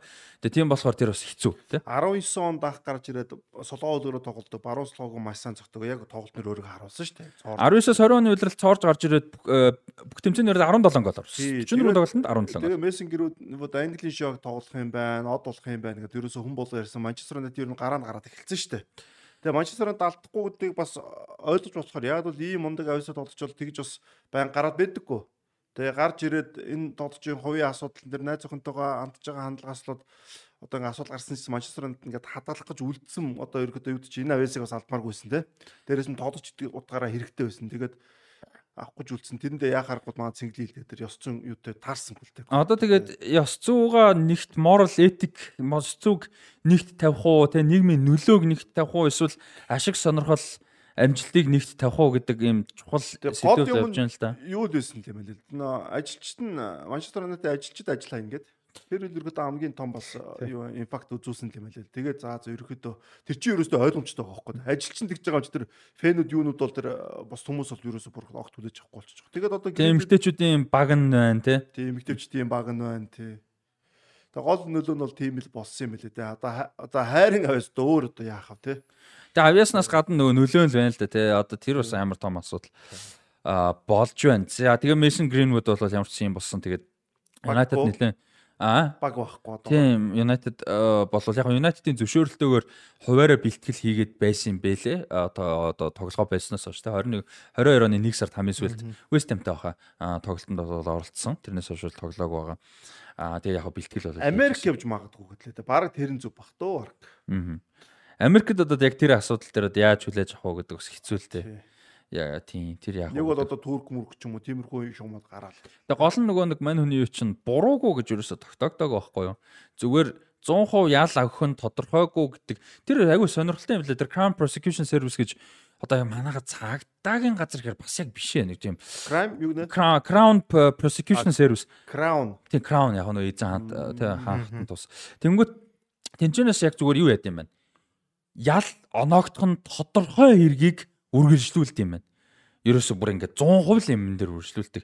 А тэрэн дээр яасан гэсэн чинь ингээд хэрэг болоод жил гаруй ингээд мөрдлөг яваад ингээд явж исэн чинь нөгөө чухал юу нь а гэрч маань өөрөө гэрч маань ч байх уу гэрчин гэж аанд чинь уу? э, гэрч гэсэн ямар ч байсан яг хохирогч гэж бол би- ёсоор уусаа нэг нэрлэг ёсгүй юм бил. Suspect биш. Witness. Аа. Тийм, гэрч бол нөгөө нэг мэдүүлгээ татсан юм бэл дундуур нь. Тэгээд ямар ч нөгөө үргэлжлүүлэх боломжгүй болоод байсан. Буруугүй гэж ерөөсөө хин ч ерөөсөө батлаагүй. Тэрийг бас ялгах хэрэгтэй хүмүүсийн хувьд бол тийм. За Greenwood-ийн хувьд иймэрхүү мэдээл байна. Тэгээд хүмүүс бас сэтгэлээ. Уулзаараа ер нь тэгээд яг нэг хөлбөмбөгтэй холбоотой тэгээд хөлбөмбөгөр дамжаад маш том чухал сэдв болчихж байгаа учраас бас ярих хэрэгтэй гэж бодож байна. За Гринвуд дээр зүгээр бас аа, ингээд харьцуулаад ингээ харахад одоо э, одоо э, дэлхийн баг бүхэн зүг болон бүртэл хөлбөмбөг тэргүүлэх спорт байгаа те номер 1 спорт байгаа. Тэгээ тэр дотроо ялангуяа Европод тэгээ Европ дотроо Англид болвол хөлбөмбөгийн спорт нэг хүмүүсийн ингээд эдсих нэг хэсэг болцсон. А тэгээд ялангуяа бүр сүүлийн а, магадгүй 10 20 орчим жилийн хугацаанд төлөмбөг гэдэг нь бол одоо хамгийн одоо сайн сайхан зүйлсийн төлөөлөл болж чадахгүй. Тэгээд тийм хэмжээнд очиод байгаа. А өрсөлдөөн, шудраг байдал тий а тэгээд түрүүн хэлсэнтэй нээлттэй сэтгэлгээ, ялгаатай үзэл бодлуудад нээлттэй хандах, харилцсан ижил тэгш одоо орших, жишээлбэл Мохаммед Салахын нөлөөгөөр Ливерпул хотод исламыг ийг одоо үзэн ядах үзэл буурсан үзүүлэх ил ч юм уу гэдэг дээ. Тийм тэгээд гих мэтчлэн ингээд энэ одоо хөлбөмбөгийн спортоор дамжуулаад нийгмийн одоо хамгийн сайн сайхан байдлыг ийм байгаасай гэдэг зүйлсүүдийг ингэж одоо промоут хийх буюу ингэж түлхэж те ингэж түгээж ингэж явж байгаа. Тэгэхээр энэ хөлбөмбөгийн спортод ийм босромог зүйлүүд гарах юм бол энийг маш хүчтэй эсэргүүцээд тим зүйл гаргасан тоглогч ер нь бол карьерийг болчиход байгаа л да. Тэгээ яг энэ нөхцөл байдлыг чинь одоо Монголд одоо үндэсний бүхтэй харьцуулах юм бол тэнгэр газар шиг ялгаатай байгаа. Одоо ингээд үндэсний бүх бол одоо монголчуудын бас л эдистэнд байж байгаа шүү дээ тий. Тэгэхээр яг тийм сайн сайхны дөөрэлэл болж инийг үл амар харамсалтай. Тэгэхээр одоо юу гэдэг Монгол үндэсний бүх тийм сайн сайхан байдлын сайннэд одоо төлөөлөл илрэл тий ёс зүй, шудраг ёс, өрсөлдөө тий а тэгээ эргэтгэж байдал за юу гэдгийг тий энэ одоо нэг зөв зүйлсийн одоо дуурал нэг нь болох юм бол амар том үлгэр дүрэлэх гээд байгаа байхгүй талаач харамсалтай шал. Тэр хүмүүс нь өөрсдөө тэгж хэрэгтэй. Тийм байх хэрэгтэй, төлөөлөх хэрэгтэй. Зохион байгуулж байгаа хариуцж байгаа байгууллага, удирдлага, хөрөнгө оруулагчид тийм байх хэрэгтэй. Үзэгчд, дэмжигчд тэрийг шаарддаг байх хэрэгтэй, тий. Аа яа яа. За тэр утгаараа бол ингээд маш том нөлөө үзүүлэх болох үзэл бас л тэгж чадахгүй байна да. Тэгээ одоо урлаг спортынхнаас илүү юм шаарддаг чинь тэр байхгүй нөлөө гэдэг чинь амар том юм шүү дээ тий. За би яг хоо энэ сонгуулаараа тэнглэл хэлээр сонгуулаар манай урлаг спортыг өөрсдөө ямар хөө хэмжээтэй харуулсан шүү дээ. Тэгээ мөнгө өгүүлдэ бүгдэнд нь очиж зарагдаад бэлэн инфлюенсер. Тэгэхээр манайхан бол тийм л ер нь бол. За Испани хөлбөмбөгийн холбоор орноо хэдүүлээ. За Луис Рубиалес гэж нөхөр дэлхийн аваргын одоо нэг нэг зүйл хэлмээр байна л да би энэ өөрийнхөө үзэл бодлыг эхлээд зүгээр нэг хайлт хэлчихье гэж бодож байна. Амар харамсалтай байна. Юу харамсалтай вэ гэхээр энэ мундаг тоглогчд энэ мундаг бүрэлдэхүүн түүхэн ийм амар гоё амжилт үзүүлээд өөртөө ийм гоё одоо түүх бүтээгээд дүгтлээ баярлаад дэлбэртлээ баярлаад маш том юмны эхлэл байгаад ингийн оронд яг тэр нь үнэн факт нь тэр гэхдээ тэрний оронд ийм ярианы сэдв бүх талаар бүгд ярьж байгаа нь харамсалтай байна а ярих ёстой сэдв тэр нь зөв а гэхдээ зүгээр дарагдж байгаа нь амар харамсалтай байна гэдгийг бас хэлмээр байна. Одоо Испани авраг авахаас өмнө зөндөө олон асуудал төр холбооны асуудал, менежер асуудал ингээл яваалсан тий. Тэгээд одоо тэр юун дээр гарч үнсдэх нь ямар учиртай юм хтэй үнийг. Одоо энэ дэр яг ингэ дэлбэрж байгаа. Одоо энийг дагаад зүгээр дэлбэрж байгаа. Айгүй олон асуудлууд гарч байна. Багийнхан одоо ерөнхийлөгч хүн те. Ерөнхийлөгч хүн энэ тоодож алтан медаль авлаа баярлж болно. Баярлж авлаа тэрж болно. Одоо тэр үнийг уруудыг нүүсж яагааж болохгүй байхгүй тийм биз дээ. Наад бол яг үн дэлбэрж байгаа. Өстой нэг бүх асуудал нь дэлбэр. Энэ бүр зөв. Энэ нь зөв шүү. Энэ яг ингээд нэг хүн одоо яг өөрөө тэгээд байхгүй. За би ер нь эхнээс нь ярина. Гэхдээ ингээд зүгээр мань хүн зүгээр сэтгэл өөрөөл ингээд зөвшөөрөлтэй ингэсэн гэл нэг тийм хүл юм ярьж байгаа. Гэхдээ эн чин үгүй байхгүй тий. За. Дааш за уралдаа нүүсгэж зөвшөөрлөх юм ааш. Тийм байхгүй шүү дээ. Тэгээд ч утгагүй шүү дээ тийм шүү. Тэгээд чинь босс нь тэгээ холбооны ерөнхийлөгч хүн тэгээ нөгөөтг нь тамирчин харилцааны динамик дээр л гэдэг юм. Харилцааны динамик хүртэл чинь шал өөр байхгүй юу те. За ингэж л та. За би эхлээд Луис Рубиалес гэж нөхрийн талаар авчгаа яриа гэж бодож байна. Суур ягаад энэ ингээ том асуудал юм бэ те зүгээр нэг нэгдүгээр тэр үнсдгийг буруу гэж одоо ерөөсө зөв гэж ерөөсө өмөрхгүй угаасаа буруу өнгөрсөн л оногт ярьсан. А гэхдээ зөвхөн тэр биш юма гэдгийг л би ярих гэдэг юм л та. За нөхөр 2010 онд AFE буюу Испани одоо тоглогчдын одоо холбоо юм да. Ийм байгууллагын ерөнхийлөгчөө сонгогджээ. Нөхөр. За тэгээ тэр үед бол одоо Испани хөлн одоо тэр тоглогчдын холбооны маркетинг менежер ажилладаг байсан Тамара Рамос гэж эмэгтэй бол ажилладаг байсан. За тэгээ тэр үед бол а тэр эмэгтэй ажилтдаг байхад олон тухгүй тав ийм нөхцөлөдлүүд бүрдэж исэн юм байна. Тэгээ тэрийг бол олон нийтэд дийлгэрэнгүй бол ярьсан юм байна. Тамара Рамос болж исэн гэдэг За тэгээд яасан гэсэн чинь нөхөр ингээ холбоон дээр ажиллаж байгаад ингэсэн гинэ. А мань хүн юу яагаад жирэмсэн байсан. Жирэмсэн басан. А тэгээд тухайн үед олон нийтэд ерөөсө хүмүүст хилээгүй байсан. Ажилчид ч юм хамт олонтой хүмүүст хилээгүй. А тэгээд одоо хүүхдийн эцэг нь бол одоо Rubiales-ийн маш сайн найз гэр бүлийн одоо гэр бүлийн хүн бол биш. Гэтэ дотны те сайн найз ойрхон бол хүн. Тэгээд дээрэс нь Rubiales үлэмгч багт нас хамт нэг багт тоглолдог байсан. Ийм хүннээс юм байна. А тэгээд тийм дээрэс нь холбооныхон ерөнхийлөгчтэй. Тэгээд тийм учраас хамгийн түрүүнд Rubiales-т одоо хэлсэн юм байна л да. Тэр нөгөө тэр хүнээсээ гадна те. Тэгээд ингээд нөгөө холбоондоо ажлын хүрээнд бусдаа яаж хүрэх вэ тэр мэдээлэл яах вэ гэдгээ бас ингээд одоо өөрөө шийдээгүй байсан учраас те. Тэгээ ингээ холбоонд хэлсэн юм байна. Тэгээ өөрөө бол гуйсан юм л та. За ингээд хинт бити хэлээрээ одоохондоо те. Би ингээд төрүүлж чаад хоёр одоо хоёр л мэдж байгаа. Би ингээд өөрөө яаж гэр бүлтэй ч хэлж амжаагүй байна. Гэт тэгсэн чинь 5 минутын дараа хурал зарлсан гинэ. Rubials холбоо тэр чигээрээ бүр бүгдийг дуудаж маш том хурал зар. За тэгээ тэр хурал дээр одоо тэр холбооны бүх ажилчдын нүрэн дээр За би та нарт ингээ та нарт мэдээлэл өгөх юм а. Тамаараа жирэмсэн болсон байна хэлсэн гэнэ. Шууд 5 минутын дараа. За тэр бол ингээм хүнийг одоо маш тухгүй хэцүү юм амар хүнд нөхцөл байдалд оруулж ийм юм бол болгосон. За тэгээд энэ уулзалтынхаа дараа Тамара Рамос гэж юмтай очиагүй чи яагаад ингэж би ингээд ингэсэн штэ гэдгсэн чинь за би энэ хүнд юм ярих чинь шүү тэгээд би албаар юм тайлбарлах гэж байгаа учраас хэлэх чинь шүү. Би чамайг араасаа хий гэж хэлээ үстэй гэж хэлсэн гэж. За өөрөөр ямар утгаар хэлэх чинь вэхээр тэгвэл жирэмслэхгүй байх байсан штэ гэсэн утгыг илэрхийлсэн ийм юм хэлсэн гэж. За тэгээд энэ эмэгтэй бол одоо нэгдүгээрт ажлын байран дээр тэ ямар их хүртэй хүнд нөхцөл байдалд орсон. Энэ хүн яаж хандсан? За энэ нөхцөл байдлуудаас үүсэт бол юу яасан? Ажлаасаа гарахад хүрсэн ажлаа хүлээл гэж өгөхөд хүрсэн. Энэ нөхцлөөс одоо өөр өмнө нь хүртэл одоо ийм юм босгоос өмнө нь хүртэл одоо дотоороо ямар хувцас өнгөсөн байна. Ямар өнгө өнөөдөр өмсөд ирсэн мэрсэн гэж хүртэл зүгээр ингээд ажлын офис дээрээ зүгээр гудамжинд одоо биш офис дундуураа явж байхад хүртэл мань асуудаг байсан гэж. За энийг нь бол одоо тэр чинь том босс нь учраас тэр чинь баян эсэргүүцэж хүн чадахгүй. Power dynamic нь шал өөр штэ хүн чинь те. Аа за энэ нөхцлөд бол үүсдэг байсан амьдралдаа би бол одоо туусан хамгийн хүнд хамгийн доромжлуулсан хамгийн ийм муухай юмнууд бол энд байсан гэж бол ярьсан байна. За энийг бол тэгсэн чинь юу яасан юм бэ? Аа Испани хөлбөмбөгийн холбоо мэдээлэл гаргаад нэг анхаарал хандуулах юм. Испани хөлбөмбөгийн холбоо тоглогчтой айлбар хоёр тусдаа байгуулах шүү. Тэгсэн чинь Испани хөлбөмбөгийн холбоо мэдээлэл саяхан гаргаж байгаа. За энэ бол ингээд 100% худлаа. Ийм бол болж байгаагүй. Энэ ингээд одоо ийм дэлхийн аврагтай холбоотой, Эрмосотой холбоотой юм болж байгаа дэр одоо далимдаж өөртөө анхаарал татах гэсэн юм мэдээлэл оруулж байна гэж Испани хөлбөмбөгийн холбоо мэдээлсэн. Ямар ч хамаагүй. Луис Рубиалес тэр болж исэн гэж ярьж байгаа юм нь их тоглогчдын холбоонд байх ажиллаж байгаа үед байсан. Тэрийг мэдгч боломжгүй хуйлсаар босон үйл явдлыг мөрдөгч боломжгүй шүү дээ Испани хөлбөмбөг холбоо тийм үү. Тэгсэн чинь Испани хөлбөмбөг бол тийм мэдээлэл хийсэн юм. За энэ мэдээлэл бүгд ил байж байгаа.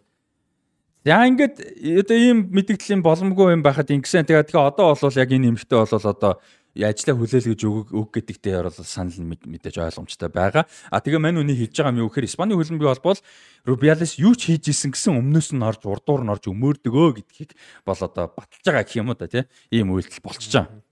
А Рубиалес хувьд бол За тэгээд Рубелас бол 2017 он хүртэл Испани тоглогчдын холбооны одоо ерөнхийлөгчөөр ажиллаж агаад 17 онд гараад ерөнхийлөгчийн сонгуульд бол өрсөлдсөн. За 2018 онд Анхел Виар гэж өмнөх Испани хөлбөмбөгийн холбооны ерөнхийлөгч нөхөр өмнөх. За энэ бас л асуудалтай нөхөр. Баахан одоо нөгөө нэг corruption те embezzlement буюу одоо мөнгө зохицуулсан те инээтерэ гэд битүү асуудлуудтайгаар бол одоо ажиллаа өгцөн байсан. Испани хөлбөмбөг бол одоо битүү асуудал байсан. Угаасаа ер нь бол бүтэхгүй газар байсан тухайд. За тэгээ Рубиалес бол одоо өрсөлдсөн. За тэгээ Рубиалесийг одоо яг өрсөлдөх тэр цаг үед бол одоо юу яасан? А хин Хорхе Вилда одоогийн Испани эмэгтэйчүүдийн шогийн тасалжуулагч Испани эмэгтэйчүүдийн шогийг 3 жил тасалжуулсан байсан аль хэдийн. За тэгээ бол бүтлгүй байсан. А үнэхээр гайхалтай юм авьяас авьяастай бүрэлдэхүүн бол байсан. Гэхдээ ерөөсөө амжилт олоогүй байсан. А тэгээд дэмжигчид баг маш олон хүмүүс бол одоо тасалжуулагчийг солиочиг шаардлага бол тавиад ерөөсөө хүнч хүлээж аваагүй юм уу бол байсан. За тэгээд сүүлдээ энэ холбооныхон зарим нэг хүмүүс хүртэл гомдлоод ирсэн. За тэгсэн чинь энэний ард бол одоо яагаад үргэлжлүүлэхээр болсон бэ гэдгсэн чинь аав нь одоо Анхел Вилда гэж хүн байт юм байна. За Анхел Вилда бол Испани хөлбөмбөгийн холбооны маш их мэдлэлтэй юм одоо том нөлөөтэй хүмүүсийн нэг байдаг. За тэгээд мань хүн за тэгээд Хорхе Вилда хоёр хоёулаа Рубиалист санал өгсөн. Рубиалисыг бол одоо шууд дэмжиж ингэж одоо маш их нэм одоо нөлөөтэй тий хүмүүс учраас гарахт нь маш том хувь нэмэр оруулсан Рубиалисыг. За өөрөөр хэлбэл одоо ингээд нэг талын хүмүүс болсон байна гэсэн. За тэгээд 18 онд бол одоо Rubiales сонгогдоод Испани хөлбөмбөгийн холбооны ерөнхийлөгч бол болсон. За тэгээд яг тэр одоо мөчөөс хойшоо бол Хорхе Вилда бүр одоо юм untouchable буюу одоо асуудал болчихж байгаа тий. Ерөнхийлөгч нь ч өөрийнх нь талын хүн за аав нь ч одоо том их мэдлэлтэй хүн чинь тоглогчд бүрэлдэхүүн яаж гомдлох нь тэр бол нэг тийм чухал бол биш. Ийм болж. За тэгээд за яаж байгаараа энэ л за 15 онд бол анх Хорхе Вилда сонгогдсон байгаа шүү. За тэгээд Рубиалес авахд бол Лопетеги юу байсан? Ерөнхий тасалжуулагч байсан. За Лопетегийг шууд халсан. За тэгээд Лопетегийг халсан шалтгаан нь бол одоо тоглолтын Дэлхийн аварга өмнө бол одоо өөр юутай 2 хоног юм зарсан шүү дээ. Гэрээ хийсэн гэдэг шалтгаанаар халсан. За энэ бол бас том шүүмж бас тухай дэлхийн аваргын бэлтгэлийг бол одоо нураасан гэж үздэг. За ийм бол асуудал бол байсан. За тэгээд яаж ч гомдлын болсон гэсэн юу болвол вилдаг бол халахгүй байгаа. Гэсэн мөртлөө Лопетегийг халахдаа бол ёс зүйл үйл одоо зөрчсөн гэж шалтгаанаар. Гэхдээ тийм амар том ёс зүйл байсан уу үгүй юу бас эргэлзээтэй л байх тийм үү. Аа дэлхийн авраг дуусчаал намар нь одоо өөр баг руу явах гэсэн тий. За тэгсэн чинь бол одоо Вилдаг тэрнээс том олон асуудлуудтай байхад байлгасаар байгаа гэдгийг харьцуулж бас. Тийм болохоор Лопетегийг дурдж байгаа. Гол одоо шалтгаан. Лопетег зөөдрөө өвчтэй шүү гэлтэй. За тэгээд 19 онд Ясмина Эд Макет гэж эмэгтэй архитектор юм байна. За энэ эмэгтэй Рубелесийн одоо гэрийнх нь том одоо засварыг хариуцаж ажилласан юм байна архитектор эмэгтэй. За тэр засварыг нь ажиллаж э, ажиллаж 17 онд ажиллаж исэн юм байна л да. Тэгээ 17 онд ажиллаж исэн энэ эмэгтэй 19 онд бол гомдол мэдүүлэл мэдүүлж одоо олон нийтэд мэдээлэл цацсан юм байна. За энэ яасан бэхээр одоо энэ тоглогчдын холбоо тухайн тоглогчдын холбооны ерөнхийлөгчөөс 17 онтой яг болигжилнэ. А тэр үед Рубиалес юу яасан гинэ. А ерөөс мөнгө нөгөөгөө маш том ажил хийсэн юм л да. Тэр ч одоо яадаг ч том хаус байсан. Маш их том ажил хийгээд ерөөсө мөнгө нөгөөгөө. Тэгээд мань хүн ингээ холбогдоогүй ч одоо мөнгө төгрөгөө өгөөч нэтэрэ гэдгсэн чинь одоо санхүү хуулийн хариуцсан хүнд нь тэр юуг нь одоо манахаар бол одоо нэхэмжлэгийн те. Нэхэмжлэгийг нь хөлбөмбөгийн холбоор явуулчих уу гэсэн гинэ. Азийн хөл одоо Азийн солирч тоглогчдын холбоо шүү. Тоглогчдын холбоор явуулчихаа тэр нь 120 мянган евро байсан гэж байгаа. 120 мянгагийн тийм. Одоо холбоор нь явуулчихоо гэсэн гэж байгаа. Тэгээ одоо хэлбэл өөрийнхөө гэрийн одоо юу гэдэг засварыг холбооны мөнгөөр Испани хөлбөмбөг бол биш бүтггүй газар биш. Саяных нь болохоор тоглогчдын холбоо. Гэхдээ ер нь аль тий. Ер нь засаглалууд ер нь дампуурсан газар юм байна шүү дээ. За тэгээ энэ хоёр одоо бас хоорондоо юу яасан чинь уулзаад гисэн чинь муудалцаад барьж авч гар марын барьж аваад савж маваад гимтэл мэмтэл болоод эмнэлэгт өвцсөн байгаа тэр эмэгтэй сүлдээ. Тэгээд одоо сэтгэл зүйч нь одоо эмнэлгийн сэтгэл зүйч хүртэл тэр эмэгтэйг одоо PTSD-тэй одоо болсон байна гэж хүртэл одоо эмчийн бүр одоо за одоо юу онцлогоо хүртэл гарсан. PTSD гэдэг одоо бас том чухал юм шүү дээ сэтгэл зүй. Post traumatic stress disorder гэж байгаа юм том трааманд одоо орсон хүн хүний эстэй сэтгэл зүй том ажил 120 мянган доллар ажил хийцүүч одоо мөнгө авч чадахгүй одоо тэр чинь тийм. Тэгээ зүгээр мөнгө авахгүй ш тэр чинь одоо бид нь халтсан байгаа байхгүй яста хавар тий. За тэгэхээр 20 20 онд бол одоо хангалттай нотлох баримт байхгүй гэдэг үндслээр бол тэр хэргийг хаасан юм байна. Мөнгө нөгсөн. Э, мөнгөний зүгсэн тэр нөгөө нэг одоо халдсан малтсан гэдэг нэ тэр бүгдийг нь бол одоо хаасан юм байна. Тэгэд гисэн чинь тэрний дараа бол Rubiales мэдээлэл ихтэй одоо миний минь намайг болон миний одоо насан туршиг октоодыг бол одоо доромжлох гэж одоо ха бүл идэх гэж тэ юм юм хийсэн мэсэн гэдэг мэдээллийг бол хийж исэн юм байна. За тэгээ 20 он боллоо. За 20 он тэгсэн чинь ерөнхийлөгчийн сонгуул дахиад болж байгаа. За тэгээ хамгийн том өрсөлдөгч нь Икер Касиас. За Касиасууд бол одоо маш мундаг мэрэгжилтэн, мундаг ёс зүйтэй. Испанд бол одоо маш том юм лидер хүмүүс энэ. Зөвхөн хөлбөмбөг гэлтгүй өөрөө мундаг юм хүн байдаг. Нэг удаа маш том шүмжинд өртсөн 2010 тэр одоо инээт одоо харьцуулаад инээдтэй. 2010 дэлхийн авраг болоод өсдөг үү? Тий. Тэр чи тухайн үедээ хүртэлгүй их нэрийгээ үнсээ шүмжинд төрчихсэн юм шүү дээ. Тий. Их нэр нь том сэтгүүлчтэй мундаг хүн. Тэгээ зүгээр ярьцлага авч ирсэн. Тэгээ баяраа тэмдэглээд эхний нөхөөр дэлхийн аврагын финалыг үнсэлсэн. Тэгсэн чинь одоо шүмжинд төрчихсэн. Тэрнээс өөрөөр бол одоо тийм Тэр нь ч зөв шүүмжүүл биш шүү би миний хувьд сэтгэлээ. Тэр шал тэнийг юм тий. За. За тэгээд Икер Касиас өсөлдсөн хамгийн том одоо өрсөлдөгч нь байсан боловч учир шалтгаангүйгээр одоо хүртэл албисны мэдээлэл хийгээгүй Касиас болсон. Өрсөлдөөнөөс бол гарсан юу гэсэн нь бол тодорхойгүй. Маш том өрсөлдөгч байсан. Гэхдээ одоогор бол ерөөсөө мэдээлэл хийгээгүй. Тэгээ болцсон. За тэгээд ямар ч өсөлдөгчгүйгээр ганцаараа өрсөлдөд ганцаараа өртөг өсөлдөд Робиалес дахиад 4 жил сонгогдчихаа. За тэгээ ингээ явж байгаад 2022 он боллоо. 22 оны 4 сард а Пике. За энэ дэр ингээ Пике бас орж ирж. За Жерар Пике Луис Рубиалес хоёр нөхөр хоёр нөхөр хоорондоо ярилцж хагаад Испани супер цомыг мөнгөний уурхай болгохоор шийдсэн. За тэгээд Сауди Арабид одоо зохион байгуулдаг дөрвөн багтай тэмцээн болгоно гэж зарлсан. За тэгээд энэ чинь бол одоо 40 сая долларын ийм гэрээ хийгдсэн. За энэ чэнэс бол одоо Космоско компани байгаа. Пикегийн компани. За энэ компани бол зохион байгуулсан тэмцээний тэмцээн дотонд нь 4 сая евро, Испаний хөлбөмбөгийн холбоо тэр болгонд нь 6 сая евро авах ийм гэрээ бол хийгдсэн. За тэгээ 3 жилийн ийм гэрээ огдол хийгдсэн. За энэ гэрээн дунд бас одоо орж ирж байгаа сонирхолтой нөхцлүүд гэж байгаа. Барселона болон Реал Мадрид багууд энэ тэмцээнд ороод орж байгаа одоо дахиад хоёр өөр баг орно шүү дээ. Хэрвээ орох юм бол энэ хоёр. Нөгөөр бас хамаагүй илүү их мөнгө авах гэж байгаа. Ерөөсөө Барселона Реал Мадрид болохоор ямар ч нэг тийм өөр явгүйгээр шалтгаангүйгээр илүү мөнгө авах гэж. А тэгээ хэрвээ энэ хоёрын аль нэг нь юм уу хуйлаа оролцохгүй болвол Испаний хөлбөмбөгийн холбоо Пикегийн компани тургуул одоо оноогдно гэж байгаа. Тэр хоёроос одоо мөнгө тургуул авнаа гэж. Яг л Реал Барс хоёр л одоо энэ тэмцээнд орхон чухал те гэсэн ба. За тэгээд дээрэс нь Луис Рубиалес Пикегийн оролцоог нуунаа гэж амласан гэж. Пике бол энэ дээр одоо нууцаар оролцсон. За тэгээ одоо энэ чи нэмэгдээ сайхан явж өгнө энэ Рубиалес энэ чи өөр өөр хүмүүс холбогдоод. Сайхан. хүн те. Янз гэж наа чин хүндээ ихэс л угаасаа ийм уус төв ийм хүмүүс дэше гарна шүү дээ. Тэгээ одоо Монголын шиг одоо иргэн тойронд л харж шүү дээ. Үнэхээр систем нь гайгүй болоод системөө зүг бүрдүүлээ зөв хүмүүсээ яаж чадах юм бол гайгүй хүмүүс гайгүй өдөрдөн шүү дээ. Тэгэхээр угаасаа наа чин ийм хүмүүс гарах тийм нөхцөл байдал системүүд нь угаасаа л биш шүү дээ. Муу хүмүүс л өдөрж чинь тэд нь өөрсдийн талын хүмүүсийг л одоо оруулж байна. За тэгээд 2019 онд бас нэг юм болсон юм байна. CF одоо Club de Football Reus гэж баг одоо юу яасан юм байна а 3 дугаар лигт байсан баг одоо зохион байгуулалт удирдлагын асуудлаас болоод одоо байхгүй оршин тогтнох нь л одоо эрсдэлтэй болж эхэлсэн юм байна. За тэгээд одоо зарагдахаар болсон юм байна л да. За тэгсэн чинь Пикегийн Андора гэж компани бас байдаг юм байна. За энэ компани бол одоо тэр а багийг худал одоо юуг нь биш баг шүү уучлаар Андора компани биш баг шүү баг шүү уучлаар Андора гэж баг тэр багийн орон зайг нь оронд нь худалдаж авсан байна. Уучлаарай би зөв тайлбарлая те. Тэр баг 3 дугаар лигтээсэн баг байхгүй болоод оронд нь зай үлдсэн. Тэр зайг нь орлуулахыг одоо зарж исэн чинь Пикегийн Андора гэж нэртэй баг худалдаж авсан юм байна тэр зайг. Андорогийн баг юм байна шүү дээ. Тийм ер нь Андород суурьтай багаа л гэсэн. За тэгээд тэр юу уул нь бол тэр жилдээ Пикегийн Андора гэж 4 дугаар лигт тоглох хэрэгтэй байсан. 4 дугаар лигийн баг.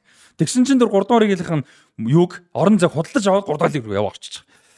За Худалдаад дэвшээд юм ч үү. За тэгсэн чинь маш олон хүмүүс одоо юу яасан? Одоо энийг бол шудраг бус гэж одоо гомдлсон яг 4 дугаар лигийн багуудч тэр 3 дугаар лигийн багуудч тэр гомдлоод Испани хөлбөмбөгийн холбоо одоо яг ла лиг бол хариуцдаггүй. Гэхдээ ингээд байгууллагуудад бол гомдсон дач хинж хүлээж аваагүй. Ерөөсөө хинч юуч хүлээж аваагүй. Тэгээд нэг ийм амар ерөнхий бөөрön хийсэн Испани хөлбөмбөгийн холбооны одоо ийм хуулийн 194 дугаар заалт гэж нэг заалтаар бол ингээд нэг тэрүүгэндээ таглал хайсан. Ер нь бол ам тагсан гэх юм. Би тэднийг уншсан л да байлаар муухай ерөнхий юм байл. Би бүр англиар уншаад хүртэл байлаар хогийн ерөнхий юм байл тэр бол яаж л яаж тэрийг ингэж урвуулж болохоор л юм байл. Ойлгосон нь бол. За нэг иймэрхүү юм бол болж исэн маань. За тэгээ 22 оны 4 сард Rubiales Испани хөлбөмбөгийн холбооны мөнгийг за дахиад шүү. Испани хөлбөмбөгийн холбооны мөнгийг өөрөөхөө гэрийн Мадрид байдаг гэрийг засахад ашигласан гэж болоод мэдээл гарч ирсэн. Монгол шиг л болсон биш нэ. За тэгээд тэгээд 5 сард юу яасан байгаа. Мань хүн одоо Испани хөлбөмбөгийн холбооны болон засгийн газрын том гишүүдтэй одоо яриа хийсэн гэдэг юм мэдээлэл бол тарсан. Тэрийг өөрөө бичлэг болгож өөрөө бол авсан. Тэр уулзалтууд нь 18 он хүртэл ингээ хоошоо бүрсүүлэн өдөө 4 жил хүртэл явсан гэдэг юм мэдээлэл бол гарсан. А тэгээ тэрийг бол Рубиалес өөрөө бол ямар ч байсан үгүйсгсэн.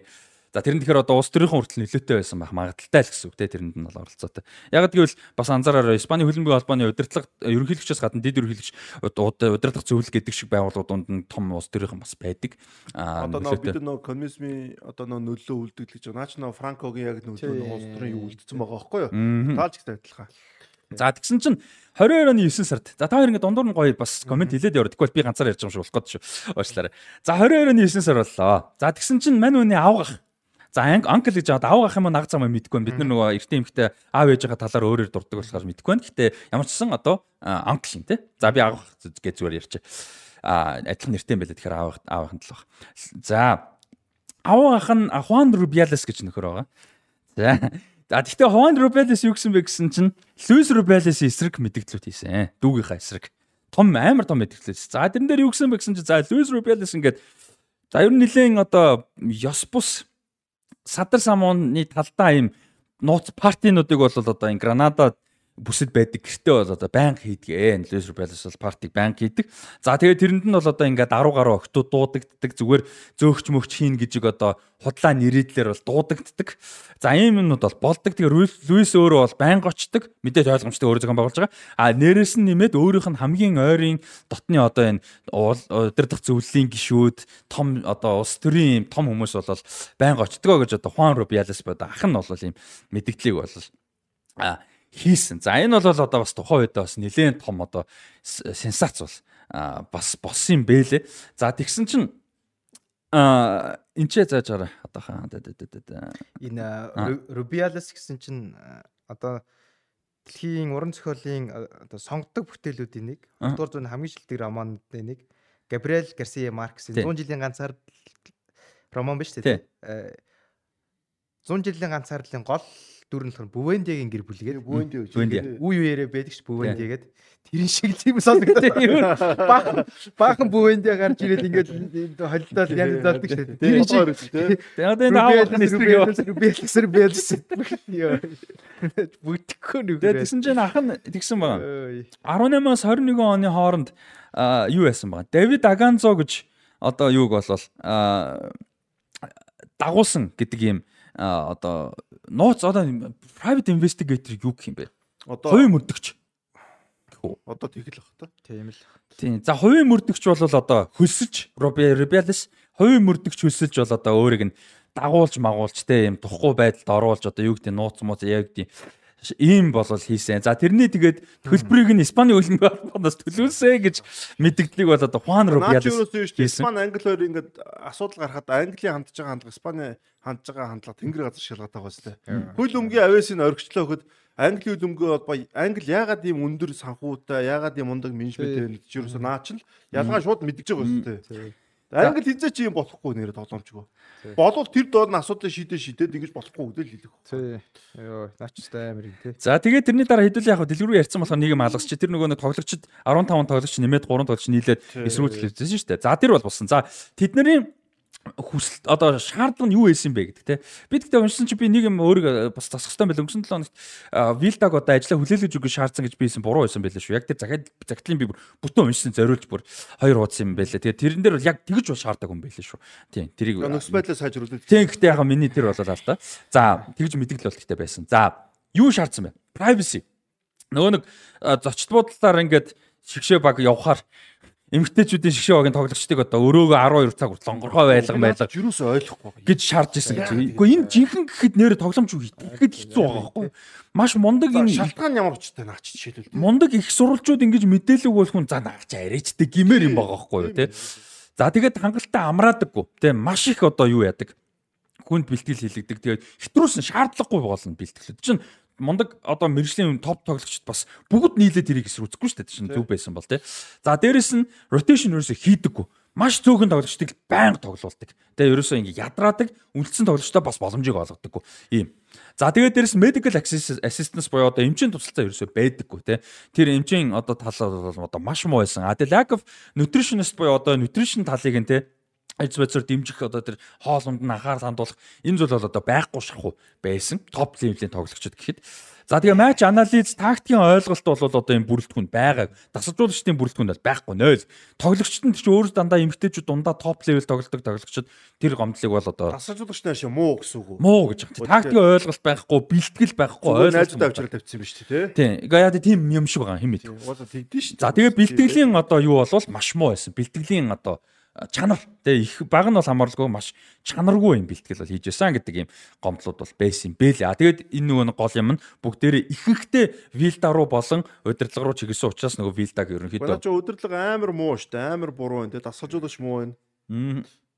За тэгээд энэ нь бол энэ тоглогчд бусад багуудтай өрсөлдөх сэтгэл зүйн байдал биеийн одоо бэлэн байдал гимтэл бэртэл гимтэл шаардлагагүй бэртэл гимтүүд авах маш олон юмд бол нөлөөлж исэн. Испан төрүүлсэн зөв юм байна сая. Тэгээд тэр Хермозо Эрмозог үнсдэг зүв байсан юм байна. Одоо ингээд өөдлөн зөвдөө өчтгөр нөө нөлөөнө гэдэг байна. Тий. Одоо наа чи ингээд амар том ингээд Испани хөлбөмбөгийн холбооны бугчсан хитэн жил те. Ясан тэр балер мафийн юмыг одоо ингээд баг ингээд дийл болгож штэ. Одоо энээсээ Испанчууд салгаад амар гоё нөхс байдал бүрдчихэд байгаа юм байна штэ те. Ямар их авэсууд гарч идэг ямар мундаг одоо хөлбөмбөгийн юутай байлаа те. Тий штэ. За тэгээд ийм гомдлууд гарсан чинь А би зүгээр шууд үргэлжлэл ярьж байгаа. Та комент хийхэд нээлттэй шүү. Аа тэгсэн чинь ингээд энэ тоглогч ингээ гомдол гарахад бол ер нь тоогоогүй орхисон шүү дээ тий. За тэгээ эцэст нь юу гэсэн бэ гэсэн чинь Хорхе Вилдаг бол 100% дэмжсэн олон нийтийн зүгээс цаанаач гэсэн 100% дэмжингүүтээ тоглогчдыг би энийг бол мэдээгүй. 5 жилээр бантыг одоо бандын шүү гэж айлгсан юм байна. Бас тийм байсан юм байна. Би нэг бол мэдээгүй. 5 жилээр бандын шүү гэж ярьсан юм тэр 18 Наад чи надад ирж ирсэн шүү дээ хөлөмгөө бол бос. Намайг шүүмжс чинь намайг насаар чи бандаа шүүгээ те би юу тоглохоо болцсон шүү дээ мэдээлэл. Бандуулж байхаар өөрөө болчихё гэсэн шүү дээ. Тийм тэр чин тэгээ манай багш магши ганц багш талиаж ганц багш магши дарамтлаад намаа замаа би чи 21 настай шигшээ баг бэлтгэл хийсэн лигийн авраг бүх юм авцсан байсан. Тэгээд яг над дээр наа чи өөрөө тохиолдсон болохоор би амар ойлгоод байгаа хөөхгүй надад чи. Яг бүр нүүд рүү орж байгаа чамааг бол бамдаа шүү чи хэвлэлээр ингэж ярьдаг. Насан турш яана гэдэг. Тэгээ дараа нь энэ Ганбатар чин гарч ирээ. Бас чи бол насан турш бас ингэж манай энэ хөлөмгөө бол яг адилхан юм байна ч юм. Яг нэг үгт бол. За тэгэл Луис Рубиалес үргэлжлүүлээд тоглогчид одоо алдаагаа ухаарад уучлалт гуй гэж шаардсан. Юм бол шигшээд одоо юу те одоо тоглож болно магадгүй. Одоо яасан гэж наад хүмүүс ч одоо уучлалт гуйх тийм биз дээ. А тэгээд энэ шахалтаас болоод зарим нь битсэн штэ. Одоо тэгээ Айтана Бомети хин Калденте хин гурав байгаа байлаа. Тэр гурав чинь бүр за болиг гэж сүултээ юу яасан штэ. Шигшээдэ буцаад тэр хүсэлтээс нь дагуу бол битсэн штэ. Одоо наач бол айгүй хэцүү байхгүй айгүй ингээд амьдрал нь улцсан байж байгаа. Амьдрал нь улцсан байхад амар хэцүү нөхцөл байдал тулгарчдаг. Манайд бол Монгол учраас ингээд болчих болж байгаа байхгүй. Наад ч юм бол ойлгоход хэцүү байхгүй тийм дээ. Тэгэл карьер мэрийн амар олон юм. Хүний амьдралыг ингээд ингэж болохгүй байхгүй ерөөсөө тийм дээ. Тэгээ саяных бол цаана болсон юм. Тэгээд Рубиалес болон холбоо нь ингэж шаардахаар нь за болигээд олон нийтэд нээлттэй зэгтэл бичсэн. Саяны юм те одоо бүр за болио эн чи одоо ийм байж болохгүй. За иймэрхүү юм бол болсон ба. Ер нь бол наад ч юм бол 5 жилээр бандны дөө сүрдүүлэх шүү. Тэгээ сүрдүүлэх Наад ч бол ерөөсө гимт хэргийн шинжтэй үйл явдал орно шүү. Сүрдүүлэх шүү. Түрүүн одоо хувийн мөрдөгч аваад мөрдүүлсэн тийм. Тийм тэр нь болохоор хуу нөгөө авга ахыгаа гэж мөрдүүлсэн байгаа байхгүй. Тийм. Тэснэ мөнгөийг нь бас нөгөө улс нөгөө одоо ингээд улс орн улсуудын нэг одоо үндсэн хууль дээр нь байгаа шүү дээ тий. Одоо хин нэгний зөвшөөрөл одоо тухайн одоо нэг хариуцах одоо төрийн байгууллагын зөвшөөрлөөр хин нэг нэг мөрдөгч чинь айлч усад хариутай шүү. Тэр нь бол магадгүй Оросд хой золонгос хятадд ч юм уу зөвшөөрөгдөхийг одоо үгүйсгүй Кубад ч юм уу тий. Бусад улсад бол хариутай шүү. Наад амар тий. Алсын улсад Тэгээ төлбөрийн гол нь Испани хөдөлмөрөд төлнөчд юу? Хоёр удаа байрныхаа засварыг өөр холбоодуудаар нэгэн тоглогчтой холбоо сүлд нь Испани хөдөлмөрөөс үнээр авахгүй. Амар тий. За иймэрхүү за яаж одоо баруун Европт шүү дээ. Ингэж чадчихна. Амар нөхөр байгаа байхгүй.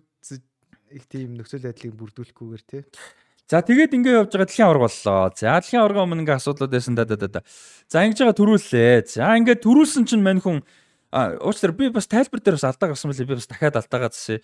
Би нөгөө нэг Испани 4-р Филиппе хаан тэгээ Летиси хата хоёрыг охинтой гэж мэдчихсэн. Залуумж халуун охин те одоо нөгөө нэг юу гэдэг үлээ тэрж байгаа. Crown Princess. Гүнжтэй одоо нөгөө хата хаан болох охинтой гэж мэдчихсэн. Би Леонор гэж хийсэн андуурсан бил. Энэ нөгөө хоёр дахь охин нь Софиан байсан байлээ шүү. Хоёр охинтой. Угсаа нас нь юусоо ой хагасны зөрүүтэй бэлээ. Яаж зах төстэй.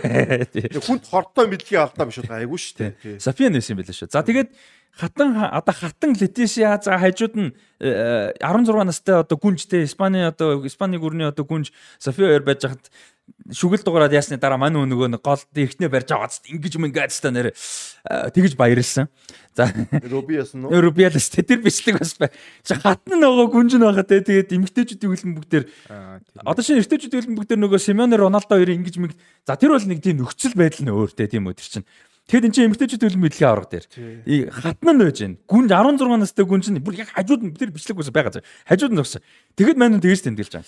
Яа, ирүүл юм уу юм чи? Гэхдээ харин амар бүр наа Испани хөлөмгөө боч ирүүл юм уу? Гэхдээ тэгээ итгэхэд амар сонирн байгаа шүү дээ. За тэгээ өргөжлүүлээд нөгөө баяр тэмдэглэж хагаад за Ермосог очиж үнслээ. Ермосо яаж дуртай байгаа те. За тэгээ баяр тэмдэглэжсэн чинь амар олон тоглолчдыг тэрж аваад хац дээр нь үсээл өргөж мөргөөл ингэж байгаа. За ингэ явж ирсэн аа баярууд үргэлжлээ тэмдэглэжсэн чинь хин А Castillo гэдэг тоглогч бас сэлгэн суужсан. Яг нөгөө first name-ийг марчлаа. Del Castillo гинг өргөцсөн дараа та хоёр одоо энэ зүр ингэсэн явж байгаа нөхөр. Мөрөн дээр ингэвч тэр одоо яг хүүхдээ авч явж байгаа мó юу яаж байгаа юм бүр ингээ мөрөн дээр гой манаас нь барьцсан явчих. За. Тийм эмгтэй тоглогч. Эн чин бас тэрийг гол нь ойлгох хэрэгтэй. Эмгтэй тоглогч. Тэг хараг хөгзгөн мөзгөн дээр зөксөн гэсэн үг үү? Тийм ингээ хөгзгөн дээр зөксөн тэмэлж байна. Наач бүр эрүүл биш юм. За тэгээд нөгөө Олга Кармонод очиж хацар мацар дээр нүсээ энэ уус төрснүүд нь байж байгаа. За ингээ явж байгаа. Тэгээ ингээ ерөөсө буу юм болоод. Наа чи эрүүл биш гэсээд нэг одоо юу авахгүй даа бүр ингээ өөрийгөө нэг павертай болцсон гэдэг юм. Сагцсан. Эрүүл биш те эрүүл энэ зүгээр ингээ очин нөхцөлийг бүтүүлж байгаа байхгүй. Хинч яаж чадахгүй. Ээ зүйтэй яг тийм. Дойных нь найзууд нь энэ холбоо нөхцөлнийгээ даварсаар агаад энэ зүгээр өдөрдмийнхаа юу нь болцсон байгаа байхгүй те. Одоо бүр хидгэл юмнууд болчихсон байгаа байхгүй те. Тоохгүй те. Амар амар дарангуулагч чинь гачаа гачаа юм хийдэг шүү дээ. Юм болцсон биш үү? Өөрийгөө мэдгдсэн байгаа шүү дээ. Хинч яаж чадахгүй гэсэн хандлагатай болцсон. За тэгээ ингээд бөө юм болоод Дараа нь асуудал усны дараа Эрмосогийн өмнөөс за энэ одоо асуудал дуусахгүй sorry. Бараг стори шиг шиг юм боллоо. За тэгээд ингээ боо юм болсон шүү дээ. Мэдээлэлүүд гараад ирсэн те. Эрмосогийн баг буруутгсан байсан ачаа. Тэрнээс чи өмнө ингэсэн. Испани хөлбөмбөг болноос мэдээлэл хийсэн. За тэрийг бүр яг дараа нь заяа маргааш нь дэлхийн аврал финал. Маргааш чөлөө өдөрмжлөө. За тэрнээс нь чи Эрмосогийн одоо мэдээлэл гэж мэдээлэл хийсэн. За Ермосо бол одоо ингээд энэ бол сүртэй юм биш ээ. Тэг ингээд одоо сэтгэл хөөрөлтэй байсан. Бүгд сэтгэл хөөрөлтэй одоо ингээд баяр тэмдэглээ ингэсэн. Одоо бүгд ингээд хамтаараа хүлчин зүтгэсний үр дүн түрээ ингээд баяртай байгаа маяга гэж одоо Ермосогийн мэдээлэл хийсэн. А тэрний дараа Ермосо Испани одоо мэрэгжлийн тоглогчдын холбоо гэж яг нөгөө өмнө нь тэр Rubiales захирал ерөнхийлөгч байсан холбоос жоох өөр юм байлаа шүү. Тэр холбооны холбоогоор дамжуулж эмгтэй мэрэгжлийн хөлбөмбөгчдийн холбоо гэсэн. Тэрүүгээр дамжуулж мэдээлэл хийсэн. Би эзэж тийм хэлээгүй. Испани хөлбөмбөгийн холбоотой би холбогдоогүй, тийм мэдээлэл хийгээгүй. А Rubiales өөрөө уучлал олон нийтэд одоо тий YouTube-ээр одоо видеогоор Facebook-ээр видео хийж уучлалт гоох юм уучлалт ухаантай яг үнийг хэлээд тийм видео хийх гэж үзсэн. А тэр видеон дээр намайг оролцооч ээ гэж хамт ингэ зогсож хагаад ингэж гэж надаас асуусан. Би үгүй гэж хэлсэн. А Хорхе Вилдагаар асуулгасан. Би бас үгүй гэж хэлсэн. Тэгсэн чинь үгүй гэдэг дээр нь явж очиод Ормосо ингэж хэлсэн ингээд Испани хөлбөмбөгийн холбоо мэдээлэл. Дураараа газар ууч аа. Амар яар. Тий, тэгээд одоо наа чин хөвлийн төлөж маркетинг авд яа нэг өөрөөс нь дугуун тоглох байхгүй амар. За юм бас. За тэгээд эн чи одоо иймэрхүү асуудлуудаас учраас одоо Мапи Леон, Патрик их Гухаро, Клаудио Пина гэх мэт одоо супер тоглогчд одоо хүртэл шишээдээ тоглохгүй гэдэг юм үзэлтэй байгаа. Одоо хүртэл яваад ороогүй шүү дээ. Энэ бол супер тоглогч. Мундаг нөгөө надад ч юм уу. За тэгээд сая энэ ингээд боо юм болоод Испани хөлбөмбө дахиад ч өмөөрсөн. За одоо сүүлдээ бүр яасан гэсэн чинь хин Эрмосо худлаа ярьж гин гэсэн. Испани хөлбөмбө бол мэдээлэл хийгээд байгаа шүү. Эрмосогийн буруу болцсон юм чижсэн шүү дээ. Одоо ааш тэгээ зогсож яхад нэг хүн үлждэг тэр үнсүүл зүүний буруу болчихсон. За тэгсэн чинь яасан гэсэн чинь Гэхдээ энэ бүр инээдтэй зав. Тэр нөө Ермосог уншиж байгаа шүү дээ. Тэрний өмнө тэрврээд өөрөө өсөрж очоод Тэгээ Ермосо ч хүн дээр өөрөөс нь тэр Ермос хараа Луис Рубелес мэрэгжлийн хөлбөмбөгч багта төвийн хамгаалагч байсан метр 87 8-тай том хүн шүү. Ермосо ч Ермосо том гэхдээ том байгаад байгаад метр 77 8-тай эмхтэй тийм үү. Тэгээд тэр чин дээрээс нь ингээ өндөр шатан дээр зогсож байгаа. Тэгээ өсөрж ирээд өөр дээр нь ингээ үр дээр нь өсөрж ирээ буугаа тэгээд ингээ үсэж байгаа ийм үйл явдал болж байгаа байхгүй. Тэгсэн чин Испани хөлбөмбөг болбоноос Ермосо худлаа ярьж байна. Энийг бол одоо болох хэвээр. Ингээд юу болсон гэж бичиж байгаа. Испани хөлбөмбөгийн холбооны мэдээлэл шүү. Тэгсээ тэрэн дээр ингээд тэгсэн чинь за ингээд Эрмосо өөрөө манай ерөнхийлөгчийг өргөж авсан. Гэхдээ тэгж тайлбар хийсэн байхгүй. Манай ерөнхийлөгч ингээ өөрөө өргөж аваад тайлбарлаж ирсэн шүү дээ тэр тоглолт шүү дээ. Харин тийм бүр. Гэхдээ чинь хөдөн дээр болоо өнгөрж байгаа шүү дээ. Тэгээ ингээ Испани ерөнхийлөгчийг одоо Эрмосо өргөөд авсан ингээ зураг оруулсан заяа. Гэхдээ чи хүн өөдөөс нь үсрээд ирэх хүн чинь уны гэж бодохгүй ингээ балаас тогтил гэж бодно үстэй. Тэр хэсгийн зургийг оруулсан. Тэгснэ ингээ худлаа ярьсан. Одоо ингээ Испани хөлбөмбөгийн холбоо болон ерөнхийлөгчийн нэрийг одоо гутаах гэж байгаа гэж оролцсон гэдэг үүднээс хуулийн одоо шүүхээр хандаж мандаж шүүх дүгэн мгэн. Айхаад. За арайч тийхгүй баг гэсэн одоо тэгэл на Испани хөлбөмбөгийн холбоо наад ичээс бүтэхгүй юм байна уу? За ингээд ийм бас. За тэгээд бүр болоогүй зэ дахиад нэмэгдэн зэ. За ингээд байжлаа. За тэгсэн чинь Испани одоо юунуудаар хэвлэл мэдээллээр 8 сарын за за би өдрийг мартчих. Нэг өдөр за яг одоо 5 өдрийн жил хизээчлээ. Нэг өдөр нь ингээд том хурал болохоор юу яваа. Зарлагдваа эхлээд. Испани хөлбөмбөгийн холбооны хурал амар том хурал. Бүгд л ирнэ гэсэн үг шүү дээ. За тэр хурал ингээд зарлагдсан чинь хурал зарлагдсны дараа Испани хэвлэл мэдээллээр ингээд ликт тий мэдээл гараад эхэллээ л дээ. Тэргээр юу гэсэн гэхээр за Rubiales ер нь ажиллаа өгөх юм байна. Тэгээ энэ том хурал дээр бол одоо ажиллаа өгж байгаа. Зарлана гэдэг юм мэдээлэл бол тараад гисэн. За тэр нь Испанда тараад зүйлдээ олон улсын одоо хэвлэл мэдээлэлээр тараад фэнүүдэд ч тараад гисэн. За тэгээ тэр хурал боллоо. За тэгээ нөгөө хурал дээр чинь янз бүрийн юм ярьжсэн аа. Өөрийгөө 100% өмөрс. А тэрийг тэгээ юу гэж таамаглаж ийн гэхээр тэр худлаа мэдээллийг өөрөө гаргасан бүх анхаарлыг өөрөөр байгаа тэр мэдээллийг байгаа гэж таамаглаж. За тийм ээ юм ямар мэдээлэл хийсэн бэ гэхээр янз бүрийн юм ингээ өмөрж өмөрж би тэгээгүй тэр өстө сүртэй биш байсан юм гэстэ та нар ингэж фейк феминизм феминизм би гурван охинтой хүн би юу гэж гурван охинтой хүн сексист байх боломжгүй боломжгүй гэнгээ баах юм ярьсан. За ингээд юм ярьж ярьж ярьж хагаад би ажиллаа өгөхгүй гэсэн гэж. Тэгэд нэг удаа хэлээгүй заяа. Би тоглоогүй шүү. Таван удаа дараалж ирсэн байхгүй. Тэр ингээ бүр асуу том хурлаа шүү. Би ажиллаа өгөхгүй, би ажиллаа өгөхгүй. Бүр ингээ таван удаа мангарч ингээ хэлсэн гэж. За тэгсэн чинь Испани хөлбөмбөгийн холбооны одоо бүх гишүүд ажилтнуудын 96% нь эрэгтэй хүн байт юм байна. Ер нь бол нэг ингээ ажиллаж байгаа юмс. Тэнд байсан юунууд эрэгтэй хүмүүс бүгд босч иж халаад ирсэн гэж байгаа юм.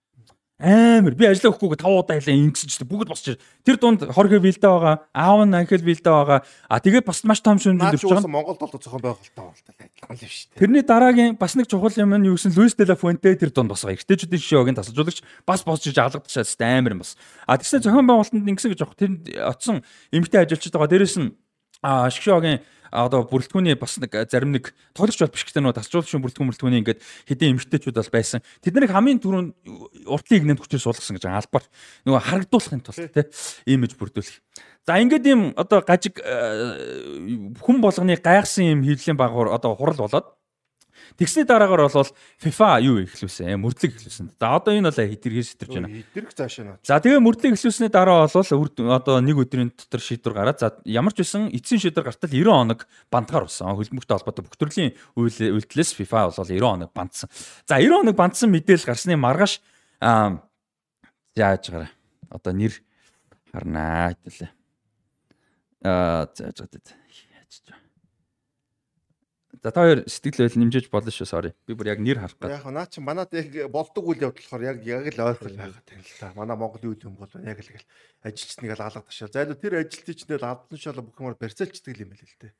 Би чамайг нэгсэн шүү, чи намайг ингэсэн шүү. Тэгээ нөө тэр хүмүүс чи амьдрал нь учраас барьцаалчдаг.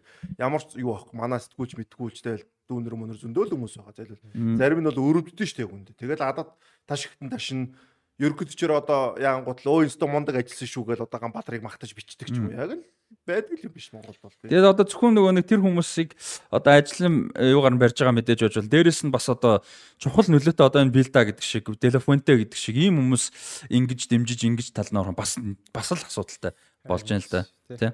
Энэ э, одоо Испани хөлбөмбөгийн э, Испани хөлбөмбөг тэгээ Испани лалиг а тэгээ дээрэс нь Испани одоо шгшээ баг яагаад ингэж амжилт нуунаад ингээд сэрэхгүйс удаад нь штэ. Шалтгаан баг тодорхой юм байна л яаж ийм эрүүл бус хүн хүмүүс тэнд ажиллахаар ч одоо?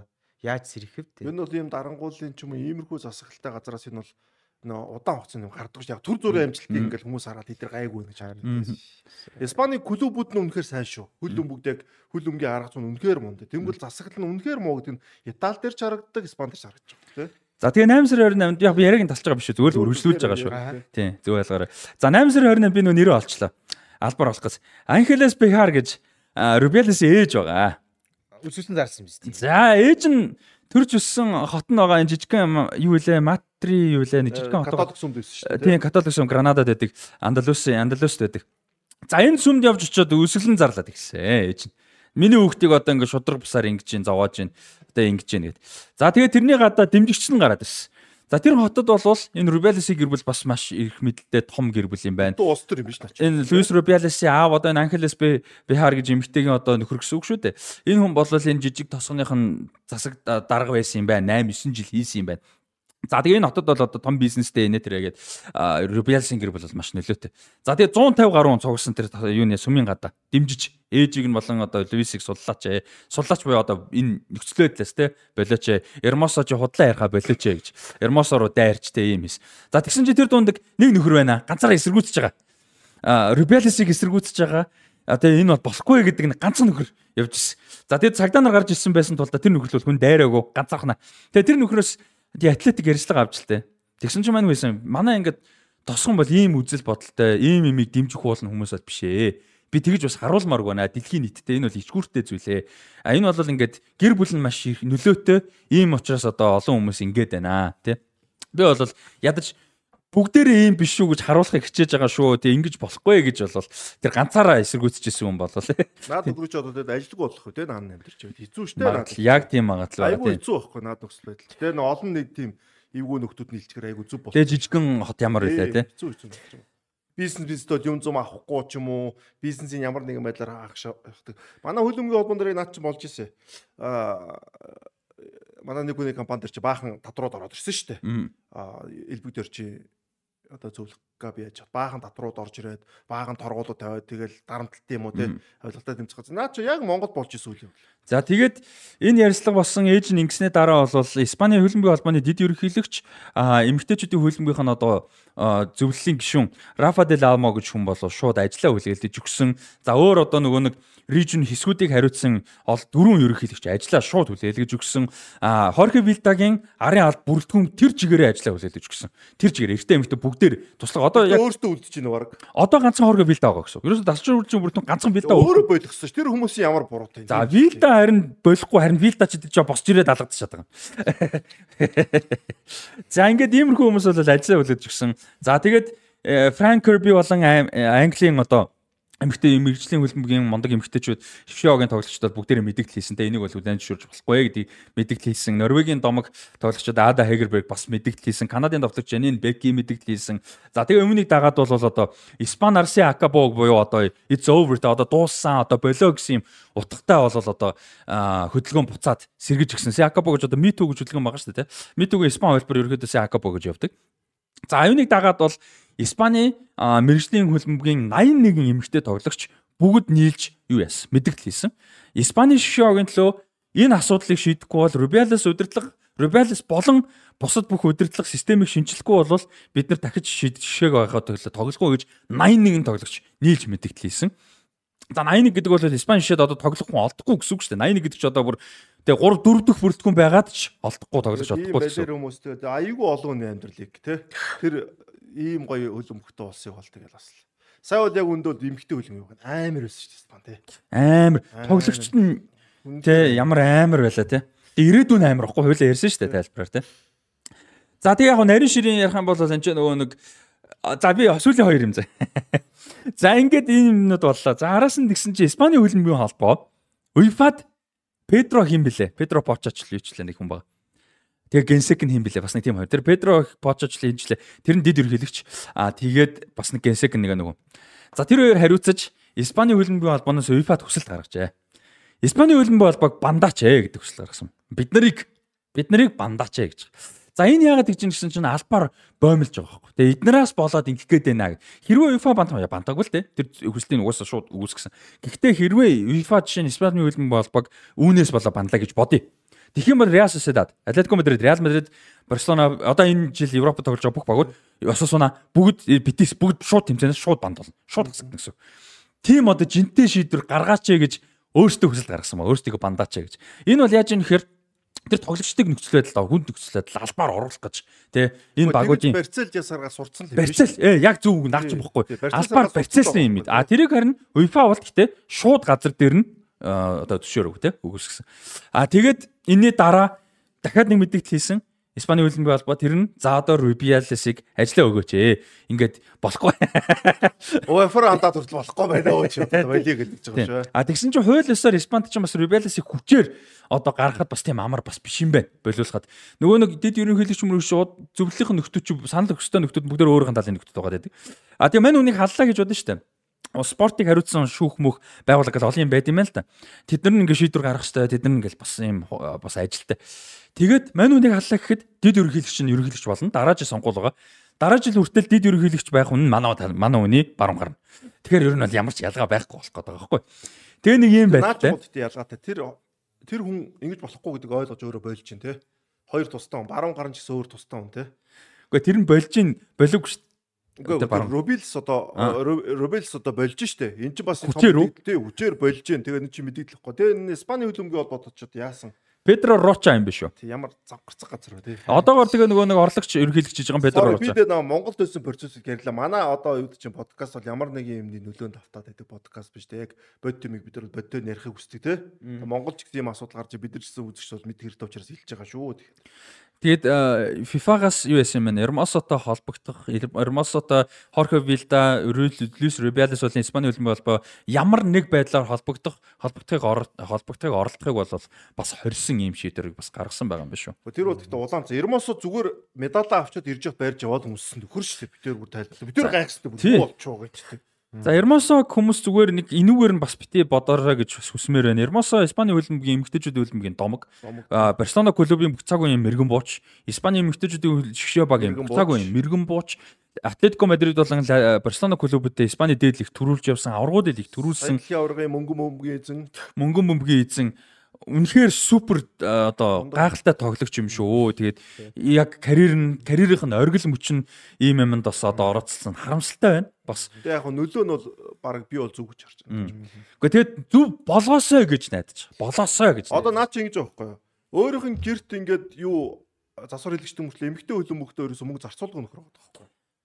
Бид нар ярьж 20 мянган еврогоор бичсэн. FIFA ийм асуудалд ороод ингэсэн ингэсэн гэж ярьжсэн те. Одоо ингээд эмэгтэй хөлбөмбөг шал оруулж байна. Одоо Испани хөлбөмбөг шал оруулна юм да. Гэхдээ тэгээсээ гол нь айгүй Испанда юу л байгаа юм бэ лээ. Испани хөлбөмбөгийг одоо олон жил бичиж байгаа мундаг сэтгүүлчид а Dermot Corrigan ч юм уу Jonathan Lee хүртэл битсэн байсан. Ингээд хүмүүсийг ингээ харангуут итгэл ер нь айгүй бага байгаа өөрчлөгдөн гэдэг. Ер нь бол зүгээр ганц Rubiales-ийн асуудал бол энэ биш ээ. Манай манах шиг юм биш тэр бол яг манах. Итгэл бол маш бага л байгаа юм бэ лээ ер нь бол. Тийм. Тэгээд э, сүүлд гарч байгаа нэмэлт зүйлүүд гэвэл нэгцэн нэгцэн үндэсний байгууллага байгууллагад хүний эрхийн комисс дээр Хермосо одоо дэмжлэг үзүүлээ шүү. Бид нар чадгаараа тусланаа гэж одоо мэдгдлээсэн байгаа. Аа тэгээд аа дээрэс нь одоо Испани Испани одоо холбогдох албаныхан энэ нэг гимт хэргийн шин чанартай одоо мөрдлгүүд ихлүүлсэн байгаа. Одоо Rubiales дээр те өөр олон төрлийн кейсүүд байгаа юм байна. Тэрсэн тийм мөрдлгүүд ихлүүлсэн явж байна. Тэгээд бас нөгөө Испани одоо хөдөлмөрийн сайд тэр хүртэл бас нөгөө чинь ажлын байран дээр хийм дарамт шүү дээ те. Энэ дээр бас ийм юм ийм одоо зүй бус зүйл байж болохгүй холбогдох одоо нөгөө нэг одоо хуулийн дагуу юм хариуцлага хүлээлгэх ингээд энэ үйл ажиллагааг эхлүүлнэ гэдэр гэсэн зүйлсүүд бол явж байгаа. Тэгээд энэ Rubiales бол магадгүй одоо хизээ нэгэн цагт одоо асуудлууд нь одоо шийдэгдэхгүй ч юм уу одоо ингээд хизээч одоо яахчгүй юм шиг ингээд нөхцөл байдалтай юм шиг байгаа боловч а угаасаа дараагийн шатны юмнууд нэгс хүлээж байгаа л да. Тийм тэр болж одоо баруун Европ шүү дээ. Тийм харин тийм. Тэгээд FIFA-гаас хүртэл ингээд энэ хүнийг одоо ингээд үйл ажиллагааг одоо оролцоход хоригдсан байна тий. Араас нь ингээд UEFA эдэр ч гэсэн арга хэмжээний дүүгээс аваа явах уу. Оо тийх бах уу. Би бол одоо баруун Европт болж байгаа учраас энэ итгээд байгаа шүү дээ амар. Тий. Африкт болж байгаа ш, Монголд болж байгаа ш. Читэд манайхан бас юг ойлгох. Одоо ингээд хөл өмбөг сайн арга зүй сайн байхаас гадна энэ засаглал айгуу чухал гэдэг тий энэ айгуу чухал. Одоо Аргентин дээр ийм асуудал байн гардаг гэсэн тий. Тий, одоо Аргентины хөлбөмбөгийн холбоочд арай л замар баг хаан хаан тас юм шиг одоо удирлаад явдаг байсан. Тэгээд дураараа шийдвэр гаргадаг хамаг мөнгөний нэгдэг гэл асуудал гардаг байсан. Тэгээд амар гоё асуудал манай Расти маань бас үндсэн баярлалаа тий. Тэгээд угаасаа энэ байдал засагдахгүй бол Испани хөлбөмбөг энэ шигшоог надад хавьдаас сэрэхгүй юм байна. А энэ зүйл засагдах юм бол харин буцаа тэр 8 оны 10 оны 12 оны Испани шиг эргэж ирэх. Яг хав тийм үе байсан багтай гол нь үнэхээр өнөө тэр Пеп Гвардиола ч юм уу тэр ком клубүүдийн л амжилтаас холбоо нь ер нь бол их юу юм бэ штэ. Асуудалтай. Тийм үнэхээр засаглалын хувьд бол үнэхээр асуудалтай байна өө. Амар арай дэндүү юм. Тэгээ одоо нөө юу байгаа ш нэг Английн хөлбөмбөг ягаад сайн байдаг шалтгаан тэр засаглал амар чухал байхгүй нөө. Удаан хугацааны процесс төр нөө үр дүн гардаг те. Энийг юусоо хүмүүс одоо авчилдаг. Одоо Америкчин тийм байгаа даа шүү дээ. Манай хөгжил хөгжүүлчнээ те гол бүх багуудаа жигж үзэн төлөвлөгөө, план, засаглал бүх юм амар бэлэн байгаа байхгүй. Тэгээд нөө юу байгаа тоххой бид нар түрүү ярьжсэн нөө коммунизмын нөө өөр уршиг гэж ярьждаг. Энд чинь нөө Франкогод өдөртөгч байсан бүх юм ин авторитароос энэний өөр уршиг нэгэд холбоонд үлдсэн биш үү? Жижиг одоо эсвэл би нөө нэг улс үндэсний улдороотлын шалтгаан гэдэг ном уншиж ирсэн юм л да. 13 оны дэлхийн бестселлер. Тэн дээр яг засаглалыг ерөөдөө тэр хүнддэг. Тэгэхэд нэг одоо Өмнөд Америк яага хөгжихгүй, Африк яага хөгжихгүй байгаа шалтгаан нь засаглалтай амар гоо тайлбарсан. Яг энэ байдаг хөөхгүй. Тэгэд яг сая нөгөө Франкогоос үлдсэн гэдэг чинь тэр улсууд зүгээр өөртөө болохгүй гэж яг юунаас болоод болохгүй тэр нөхцөлийг нь юу бүрдүүлэв гэдэг бас амар чухал тий. Тэр юу нь үлдсэн бохоггүй. Тэр систем нь ингээд тодорхой хэмжээнд хадагдлагдаад үлддэг. Тэр системийг хадгалдаг одоо тийм уламжлалт хүмүүс шүү дээ. Одоо үүд чи залуу мөртлөө тийм нөө муу систем хадгалж үлддэг тий. Тийм системүүд одоо ингээд байгаад л манай дээр ч гэсэн байгаад байна. Тийм учраас энийг одоо хурдан ингээд бас арилгах нь айгүй чухлаа. Би одоо тэр Перу, Меру тэр Эквадор тэр яагаад тэр эдийн засгийн хувьд хөгжихгүй байгаад яагаад тэр авилгалт эзэгцнийг бол тэр засаглаад нь бол уншихад нэр бас л одоо нөө нэглэл одоо юу хэрэгтэй юм бэл одоо тийм хүчин чармаал зөндөө олон юм хэрэгтэй юм л. Заримд нь бол Аз хэрэгтэй мэл яг үнд бол яг зөв хүмүүс нь гараад. Тэгээ зөв хүмүүс идэж айгүй юу байхгүй.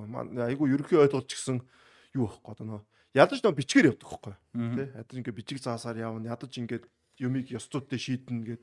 Бүх юмыг одоо өөрөө шийдэх биш тэ. Ёс зүйн асуудлыг зингэр шийдэх ёстой би дагаад гаргацдаг тэ. Тэгвэл энэ бол ёс зүйн асуудлын шийдвэрийг нөхцөл бүрд юм биш үү? Одоо хууль засаглалын хувьд бол нэг хууль эрхцээгөө бацсан нөхөр шүү давхар тий. Уг нь тусдаа байх хэвээр. За тэгээ энэ дэр одоо эсэргүүцлийг илэрхийлж байгаас олон хүмүүс байгаад нь зөвхөн одоо эмгтээчүүдийн хөлбөмбөгийн томчууд өсөөс өөр олон хүмүүс бас байгаа гэдгийг дурдмаар байна. Ососуна Селтавиго Испаниол болон Севиа гэсэн багууд бүгд одоо ажиллаа хүлээлгэж өгөө. Энэ одоо асуудлыг бол дуусгах хэрэгтэй гэж бол ямар ч мэдээлэл байхгүй байгаа. Одоогоор яг энэ дөрвөн баг бол мэдээлэл хийчээд байгаа. За Борхо Иглесиас Реал Битисийн товтогч Борхо Иглесиас бол Рюс Рубиалас ажиллаа хүлээж хүлээлгэж өгтөл системийн одоо шинжилт явагдтал бол биш шүү огта тоглохгүй гэж үл яасан. Яг хүмүүсийн тоглоом болоод аа угаасаа монд тэр ямар ч хамаагүй байхгүй юу? Юу илэрхийлж гинэ гэдэг чинь чухал байхгүй. Хоёр удаа шигшээдэ тоглоо үзсэн шүү дээ энэ чинь.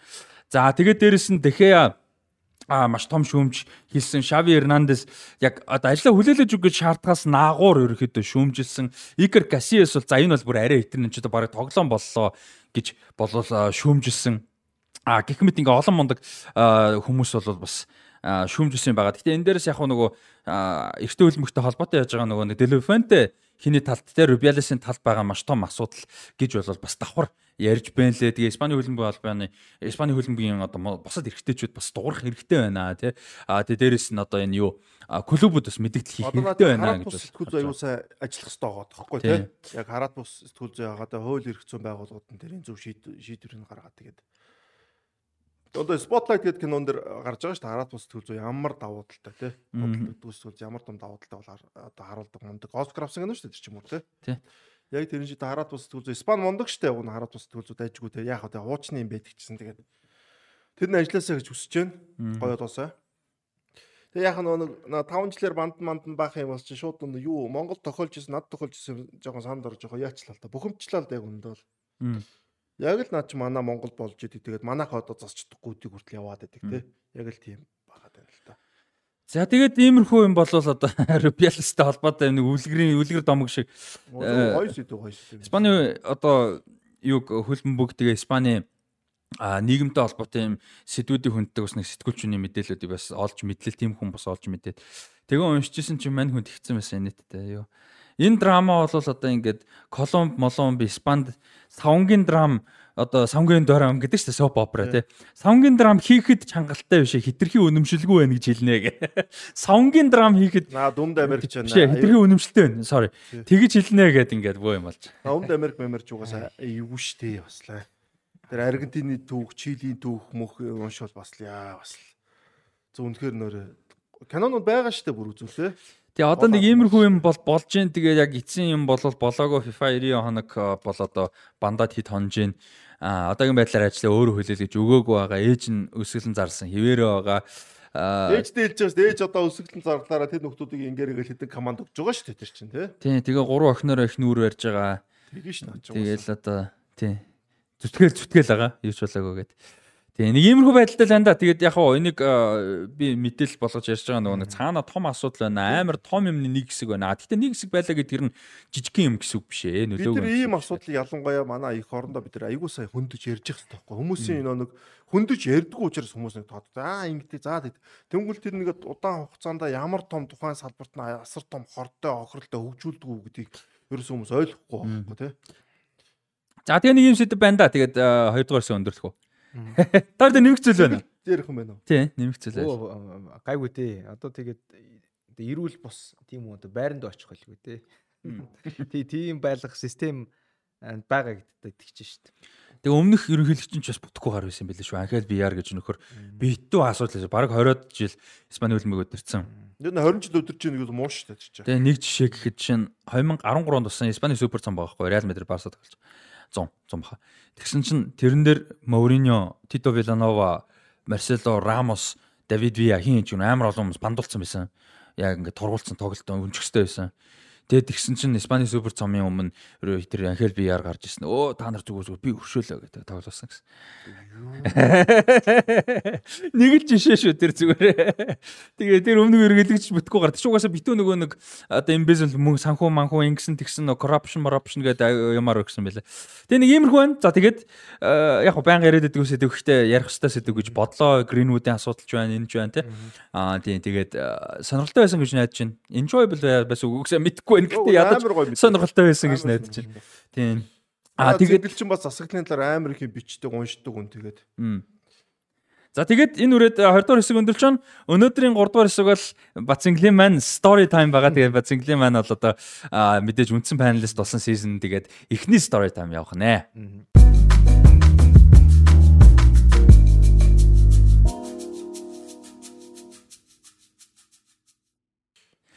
За ингээд өнөөдрийн дугаар буюу Shogo Bonita Show podcast-ийн 20 дахь season 3 дугаар эпизодын сүүлчийн хэсэг эхэлж байна. Бацингэлдээ микрофоныг микрофоныг сонсоод би ч өнөөдөр сонсороо дарлаа. За за баярлалаа. Хоёр дахь хэсгээр Rubiales-ийн бахан драма явлаа тий. Үүн дээр юу Rubiales Rubiales Greenwood гэдэг.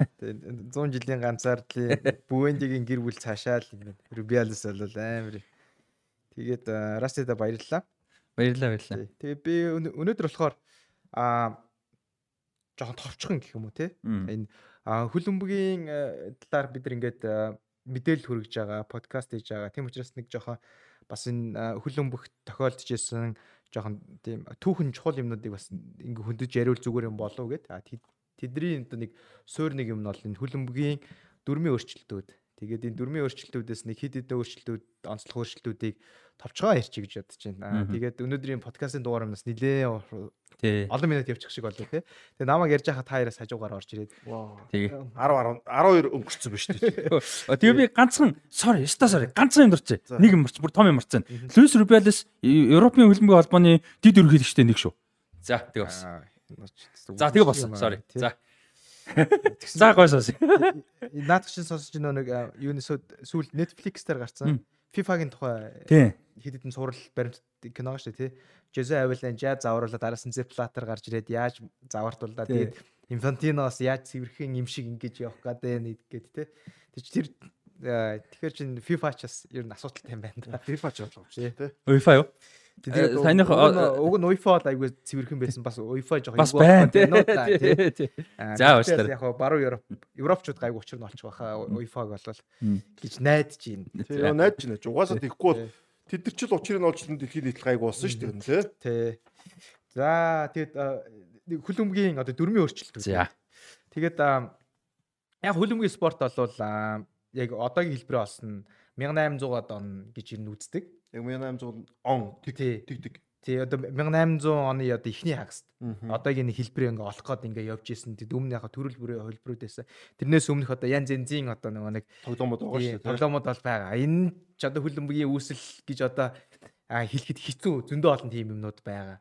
Тий одоо янз янз хүүхэлдэйн кинон дээр Тийм сонирхолтой юмуд шүү дээ. Галли хөлбөмбөг, Австрал хөлбөмбөг, рагби эсэн болсон төрлөө шүү дээ. Хөлбөмбөг 1800-аад оны их үед эхний хагаст бол хэлбэрээ болоод а тэгээд чи нөгөө нэг дөнгөж хэлбэрээ болоод одоогийн төрхийг олох гэж явжсэн учраас нөгөө төрөл бүрээр нь хөлбөмбөгийг тоглодог. Тэгээд төрөл төрөл бүрээр тоглож байгаа учраас төрөл бүрийн өөр дүрмүүд байдаг гэсэн. Тэгээд 1863 онд энэ хөлбөмбөгийн одоо энэ дүрм нэг цэгцлэгдэх нэг алхам хийгдсэн бол байд юм байна гэж. Тэгээд 1863 оноос өмнө ингээд өөр өөр төрлийн олон дүрмүүдээс бол ч хоёр гол дүрм явдаг гэсэн байна. Мэдээж энэ үйл явдал англи явж байгаа үйл явдал шүү. Тэгээд төлөмгийн их орон тий. Тэгээд Британий аралд явж байгаа гэсэн. Британий аралд ч одоо 5 6 уус байгаа шүү дээ. Тэр болгон өөр төрөл бүрийн одоо дүрмээр одоо хөлөмбөгхөрхүү тоглоом тоглолт. Яг Британдд Уэльс, Шотланд, Англи тий. Яг Ирланд руу орвол Ирланд умар Ирланд болчихно. Тий Британий арлын тэр айн. Гэвэл одоо арай оновчтой юм уу? Тэгээд 1863 он хүртэл голлох одоо дөрвөн хоёр дүрм явжсэн. Нэг нь рагбигийн скул гэдэг тийм төрлийн дүрм байсан юм байна. Тэр нь болохоор ихэнх дүрмүүд нь баг рагби. Аа хажуут нь болохоор Кембрижийн их сургуулийн Кембриж Кембрижийн дүрм гэж явдаг гэсэн. Тэр Кембрижийн дүрм нь болохоор рагбигийн зарим элементүүдийг хасчихсан. Нөгөө рагби скул ихтэйг харьцуулахад арай нэг жоохон одоогийн хөлбөмбөг рүү ариж хойрхон тийм дүрм байсан юм.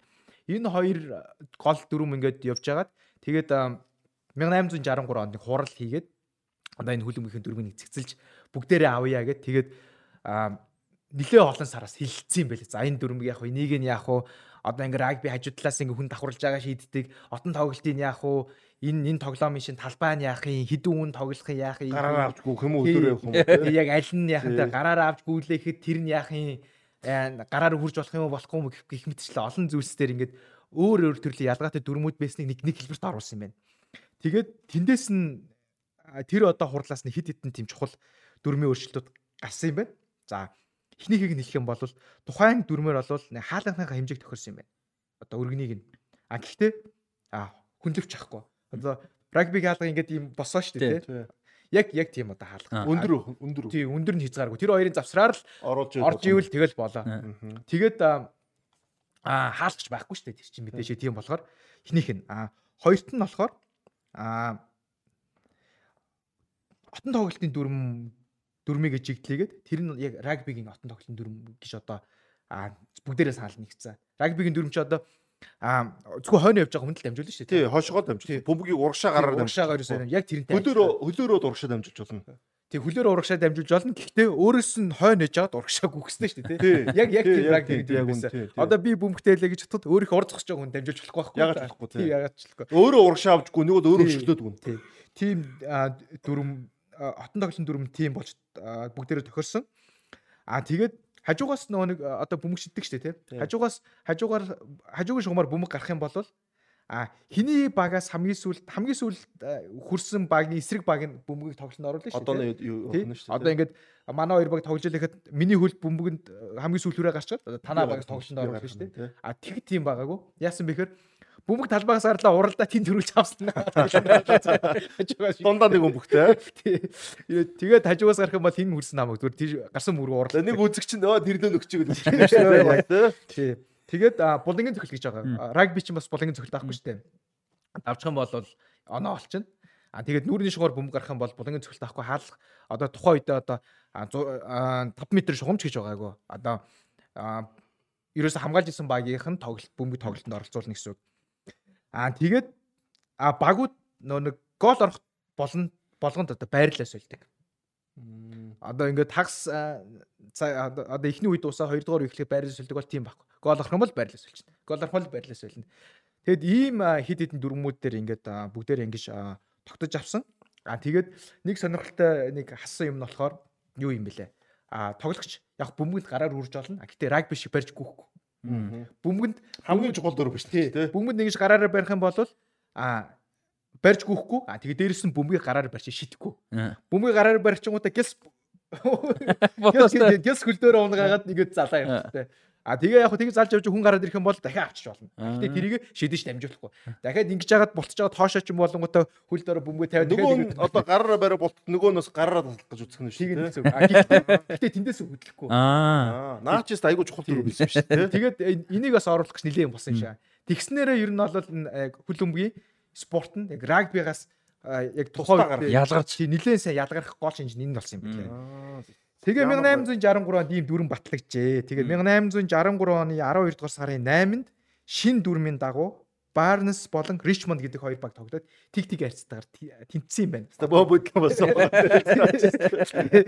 Тийм дүрм дээрс битүү бодлоо болсон. Тэгээд тэгээд энэ 1863 онд ингэж олон дүрм байсныг нэг одоо хүлэмгийн дүрмтэй болъё гэд яг хөө тэрнгээр хийж чадаагүй ажлуудных юм бол одоогийн биднэрт одоо танил болсон хаалгач хаалгачийг тухай зохицуулаагүй, шүүгчийг зохицуулаагүй, ямар нэгэн алдаа зөрчил гарах юм бол тэрийг яа шийдэхин а одоо шийдээгүй тоглолт яаж хэдэн минутаар үргэлжлэхийг шийдээгүй хэдэн тоглогч талбай дээр гарахыг нь шийдээгүй.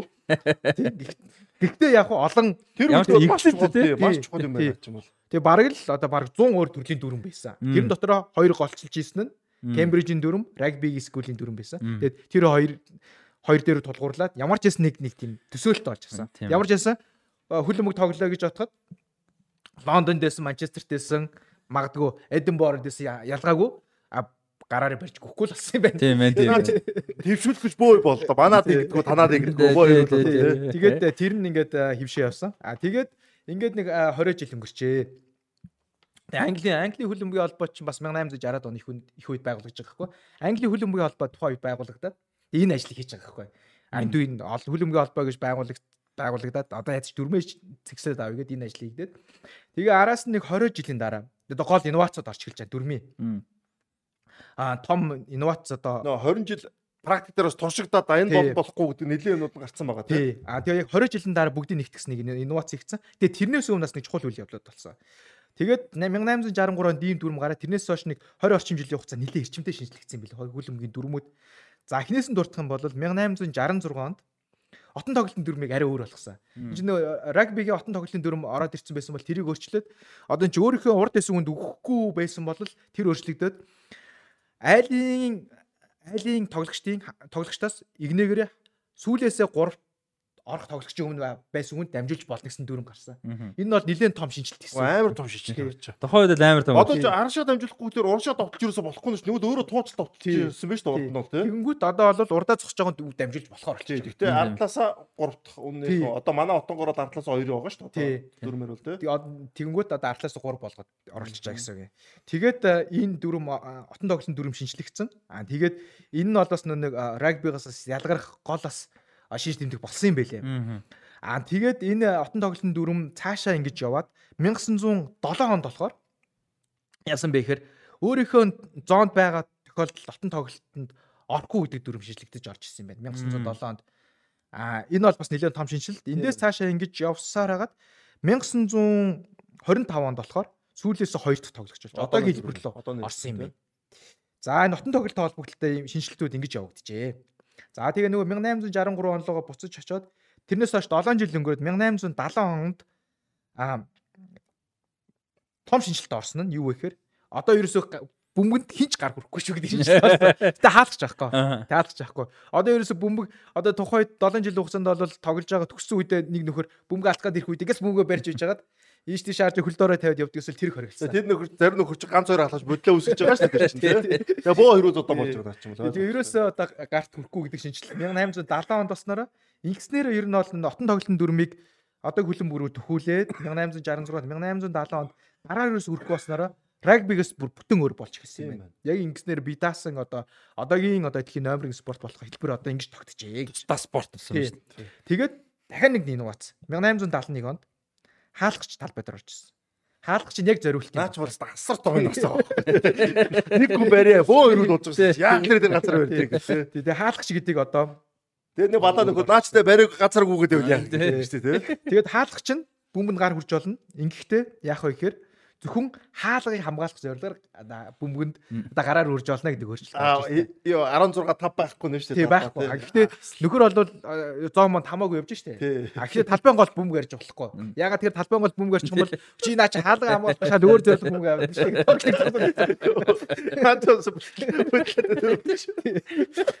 Талбайн голос нэг нөр цогсч хүрчээд шаалгаж игэлж тэгэл хэрүүлж бидгүй байгаа шнаа чи бол. Тий. Тэгээд юу яасан. Жилийн дараа дахиад нэг гоё өөрчлөлт. Чи одоо Монгол дээр ботод нэг үндэ хүүхэд байгаа зөндүүд юм болж байгаа байхгүй тий. Хамгийн сүүлийн хүн хаалгач нэг л тоглодог байсан. Тий хүүхэд багч 9 барь дөрөв байдаг байсан бол тий санаа дараа чинь дээр шнэ. Тий тий. Сагтуудад араас нь дарчод араас нь хизээж дардаггүйгээд хүний ард орч дарч чаддгүй жишээлбэл тий. Хинч тийм төмөр гаргаж байна. Хичээлээ тараа төлөв годомжин зөндөл тоглож байгаа шүү. Тэнгүүд гой гой дөрмөр тоглож штэ. Тэгээ 9 бус 9 бус дөрөв байдаг байхгүй. Тэгээ нэг нөхөр одоос ирэхээр шаал өөр дөрөв гаргаад ирэл. Одоо хүзэр мүдэс төр хөтлөлийн дөрөв дэдэг үсэ тий. Яг тэдний босч үрийн дөрөв бүр зогсож. Хаад ч дууж явж болохгүй, болохгүй, өгөөж болохгүй, болохгүй гэлтэй шүү дээ. Бөө юм байна. За тэгээд 1872 онд нэг өөрчлөлт орж ирсэн нь корнертай болжээ. Корнертай болсон байна. Одоо булангийн цохилтой. Өмнө нь бол 1863 оны дөрмөр хинж гарсан хамаагүй хамгаалж исэн баг бөмбөг тоглолтод оруулах байсан бол одоо хамгаалж исэн багаас нүүрний шугамар бөмбөг гарчих юм бол булангийн цохилт болсон. Булангийн одоо цохилтыг одоо тэр өнцгөөс цохиулдаг болж байна. Том инновац шүүнээс. Тийм. Тэгээд 1872-нд орсон дахиад нэг өөрчлөлт нь хаалгач нэвтэрсэнтэй холбогдлолтойгоор хэрвээ гар хүрэх юм бол гар хүрсэн цэгээс нөгөө баг бөмбөг тоглолтод оруулдаг болжээ. Тэгээд гар хүрэх юм бол нэг одоо юу вэ? Direct free kick гэдэг те. Шууд одоо чөлөө цохилтыг өгдөг болж эхэлж. Одоо ингээ хөлбөмбөгийн хэлбэрлэг ороод эхэлж байгаа байхгүй. Тийм байна. Тэгээд 1800 аа 74 онд шүүгч орж ирсэн. Аа. 1874 он шүүгч. Наа чинь эхний 50 жилүүд битүү зодолсон байна.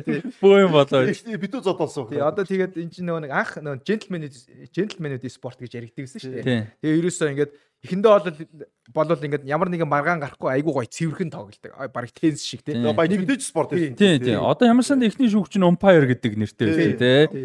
Тэн шиг. Тийм тэгээд ерөөсөө биенийг бараг хөлөнд хүрдэг гэсэн юм уу юм аа. Тэгэл аа ингээд лал ямар нэгэн болохгүй юм уу. За би ингээд болохгүй юм ичлээ. Тийм айгуу. Уучлаарай амар шударгатай. Наач та ажилчид тоглоод ирэх чи юу тийм Тий, байхгүй шүү дээ. Тийм. Тэгэнгүүт одоо дараа нь багийн ахлагч зөксүүлж эхэлдэг шүү дээ. тийм. Багийн ахлагчид учраа олж зөксүүлж чадхаа болж эхэлсэн байгаа. 1874 он. Багийнхнаа дийлгөө байсан шүү дээ. Манай байсан шүү дээ.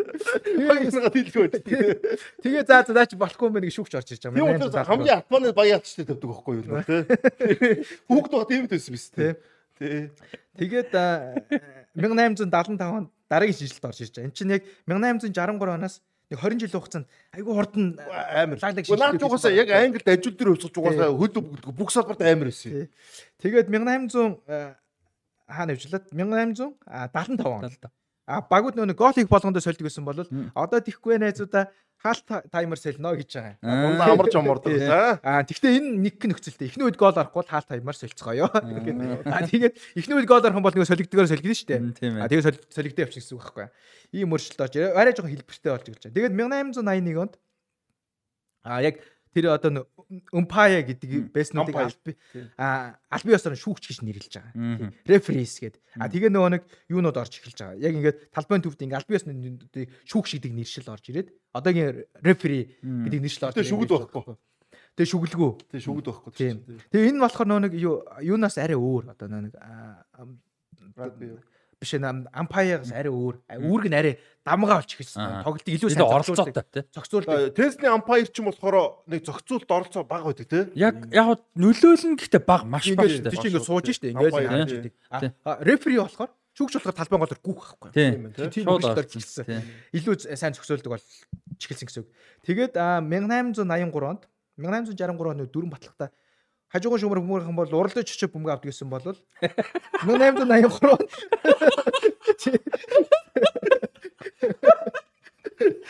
Тэр ихтэй бүр алаа. тэр гоё болдог гэсэн. Йоо тэр ихтэй алдаг байсан. Алаа болж шүү дээ. уралдаж чичиг тэр дөрөж авсан шүү дээ. Аа шүү дээ. Бөмбөг гарах юм бол араас нэг жиг уралдаа нэг Тэр зодоо болчихгүй юм шүү дээ. дүрхэлзээ таталцаад. Тэг чи над руу шидчих гээд яагаад та энэ рүү өгч над руу өгчихгүй байх хоёр хүүхэд одоо ч тиймэрхүү бодож бүгд тэр тий. Тэг үдчихээс гараад байхаа тий. Хэд нүх хичээсэн. Стилгийн авах. Тэр үе хүмүүс шүү дээ. Тэгээд одоо тийм болж байгаа шүү. Тэр үед л амар байгаа шүү. амар аа, амар аа. Тэгээ 1883 он буюу 1960 1863 оноос 20 жилийн дараа дөрмөө нэгтгснээс 20 жилийн дараа яг одоо хажуугаар шитгэх нь яг одоогийн хэлбэр болсон. Аа. Хамгийн сүүлд бөмбөг хүрс хамгийн сүүлд бидэнд бөмбөг хүрээд гарсан багийн эсрэг багт бөмбөгийг тоглолтод оролцуулна. Бөмбөгийг тоглолтод оролцуулахдаа яг одоогийн шидэх дүрм. Хоёр хил хоёр хөл нөө шугамны наан цих байна. А толгой дээрээс их гараар бөмбөг тоглолтод оролцуулна. Одоо энэ бол энэ чигээрээ яадаг. За тэгээд чамаас гарсан надаас гарсан гэдэг очиг гээд дараагийн үед хэлчихсэн. Тэгээд ингээд 1883 онд ийм өөрчлөлт ороод бас нэг том өөрчлөлт орсон. Хаалганы одоо одоо хүнлөвч орж ирсэн. Тэгээд дээд хязгаартай болж ирсэн. Тэгээд дээд хязгаартай. Одоо ч нөгөө нэг хязгааргүй бүх гол орох болчих одоо. Тэгэхээр одоо нөгөө нэг хөлбөмбөгийн нэлээд одоо одоогийн бага хэлбэрлөө одоо. Өмнөчд бол аадах нь шаал зогсоод баг дээгүүр зогсож байгаа гэдэг нь шүү дээ. Дээг бол. Тийш хязгааргүй юм чи. Өмнө нь нөгөө нэг тейп хэргэлдэг байсан гэж шүү дээ. Наадаг байсан юм. Тийм ээ. Дээд хязгаарыг нэгэд ингээд юм наачдаг л. Одоо манахаар скотчж байгаа юм тийм л юм байсан. Тэгээд нөгөө дараа нь тейпээс гадна уяатай болдсон шүү дээ. Тийм. Тэгээд а, хаалганы одоо хүнлэмж орж ирж байгаа. Тэгээд а, 1886 онд одоо эн чинь маш том шинжилгүүд явчихсан. 1886 онд а International Football Associations of Board гэдэг одоо хүртэл байдаг энэ байгууллага. Тэгээд а, IFAB гэдэг одоо болохоор энэ байгууллагын үүрэг нь бол одоогийн үүрэг нь бол хөлбөмбөгийн олон улсад мөрдөгдөх дүрмийг шинжилж батлах ажлыг тэнд хийдэг. Британч гэхдээ одоо л тэнд нөлөөтэй. А тэгээд энд өөрчлөлт хийгдсэн өөрчлөлт нь одоо ингээд FIFA болон бусад холбоотууд ингэж явдаг. За британчууд байгаа том юм шүү ч тий. Тэгээд дураараа өөрчлөлт. Одоо бол британчуудад энэ одоо power нь байж идэг. Тэгээд а, 1904 онд олон улсын хөлбөмбөг холбоо байгуулагдаж дээ FIFA тий. Тэгээд FIFA болохоор 1913 оноос А дөрмийн одоо энэ юунуудаа зөвшөөрлүүдийг IFAB-гээс авч эхэлсэн юм байна. Аа тэгээд одоо бол энэ бүтсэн жоох өөрчлөгдсөн. 1958 он хүртэл бол бүр британчууд бүр маш хүчтэй паверт байсан. Юу гэхээр IFAB FIFA-тай ямар нэгэн байдлаар зөвшөлдсгүйгээр дөрөв өөрчлөлт оруулж чаддаг гэсэн. 1958 он хүртэл. Тэгээд 58 он нэг тодорхой нэг өөрчлөлт ороод энэ дэр бусад нөө холбоодудаас хүн орж ирдэг. Удирдах зүйлд нь. А тэгээд арай илүү сайн хилцэн шийдвэр гаргадаг болсон гэсэн үг юм. Тэгээд гэхдээ одоо болтол британчууд энэ IFAB нөлөөтэй тэр нөлөөг хадгалсан хിവэрэ байгаа. Бараг тэр нь зүг байж магадгүй. Зүг бох уу наач зүг. Ингээд ингээ хадгалаа явж байгаа юм байна. Спанжууд ороод божинуулах нь шүү дээ. Рибиалс явж орж ирээ. Божинуулах нь шүү дээ. Бол ихгүй. Спанжууд Рибиалс шиг хүн орж ирэх юм бол Рибиалс гэдэг нэртэй хүн дээр алдаа гарах юм бол тоодохгүй. Гараараа тоглож олдоо гэж дөрөв орж ирээ. Тэгин холгоо болох гэдэг шүү дээ. Тий, аюултай юм болно гэсэн үг тий. Тэгээд одоо 1886-нд байгуулагдсан энэ одоо олон улсын хөлбөмбөгийн одоо холбоодын удирдах зүйлийг одоо Монгол руу хөрвүүлэх юм бол тийм нэртэй энэ байгууллага одоо бол үйл ажиллагаа явуулж байгаа. Том нөлөөтэй. Тэгээд дөрмийн том өөрчлөлтүүдийг энэ байгууллагаас одоо хийдэм байх шүү гэж. За 1886 энэ байгууллага байгуулагчээ. Одоо ингээм 1886-нд энэ байгууллага байгуулагдаад зөвхөн одоо энэ байгууллага нөгөө нэг одоо голчны шийдвэрүүд гаргаж хилдэг болсон гэсэн үг юм. За энэ байгууллагын эхний хийсэн одоо шинжилт нь 1889 онд хэрвээ ямар нэг тоглогч одоо хүн амьтныг барьж аваад зодохгоол хөөгөөл янз янзын тийм босромгүй үйл явдал үйл үйл гаргаад байгаа юм бол тэр тоглогчийг талбайгаас хөөж болно гэсэн тийм шинжилгээ. Одоо улаан уц байгаа нь шүү дээ. Тийм. Тухайд бол улаан уц байгаагүй. Тэгээд талбай нөгөө нэг гэдэг чинь шүүх чинь. За наач чи болохгүй байна одоо гараа гэдэг гаргах нь. Алтмаа нөхөр байхгүй тэрийг бас гаргаад хэцүү шүү те. Шүүгчнэр нэвгүү гараад байгаа. Нэвгүү гараад байхгүй хэцүү шүү наач. За тэгээд энэ IFAB-гийн дараагийнсэн том шинжилт 1891 он. 1891 онд анхны торгуулийн цохилт буюу пенальти кик орж иржээ. Яа. Тэгээд энэ 16 байхгүй байсан бол дарж энэ тэгэхээр тий тэгэнгүүт тухайн үед яасан бэхээр 1891 онд хийсэн энэ шинжилтийн хүрээнд аа юуны одоо талбай хэмжээсүүдийг зурч эхэлсэн. Талбай хэмжээ нэг ийм байна. 100 эхний байдлаар нэг 100 100 м 70 м-ийн хавцаатай байна гэгээд ийм дөрвөлжингийн хэмжээг тогтоож өгөөд тэгээд 11 м-ийн нөө нэг шугам оруулж ирсэн. Одоо их Одоо ч нэ хаалгачийн э, хаалгачийн 5 метрийн одоо ингээд өнцгөөдөг штэ талбайд штэ тэрнтэй адилхан 5 метрийн шугам 11 метрийн шугам оруулж ирсэн. Тэгэнгүүт энэ 11 метрийн шугам 5 метрийн шугам дотор ямар нэгэн тийм зөрчил гарах юм бол гараар үрэх юм бол нөгөө багт нь 11 метрийн торгуулийн цохилтоор заадаг. А гэхдээ зөрчил алдаа гарсан газраас нь цохилно. Аа зөв. 11 метрийн цэг орж ирээг өгсөг 1891 онд. Тэр 11 метр шугам нь болохоор гэхдээ бүр ингээ бүтэн талбай хөндлөн бүтэн хөндлөн. Аа ийм хөндлөө. Тийм ингээ бүтэн. Тийм хоёр хажуугийн шугамын хооронд. Хооронд гэсэн үг ийм ухтаашаа гэсэн үг. 5 метрийн шугам 11 метрийн шугам хоёр. Аа тэгээд 1891 онд болохоор хажуугийн шугам үеийн шүүгчэнд орж ирсэн. Тийм лайнс мэнүүд орж ирсэн. Одоо отон мотон гарах нь шүү дээ. Одоо орлоо гарлаа гэдэг хэрүүлж багс шүү дээ тий. За тэгээд ийм шинжилт орж ирээд Дараагийн шинжилт 1897 онд бас нэг чухал шинжилт орсон нь а талбай дээрх тоглогчийн тог тодорхой болгосон. 11 хүн л одоо тоглоно гэж шинжилт 1897 онд орсон. Тэрнээс өмнө бол бас тодорхой биш. Заримдаа 9 үлээ тоглолтон, заримдаа 13 танаа хэд вэ гэсэн. 8 бай. За 8 л үзчих тийм. Хүний тэнцвэлээ хүний тэнцвэлээ үзэх шүү дээ. Тийм байсан бол 11 үлээ тоглоно. Тоглолтын минут 90 минут дэшүү гэж тогтсон. 1890. Тэрнээс шүү дээ. Манайхаа 8-аас яваад чи битгий ирээ гэлээ. Тэд яг 8 удаа тоглож шүү гээл тэгэл 8 л өдөг гэлч тэр шүү дээ. Тэгээд тэрнээс өмнө одоо тэр тоглолтын хугацааг тогтсон. Тэрнээс өмнө янз янз хугацаагаар тоглолдог байсан юм байна. Зарим тоглолт өглөө өглөө орой дууссан мосоо нөгөө нэг тенс нөгөө нэг хондон тоглолдог тийм тохиолдлуудаас байсан байна. 0 л яваад байдаг. Тэр үе хүмүүсийн ур чадвар айгүй муу байгаа шүү. Тэгээд 90 минутаар одоо тоглолтыг ингэж хийдэг болжээ гэж. Тэгээд 1902 э, онд 11 м метрийн торгуулийн цэгийг оруулж ирсэн. Өмнө нь бол зөрчил гарсан газараас нь цохилд гэсэн бол одоо нөгөө нэг зураас татсан байгаа шүү тий. Тэр тэр зураасыг одоо татсан байсан бол тэрийг өөрчлөөд одоогийн нөгөө нэг 16 метрийн торгуулийн бай 5 метрийн одоо хаалгачийн шугам метр те тэрийг 1902 оны шинжилтээр оруулсан. Наад зэгчээс бөөм бүтлээ. Хин нэг валаа юм зэг шиг юм гаргаж байгаа те. Урд нь болоод байсан юм. Өө болш те. Алдаагаараа тэндээс цохоод хоёул байсан. Одоо нэг балаа юм нэг зэг гаргаж ир эндээс нь цохоод тэгээд хөлөмгийг утгагүй болголоо гэл. Тэгэнгүүт одоо юуны 11 метрийн 16 метрийн торгуулын бай 5 метрийн шугам 11 метрийн торгуулын цэг яг 1902 онд орж ирсэн юм байна. За ингээд 1863 онд эхэлсэн энэ их өөрчлөлтүүд 1902 он хүрээд ингээд ихэнх хэлбэрийг ингээд 40 олоод жил. ингээд 40 жилийн хугацаанд үргэлжилжээ. Хэлбэрийг ингээд олуулж. Энээс хойш нэг тодорхой нэг одоо цэгцлэх, шинжлэх тийм хэд хэдэн нэг онцлог өөрчлөлтүүд орсон байна. За тэр нь одоо ингээд энэ завсарднаа 1937 онд гэдэг чинь 1902 оноос 35 жилийн дараа шүү дээ тий. Одоо шин дайман болоо өсөглөн өсөг зөндөө болчихсон. Тий. А 1937 оны нэг ди хэлбэрийн одоо дүрс байдаг шүү дээ. 16 Гадаа. метрийн торгуулын талбай яг гад нэг дугуй дүрс. Тий. Харах юм бол чи ди хэлбэр шүү дээ тий. Тий. Шугам байна, хагас дугуй. Энэ орж ирсэн юм байна. Ингэснээр нөгөө нэг одоо энэ э, 11 метрийн торгуулын цохил цохиж хахад 9 метрийн зайтай тий. 9 метрийн зайтай тэр тоглогчдод зайтай болох болцоог нь хийжээ гэж. За тэгээд зэрэгч зогсчод хин зогсож байгаа мэдэхгүй. Зогсож байгаа юм шүү дээ. Тий. Тий бүдэ бол гарна.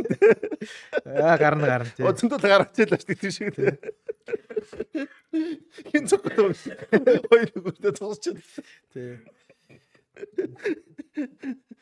Тий. Йоо. Хүүхдээсэн юу санаа Жиг балааг нь авдаг гэсэн. Тэг балаг надад ёо. Тэгээд а, 1938 онд нэг жилийн дараа Стенли Роуз гэдэг англи хүн, британи хүн. Тэгээд энэ хүн бол шүүгчээр ажиллаж исэн. Тэгээд энэ юу гэдэг чинь дэлхийн хөлбөмбөгийн одоо холбоо болон одоо энэ хөлбөмбөгийн дүрмийн өөрчлөлтөнд бол хамгийн том нөлөө үзүүлсэн хүмүүсийн нэг нь гэж одоо хүртэл явдаг. Тэгээд Стенли Роуз А одоо эн чинь 1863 оныг дүрэн бичигдээл тэрнээс хойш ингэ шинжлэгдээл IFAB байгуулагдаад бас өр- өөрчлөлтүүд нь ороод тэрийг нөө нэг FIFA авч хэрэгжүүлээл ингээд ингээ яваад идэг. Тэгэд энийг дахиж нэг нэгдсэн ингээ зохион байгуулалтанд оруулж нэг базаж бичээгээд тэгээ тэрийг Stanley Rose гэдэг хүн одоо хариуцаж одоо хийсэн юм байна. Англи хүн. Энд энд энэ тэгээ Stanley Rose болохоор а 1961-ээс 1974 оны хооронд FIFA-гийн ерөнхийлөгч бас байжээ. Тэгээд 1974 оны нэг Бразилийн бодлын тарьдаг Жозе Авеланжид ялагдсан сонгуулаар аа тэгээд ялагдсныхан дараа Жозе Авеланж болохоор Стенли Роузыг FIFA-гийн одоо хүндэт ерөнхийлөгч буюу honorary president болгосон юм байна. За. За тэгээ энэ хүн ямар өөрчлөлтүүд хийсэн юм бэ гэж. Аа тэгээд энэ хүний хийсэн өөрчлөлт нь бол яг одоогийн байгаа олон улсын хөлбөмбөгийн холбооны тэр IFAB-гийн одоо а loss of the game буюу одоо энэ тоглолтын дүрмийг бол ингээд а, базаж бүтцэд оруулж гисэн. Тэгээд хөлбөмбөгийн тоглолтын дүрм 17 багц дүрм хуваагдана. Энэ дотор нь отон тоглолт аа тэгээд одоо юу гэдэг чинь торгуулийн зохиолт аа тэгээд ингээ гих мэтчлэн ингээд тоглогч байна. Тоглогчийн одоо бүрдэл хэсэг нь ямар хувцастай байх юм а шүүгч нь юу байх юм Хувцсны гэх код бол орж ирэх нь шүү дээ. Энэ болгоно ингээ 17 багцад хувааж а 1938-ад шинчилж бичсэн. Тэгэд энэ бичсэн бичлэлт нь 1997 оны хүртэл бүтцэн өөрчлөгдөг явсан. Аа тэгээд 1997 онд дахиж бичгтээ энэ loss of the game гээд энэ дотор нь дотор 17 loss гэж хуваагдаж байгаа. Энэ өөрчлөгдөг. Яг энэ форматаараа одоо хүртэл байгаа. Нэршил зарим юм л Тий, өөрчлөж. жоохон жоохон өөрчлөлт одоо нэг гэж Хэлбэрийн хувьд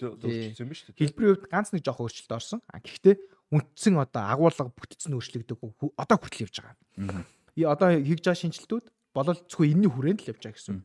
Тэгээ энэ Stanley Rose гэдэг нь маш том одоо нөлөө үзүүлсэн учраас а Sir гэдэг одоо гуншин өгсөн. Тийм хүндэт те. Тийм. Тэгээ одоо одоо Sir Stanley Rose их юм. хүндэт юм уу? эрхэм тийм. Эрхэм л юм да те.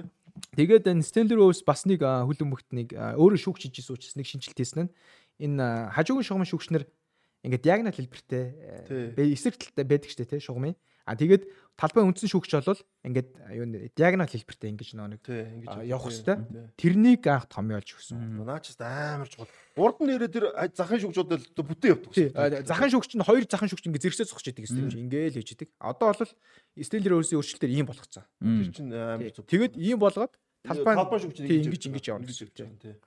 хүндлэн диагнал гэж явдаг гэсэн. Ингэснээр нь илүү сайн одоо нэг шүүгчнэр а, тоглолтыг илүү сайн хянаж чадна гэсэн үг байхгүй. За ингээд ер нь ингээд томоохон одоо өөрчлөлтүүд баг яваад дуусчлаа гэж одоо харахаар. А тэгээд араас нь хит хитэн нэг жоохон жижиг өөрчлөлтүүд орсон. Нэг нь солилцоо. Анх 1958 онд солилцоог зөвшөөрсөн юм байна. Солилцоо хийж болно. Гэхдээ гимцэн тоглогчийг гэж. Гимцэн тоглогчийг Санаатай гэмтнэ зарим нь аа. гимцэн тоглогчийг л одоо солино. А тэгээд Үүний санаатай гимтэй. Харин тий.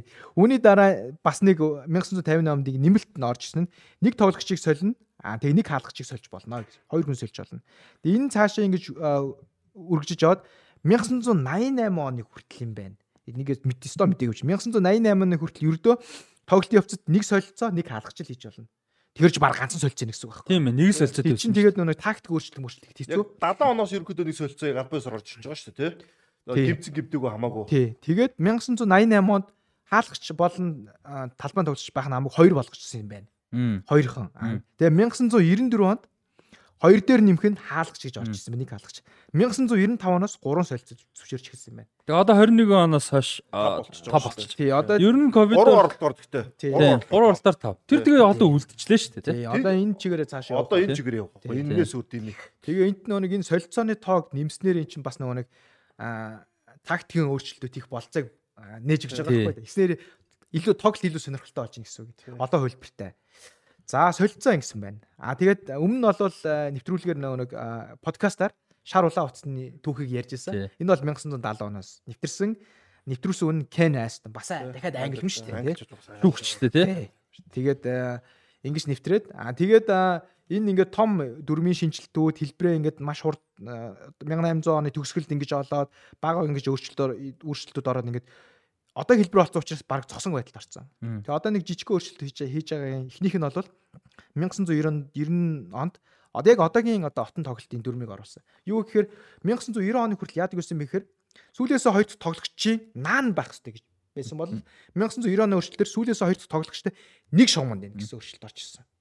Тэгснээр яг одоогийн отон тоглолт байхгүй. Энэ нөө нэг яриа илүү довтлооны хөлбөмбөгийг дэмжих зорилготой өөрчлөлтүүд. Одоо бол отон ч бүр ингээд идэвхтэй идэхгүй бүр олон янз болчихсон. Тий, олон янз болсон. Тий. За, отон тоглолттой холбогдолт ийм өөрчлөлт орж иржээ гэж. Тэгээд эн чинь нэг илүү сонирхолтой болгох тоглолтыг үзүүштэй болгох, довтлооны хөлбөмбөг дэмжих өөрчлөлтүүд одоо ингэж нэмэгдэж орж ирж амар гоё гоё мэдээлэл өгч дээ. Тэгээд амар гоё. 1900 дараалалтай. 1992 онд нөгөө өөрийнх нь тоглогч хамгаалагч нь өөрийн багийн тоглогч нь хаалгач руугаа хөлөөрөө дамжуулсныг барихыг хоригдж гисэн. Тэр амар зүг. Тэр чинь нөгөө Шмайкл аддаг байсан шүү дээ. Нөгөө юуны 92 оны еврогоор даан чинь төрүүлдэг шүү дээ. Алгачтай өгөл буцааж барьж. Тэр Шмайклийн статистик өсөл. Тий 22 оны еврогоор Шмайкл чи хэдэн минут бөмбөг өөр зогссон гүйсэн гэлээ. Байж байгаа цаашгаа дааныхан аваачаал хаалгачтай өгчдөг. Тэгээ Шмайкл чи бариад зогсоод байна. Тий. Тэгээд энэ 92 онд ингэснээрээ а багуудын тоглолтын тактик өөрчилж гисэн. А тэгээд энэ нөгөө нэг өөрчлөлт нь болохоор хаалгачийг талбайн тоглогч гур чадвартай тоглох ёстой шүү гэдэг ихлэлийг тавьсан. Хүлээрээ тоглох ёстой бол шүү дээ. Үн дамжуулахад ядаж алдахгүй тогтоогоод аятайхан бүүмийг дамжуулдаг болох ихлэн тавьж байна. Наач одоо 10 хэдэн жилийн дараагаас л одоо Guardiola дээр хэрэгжүүлэл эхэлсэн биз дээ. Тийм, төгс болж эхэлж байгаа гэсэн юм. Тэгээд одоо ингээл 70-аад он 74 он дэлхийн аваргын финалийн тоглолт үзэж хахад Франц Бекенбауэр бөмбөгөр жоо хоошоо дамжуулаад харах хэрэгтэй барьж байгаа байхгүй юу? Зүлж дийлгүйсэн юм билээ. Бөмбөг нь арьсан бөмбөг тав дээр зогсож байгаа таадагчин цогцлоор дийлдэггүй. Тэгээ хамгаалцчаас хамгийн бяртаа нэрч мэрч цогтдаг. Манай нөгөө 90-ад 2000 он ихийн үед бүх. Тэгээд энэ бол 92 оны өөрчлөлт маш чухал том өөрчлөлт орсон байд юм бэлээ. Тий. Тэгээ одоогийн хөлбөмбөгийн тактикууд олон янз болох эхлэл нь бол энэ 92 оны дөрвөн өөрчлөлт байсан. За тэгээ 97 он түрүүн хэлсэнчлэн 1938 онд Стенли Роуз гэдэг хүний бичсэн дүрмийг тодорхой хэмжээнд арай жоохон бичиглэлийн хувьд хэлбэрийн хувьд бол шинчилж өгсөн байгаа. Тэгээд 97 онд нэг сонирхолтой жижиг өөрчлөлт орж ирсэн нь аа хаалгач 5-аас мөнгө зөхиод нөгөө огийн халуунд гол орчих юм бол тооцдог болсон. Тий. Тий. Тэгээ одоо тийм гол алдсан хүмүүс жишээ нь зөндөө байдаг шүү дээ. Таалгач барьж байгаа зөхөх юм бол бас гол олж тооцохоор ийм өөрчлөлт орж эхэлсэн. Тэгээ нөгөө нэг тим ховор чинь тийм тим ховор. Тэгсэн тэгсэн тийм ховор нэг тим гол алдсан шүү дээ. Бигооч чинь нэг устсан шүү дээ тийм гол. Тий. Тэгээд амьдралтай алдаж цамгийн шившигт гол хэлээ гэж. Тийм шүү дээ. Хаалгач чинь зөөгд хаалгачтай хийж. Урдныхоо даваад орчихсон ялаа тий. Өдөө зөвхөн чинь тэр өндөөс нэтлэн гарч ирсэн юм билээ Нийлэн гарч ирсэн тий. Тэгээд 97 онд бас нэг жижиг өөрчлөлт орсон нь хажуугаас бөмбөг өөрийнхөө хаалгач шитгэх юм бол тэрийг хаалгач барихгүй болгож эхэлсэн. Өмнө нь бол яг 92 онд нэг хөлөөр өгснэг бол гараараа барьдаг болгосон байсан. Ирнэ хажуугаа шууд шидэ бариулчихдаг гэсэн болиулсан. Энэ тэгээд дахиад хаалгачийг нөгөө нэг арай илүү бас бөмбөгтэй ажиллах чадварыг нэмэгдүүлж эхэлсэн гэсэн үг ээ гэж. За тэгээ 2000 онд бас нэг жижиг өөрчлөлт орсон. Хаалгач 6 секунд л одоо нөгөө нэг бөмбөг барьж одоо 16 метрийн өөрхийн талбаас бөмбөгд одоо тоглолтод оролцуулах эрхтэй болж 6 секундээр оруулах хэрэгтэй тийм дүрм орж ирсэн. Яг нөгөө тоглолтыг илүү хурдан болгох зорилгоор гэсэн. Тэгвэл Шмайкл барай зогсчихж байгаа шүү дээ. Тэгээ одоо энэ ингээд хөд дүрмд орсон ингээд энэ өөрчлөлтүүд ингэж явсаар хагаад яг том өөрчлөлтөд орох одоохондоо нэг шаардлагагүй шаардлагагүй болцоод ах шиг байна. Тэгээд одоо технологийн одоо нэг юу нэг шинжилтүүд инновацууд орж эхэлж байгаа. Тэгээд эхнийх нь бол Goal Line технологи 2012 онд орж Бөмбөг эхэлсэн. өөр болсон бас 2002 оноос тий. Тийм бөмбөгний шинжилтүүд дээр орж эхэлсэн тий. Тэгээд а, 2012 онд бол Goal Line технологи орж ирсэн. 2018 онд Video Assistant Referee орж ирсэн тий. Тэгээд ийм өөрчлөлтүүд ингэж явжээ. Тэгээд 2016 онд бас нэг жижигхэн нэг өөрчлөлт орсон. Нөгөө нэг а талбайн төвийн цэгээс бөмбөг тоглолтод оролцуулахдаа заавал урагшаа байсан бол хаашаа чамгаа оруулах. Тийм дуртай. Тэгээ хоошоогоо өгөөд эсвэл урагшаа зүлсэн ч болно тийм болгосон. Ийм нэг жижиг өөрчлөлт явж байгаа. Тэгээд энэ яг хөө өөрчлөлтүүд бол цаашаас аа, тодорхой хэмжээнд хийгдэх байхаа тий. Магадгүй зүгээр энэ нөгөө юуны юм айгу хурдан өөрчлөгдөж байгаа технологи ингээд сайжирсан байгаа учраас хянах боломжтой болгоцсон байгаа учраас юу болж магадгүй. А тоглолтын цагийг цэвэр болгож магадгүй утгагүй. Одоо чи нөгөө энэ юу өнгөрсөн үйлрэл нөгөө нэг англи өнгөрсөн үйлрэл Европын лигүүдийг харьцуулаад үзэхэд яг тоглолт бөмбөг нь бөмбөг идэвхтэй тоглолт байсан хугацаа нэг 50 минуттай л байгаад байгаа байхгүй. Тэгээ нөгөө нэг одоо жоохон муу хэлэгж байгаа супер лигийн чинь бол тоглолтыг цэвэр 30 минут 60 минутаар тоглол идэрхсэнийг тийм ярьжсэн шүү дээ. Яг тэр нь бол гэхдээ өмнө нөгөө нэг бас FIFA дээр яригдчих. FIFA биш ээ. IFAB дээр яригдчихсэн. Тоглолтын цагийг цэвэр болгоё. Цэвэр 30 минутаар тоглолдог болгоё гэдэг. Тэгээ иймэрхүү өөрчлөлтүүд зүгээр явандаа зүгээр гарахыг үгүйсэхгүй. Ягаад тэгэхээр бөмбөг хизээ гараад хизээ тоглолтод орж байгаа технологийн ачаар хангалттай хийж чадсан шүү дээ. Одоо бол цаг Google зогсвол Google зогсвол тий. Тэгвэл дойлоор нь хийж Тэг яг хоо том тэмцээнээр энэ манах шиг жижиг тэмцээнээр л хэцүү л та. тий. Тий. Бөөм бодлоо болох байгаа тий. Тий одоо жиг бүдүүр шүү дээ. Цаг нь дарсан дарагдаг үгээ тий. За нэг дөрмийн нэг ийм иймэрхүү өөрчлөлтүүд ингэ шилжигдэж ингэж хийгджээ. За баяа тэнгэлдээ. Тэгэд саяных дээр бас би нэг зүгээр нэг юм чи нөө засгал масгал ярьсан те. Ягаад ингээд англи хүмүүс шинжилгээ гэдэг наа гэдэг хүмүүс гарч магадгүй те. Англичууд мондо зундтай гэхээс илүү засгал нь энэ англи хүмүүс ямар нэгэн одоо бүтээл хийхэд тэрийг нэг засаглалын хувьд тэр ингээд дэмжигдэх ч юм уу ингээд одоо шууд ингээд амьдрал дээр хэрэгжих боломж нь байна. Одоо нэг тим ч байдаг үстэй. Кент ч гэсэн Эйнштейн байгаа. Гэтэ Кен Эйнштейн газар халаа явж байгаа тий. Яг бол тэнд өнөг тийм засаглал нь байхгүй байна. Э, Тэр хүн ичнээ мунд супер юм биш ч тэрийг ойлгохгүй байна тий. Тэгэд өнөг юу адаг гэсэн нөө. Англичуудын нөө нэг дэлхийд хийсэн айгуу том нэг нь шүү дээ. Ингээд одоо нөө нэг анх нөө нэг ойдлын машин гарсан жишээд үстэй. Ойдлын машин гарч хүмүүс бүгд нөө гараараа юм байдаг гэсэн. Тэгээ тэрийг эсэргүүцэж маш олон хүмүүс ингээд юу адаг гэсэн ингээд ойдлын машиныг хөвддөг гэсэн. Одоо наа ча хүний ажлын машинууд авлаа, хүн одоо ажилгүй боллоо молоо гэдэг. Тэгээ тэрийг эсэргүүцдэг маш олон хүмүүс байсан. Тэгээд англичууд энийг гол нь ингээд засаглалын үед аягуулсан дэмждэг ус учраас маш олон нэг ажил дээр хувьсвал инновацууд гарч ирсэн те.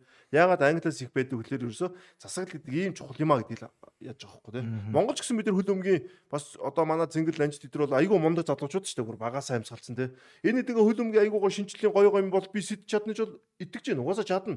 Одоо бид нар нийлээд хөл өмг дээр шүү гоё гоё юмнууд хийж чадах байх. Гэхдээ Монголын засаглал өөр юм бол Монголоос үрдүү болоо ямар гэдэг ч юм уу те.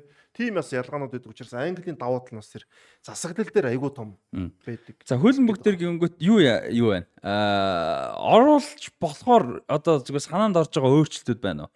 Хүсэж байгаа ингэчүүл гэж бодож байгаа өөрчлөлт. Нэг ч юм алах та. Тий, одоохондоо бол бас гоё л нь шүү дээ. Гоё л шүү. Одоо вар дээр юу гэж боддог вэ? Вар ч одоо тэгэл амар хуваагдал амар шүмж ингээл бөөн юм болсон шүү. Ер нь ерөнхийдөө хэрэгтэй байсан гэж бодож байна. Одоо надад харахаар жишээ нь ууланд хэрэгтэй. Уул нь ингээд зүг багх. Тэг хүн ингээ харах боломж өнөдөр амар хурдан болж байгаа юмыг процесс хийх боломж олгож байгаа мөртлөө яаж хэрэгжиж байгаа, яаж хэрэгжүүлж байгаа нь асуудалтай байгаа санагдаад байгаа хгүй. Тэ сая одоо тэр Wolves Manchester United дээр гарлаа. Тэ өөр зөндөө юмнууд дээр гарч байгаа шүү дээ тоглолтууд дээр тэ VAR ашиглах юм байсан юм дээр гараагүй гэдэг ч юм уу. Сая тэр Mike Dean ярьсан байсан чинь Антони хин блэ нөгөө нэг шүүгч чинь тэрийг хамгаалах гэж ингээд өөр шийдвэр гаргасан ч гэж ярьж байгаа шиг дээ. Чи одоо юу гэсэн ч үг юм те. Надад бол яг ингэж бодож байна. Аа энэ хөл өмгө цэнгэл сая амар гоё гоё дүрмүүд ирлээ шүү дээ. Бөөн хэрүүл усгаа бид нар инээгээл өнгөрчтэй. Яг тэрнтэй адилхан юунууд нь явж байна. Процесс нь би бол гэж харж байна. Одоо ингээд энэ баарыг хүмүүс ашиглаж сурж байна, шүүгчнэр ашиглаж үзэж байна, алдж байна, онж байна. Энд чи одоо явандаа одоо 10 жилийн дараа ч юм 15 жилийн дараа шүүгчд бүр хизээний вар гэдэг юм технологитойгоо харьцаа төлөмбөгтэй ингээд нутагшуулаад ингээд сурцсан тий. Бид нар ингээд өдөртөндөө хэрэгэлдэг юм болж болов уу гэж одоо дөрмийн үеийн зөв бэжэл гэдэг бид нар олон жилийн дараа ярьж байгаа болов. Тэгэл өнөө прогресс алдаа дутагдлуугаас ихэндээ байн гардаг тэдний нэг л болов би бодож байна л та. Тий. Тэгээд бас нөө хаана яаж хэрэгжүүлж байгаас их хамаараа та. Одоо бүнцлэгт бол бараг л төгс хэрэгжүүлж байгаа шүү дээ. Варыг тий. Тэгээд Премьер лигт яг хуу тийм асуудлууд бас байна. Тэр нь яг хуу явандаа зөв засагдах байх. Тэгээ нөө харьцангуй нийлт тод ярилцж байгаа учраас одоо жоохон сайжрал юу нь бол явах байх л та. Гэхдээ л одоо хүртлээс нэг арай арай гэмээр гарсан хിവэрэл байгаа тий. Савэр байгаа. Тий. Гэтэ хамгийн гол нь илтууд ярьсалж Тий. гин тэрийгэ сайжруулаа шүүмжлээ би бинийгаа яаж энэ ч чөөр аягүй том таа. Тэгээд вар ч бас гоё э, нөгөө талаас entertainment бас болгож өгч байгаа байхгүй.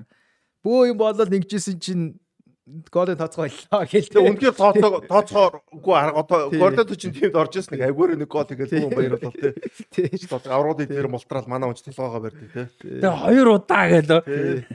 Дарээчтэй гэл те. Тэг тэгж тэр ч бас Тэгтээ арахаар нэг одоо юу гэж нөө лампортын зураасны цаанд автсан тэр улаан цааны юмнууд бас шудраг байгаа хөөхгүй тий. Үнэхээр ортон тоглолтод орсон байсан тий. Э, дахиж нэг тийм гарахааргүй болж байгаа. Одоо тэр варчиндээ отон тоглолтын дээр гоёж бүтэн бие юм ингээд одоо юу гэж ингээд баг ингээд гар нь ингэсэн багтлаа гар гарыг тооцохгүй ч гэсэн тэр жоохон ингэсэн байхад тэр тооцохгүй байдаг бас нэг удаа бас шудраг бас тий.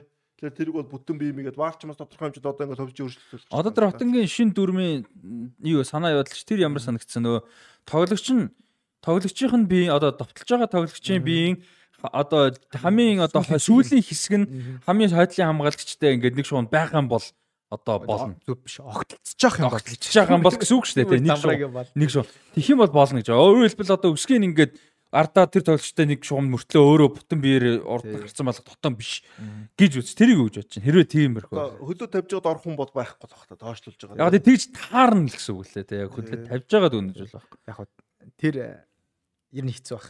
Хагасаас баг бүтэн алхам илүү хурдан. Тэгээ тэр хамгаалж байгаа юм чи эргэж харах шаардлага гарах магадaltaй. Тэгэхээр тэр бол ингээ баг 2 3 алхам илүү хурдан давуу талтай болох.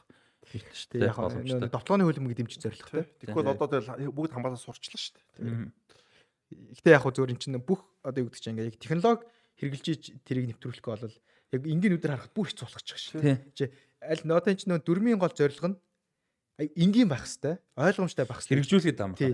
Тэгэнгүүт ийм болох ч гуч амар комплекс болох байхгүй. Тий. Нөгөө шүүх чи ингээ харах хэвээр болно шүү дээ. Complicated болно тий. Одоо энэ нөгөө сүүлийн үсгийн тэрний нөгөө мөртөө давхар давхардах нь өдрийгэл Технологи орж ирэхгүй л бол тий, угсаа. хүн болж чадах гэсэн. Тэгээ дээрэс нь технологи орж исэн ч чинь зөвхөн хамгийн дээд хэмжээндээ л орж ирсэн. Хамгийн мөнгөтэй лигүүд, мөнгөтэй улсууд, мөнгө том бусад юунууд нь бол тэгэхгүй л одоо нэг варын юм сургалт яваад байгаа юм шүү. Сайн юун дээр ашаа юм бичсэн байл шнэ.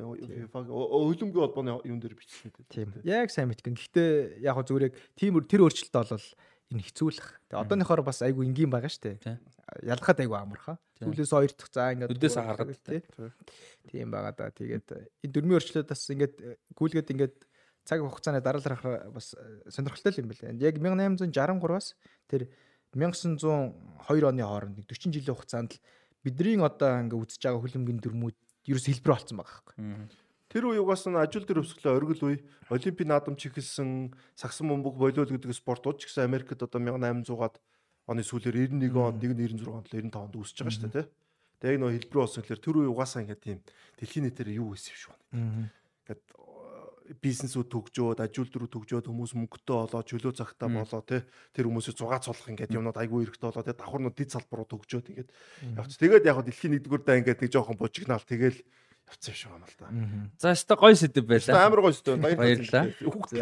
Өстө нэр баг тоглолт үсэн юм санаанд ороод ирсэн. одоо гудамд бол та гой гой дөрмтэй л тоглож байсан шүү дээ бид нар. Тэгээд Өөртөө зохиогаал те. Тий өөртөө өөртөө зөхөн. Одоо ингэ шүү тэгэж шүүгээл тэгэл нэг хаалган дээр хүртэл хөлбөмбөг тоглоно. Нэг хаалга амар гоё Тэр амар гоё тоглолт ус тий. 24 ярд нэг хаалган дээр айгүй их тоглолдог ус. Хоёр баг болоод хаа бүгд га зогсож хагаад бөмбөг нь орохгүй бүгд гарч ирж мэрэ. Тэр бүр амар гоё байсан шүү дээ. үнэхээр гоё үнэхээр гоё. тас бас. За Тэр үнэхээр гоё гоё. Тэгээд нэг юу яадаг гэсэн нөө. Багийн алчт нь атманууд яг тэр үнэн тий. Тэр бол яг үнэн баггүй. Атманууд нь алтшир нь хоодоо шидэж чадахгүй шүүгчтэй болж ш тий. За а энэ дэр нэг хэцүү л байгаа. Байхгүй байхгүй зөндөл гоё юм ярьчлаа. За өстой гоё. А тэгэд энэ хоёрын хооронд хэдүүлээ сая сүүлийн хэсэг ярьж байхад аврагууд лигийн суглаа болцсон байна. Хэлж хэлж. Тэгээд товчхон гэтээ хэдүүлээ дэлгэрэнүүд дараад л оны дуурай. Тэгээ зур. Зүр товчхон за би та хоёр харахгүй чи би хэлээ За, явчих. Сюрприз маягаар. За юу. Би ч зүгээр. За A хэсэг. За. Bayern München. Manchester United. Copenhagen, Galatasaray. За гоё байна. За. За B хэсэг. Sevilla, Arsenal, Eindhoven, PSV Eindhoven, Lens. Гоё хэсэг дурсан. За. Тэгээд C хэсэг. Napoli, Real Madrid, Португалийн Брага, тэгээ Union Berlin. За Union Berlin-ийн фэнүүд бол өстой амар юм ээ. Гой гой. За D хэсэг. Benfica, Inter Milan, Red Bull Salzburg, Real Sociedad. Гоё гоё хэсэг. Өстой гоё хэсэг наач бас. Амар гоё тоглолтоод Тийм байна. За E хэсэг. Feyenoord, Atletico Madrid, Lazio, Celtic. Гоё гоё гоё. Наач амар гоё орсон биш. Шинцүү дандаа юм өрсөлдөөнүүд те. Тийм байна. Па энэ бүхлийн хэсэг. За. Ямар амар F хэсэг бүхлийн хэсэг заяа. Paris Saint-Germain, За. Borussia Dortmund. Яг би боросод ордон ч. AC Milan, Newcastle. Ямар Наач амар хэсэг биш үү? Paris Saint-Germain, Borussia Dortmund, AC Milan, Newcastle. Фүү. Есть амар хэсэг Наад байна. амар хэсэг байна. Алхнэ. За тэгээд G хэсэг Manchester City, Leipzig, а, Red Star Belgrade, Young Boys. Сараа ахаал тэ өмнөдөө нь бүр манараад байна. Ахаал А, тэ. G хэсэг City, Manchester City, Leipzig, Red Star Belgrade, Young Boys. Дунд нь жирэг юм байна. Тэгээ City болж ирэх чинь. Жирэг юм байна. А тэгээд H буюу сүүлчийн хэсэг дээр Барселона, Порто, Шахтар Донецк тэгээд анх удаага орж байгаа Антверп. Наа чи ер нь тэр нэг үхлийн хэсэг стоц амар вагцсан биш үү? Йоо энэ бүхний хэсэг гэхдээ юу вэ те? Аа яг ийм хэсэг ховор шүү. юу? Сайн Saint-Germain, багш наач байгаа. Paris Saint-Germain, Dortmund, Newcastle, Milan. Яг энэ дөрөв сайн багш хэсэг би бол мэдэхгүй санаа. ийм хэмжээний юу? Яг ийм хэмжээний байхгүй байхгүй. Тэгээ бас ойролцоо. Тийм яа. Аа. Хоёр- хэсэг байна. За энэ үргээд энэ дугаараа өндөрлөе гэж бодож байна. Манай Яг Ливерпул байхгүй л үү? Европа лигийн суглаа харах юм уу? Яг уртын болно. За энэ үрээд Jogo Bento Show podcast-ийн season 2 episode 3 өндөрлж байна. Аа Бацэнгэлтэй баярлалаа. Баярлаа. Аа за ихтэй баярлалаа өнөөдөр нур сонирхолтой Хоёртоо баярлалаа. байсан. Зөндөө гоё юм сонсчлоо би хоёр талаасаа сая. За, баярлалаа. Тэгээд өнөөдрийн дугаар сонирхолтой байсан гэж найдаж чинь тэгээд үзэгч сонсогчд маань гоё сэтгэлдээ тогтмол хуваалцаар өвчсөж чинь тэгээд комент бол ер нь айгүй их байгаа тэгээд уншиж байгаа. Аа тэгээд бид нарыг аа, дэмжихийг хүсвэл хаас банкны 500 556 2978 дансаар donation хийж дэмжих боломжтой donation. Би нэг ганцхан билчүүд. За хийсэн хүмүүстээ баярлалаа. Тэгээд заа яхын хэлэх гэж байгаа ямар дуусгая. За би ганцхан билчээ. Одоо ингээд цэнгэл ингээд сая дүр мэрхэд би зөндөө бодлоо сая. Монголд яагаад их хэрүүл их хийгээд идэв? Хэрүүл болоод идэв. Энэ дөрмүүд тодорхой биш байгаа тоххой Монголд. Зам одоо юу гэдэг маш олон юм дэр тий. Дөрмүүд нэг бол амар хоцрогдсон тий. Тэгээ хүмүүс нь ингээд гайгүй ухаантай илүү нөө дөрүлцэж байгаа хүмүүс өндөө байгаа шүү дээ тий. Нөгөө төрийн байгууллагын хоцрогдч юм уу, системийн хоцрогдч юм уу энэс л Монголд яагаад их хэрүүл болдгийг би сая энэ хөлбөмбөгийн юунаас чиглээ харлаа. Энэ бол тэр 1800-аад онд гарч биднүүр бол болчихсон ойлгомжтой. Тэгэл нөгөө дөрмүүдээ шинжилгээ сайжруулаад ингээд хэрэгжүүлээ явж байгаа тийм. Одоо хөлбөмбөгийн бол тэр дөрмийн хэрүүл энэ ховор штэ. Зөвхөн бол. Тэгэхээр Монголд хүмүүс яагаад ингээд ууртай, явцаартай хоорондоо ингээд хэрэлдээл ингээд амар балаа балаа юм дээр бидрэл айгүйх нэрд ерөөсөө яг линий биш үү. Мм. Тий. Амар чухал баялаг байгаа байхгүй чи тий. Тэгээд одоо түүхээс суралцаа гэдэг шүү дээ. Тийм. Тэгээд суралцсан. Би бол зөндөл хэлдэг. Баялаг тэр манайх бити зөвхөн ингээд газар дор баялаг бодоо. Баялаг гэж бол маш олон юм Үнцэн. тий. Үнц нь амар олон юм байт. Энэ бол ерөөсө тэр чигээрээ улсыг хөгжүүлэх үнц нь баялаг явж байгаа байхгүй тий. За баярлалаа. Тэгээд өнөөдрийн дугаар таамтайсан та бүхэндээ баярлалаа. Шоубернто шоу подкаст season 2 episode 3. Тэгээд дараагийн дугаар маань нэлээд ойрхон гарах нь 2 өдөр 8 цагтаа гардгаараа гарна. Тэгээд дараагийн дугаар уулзлаа. Баяр та. Тэр баяр та.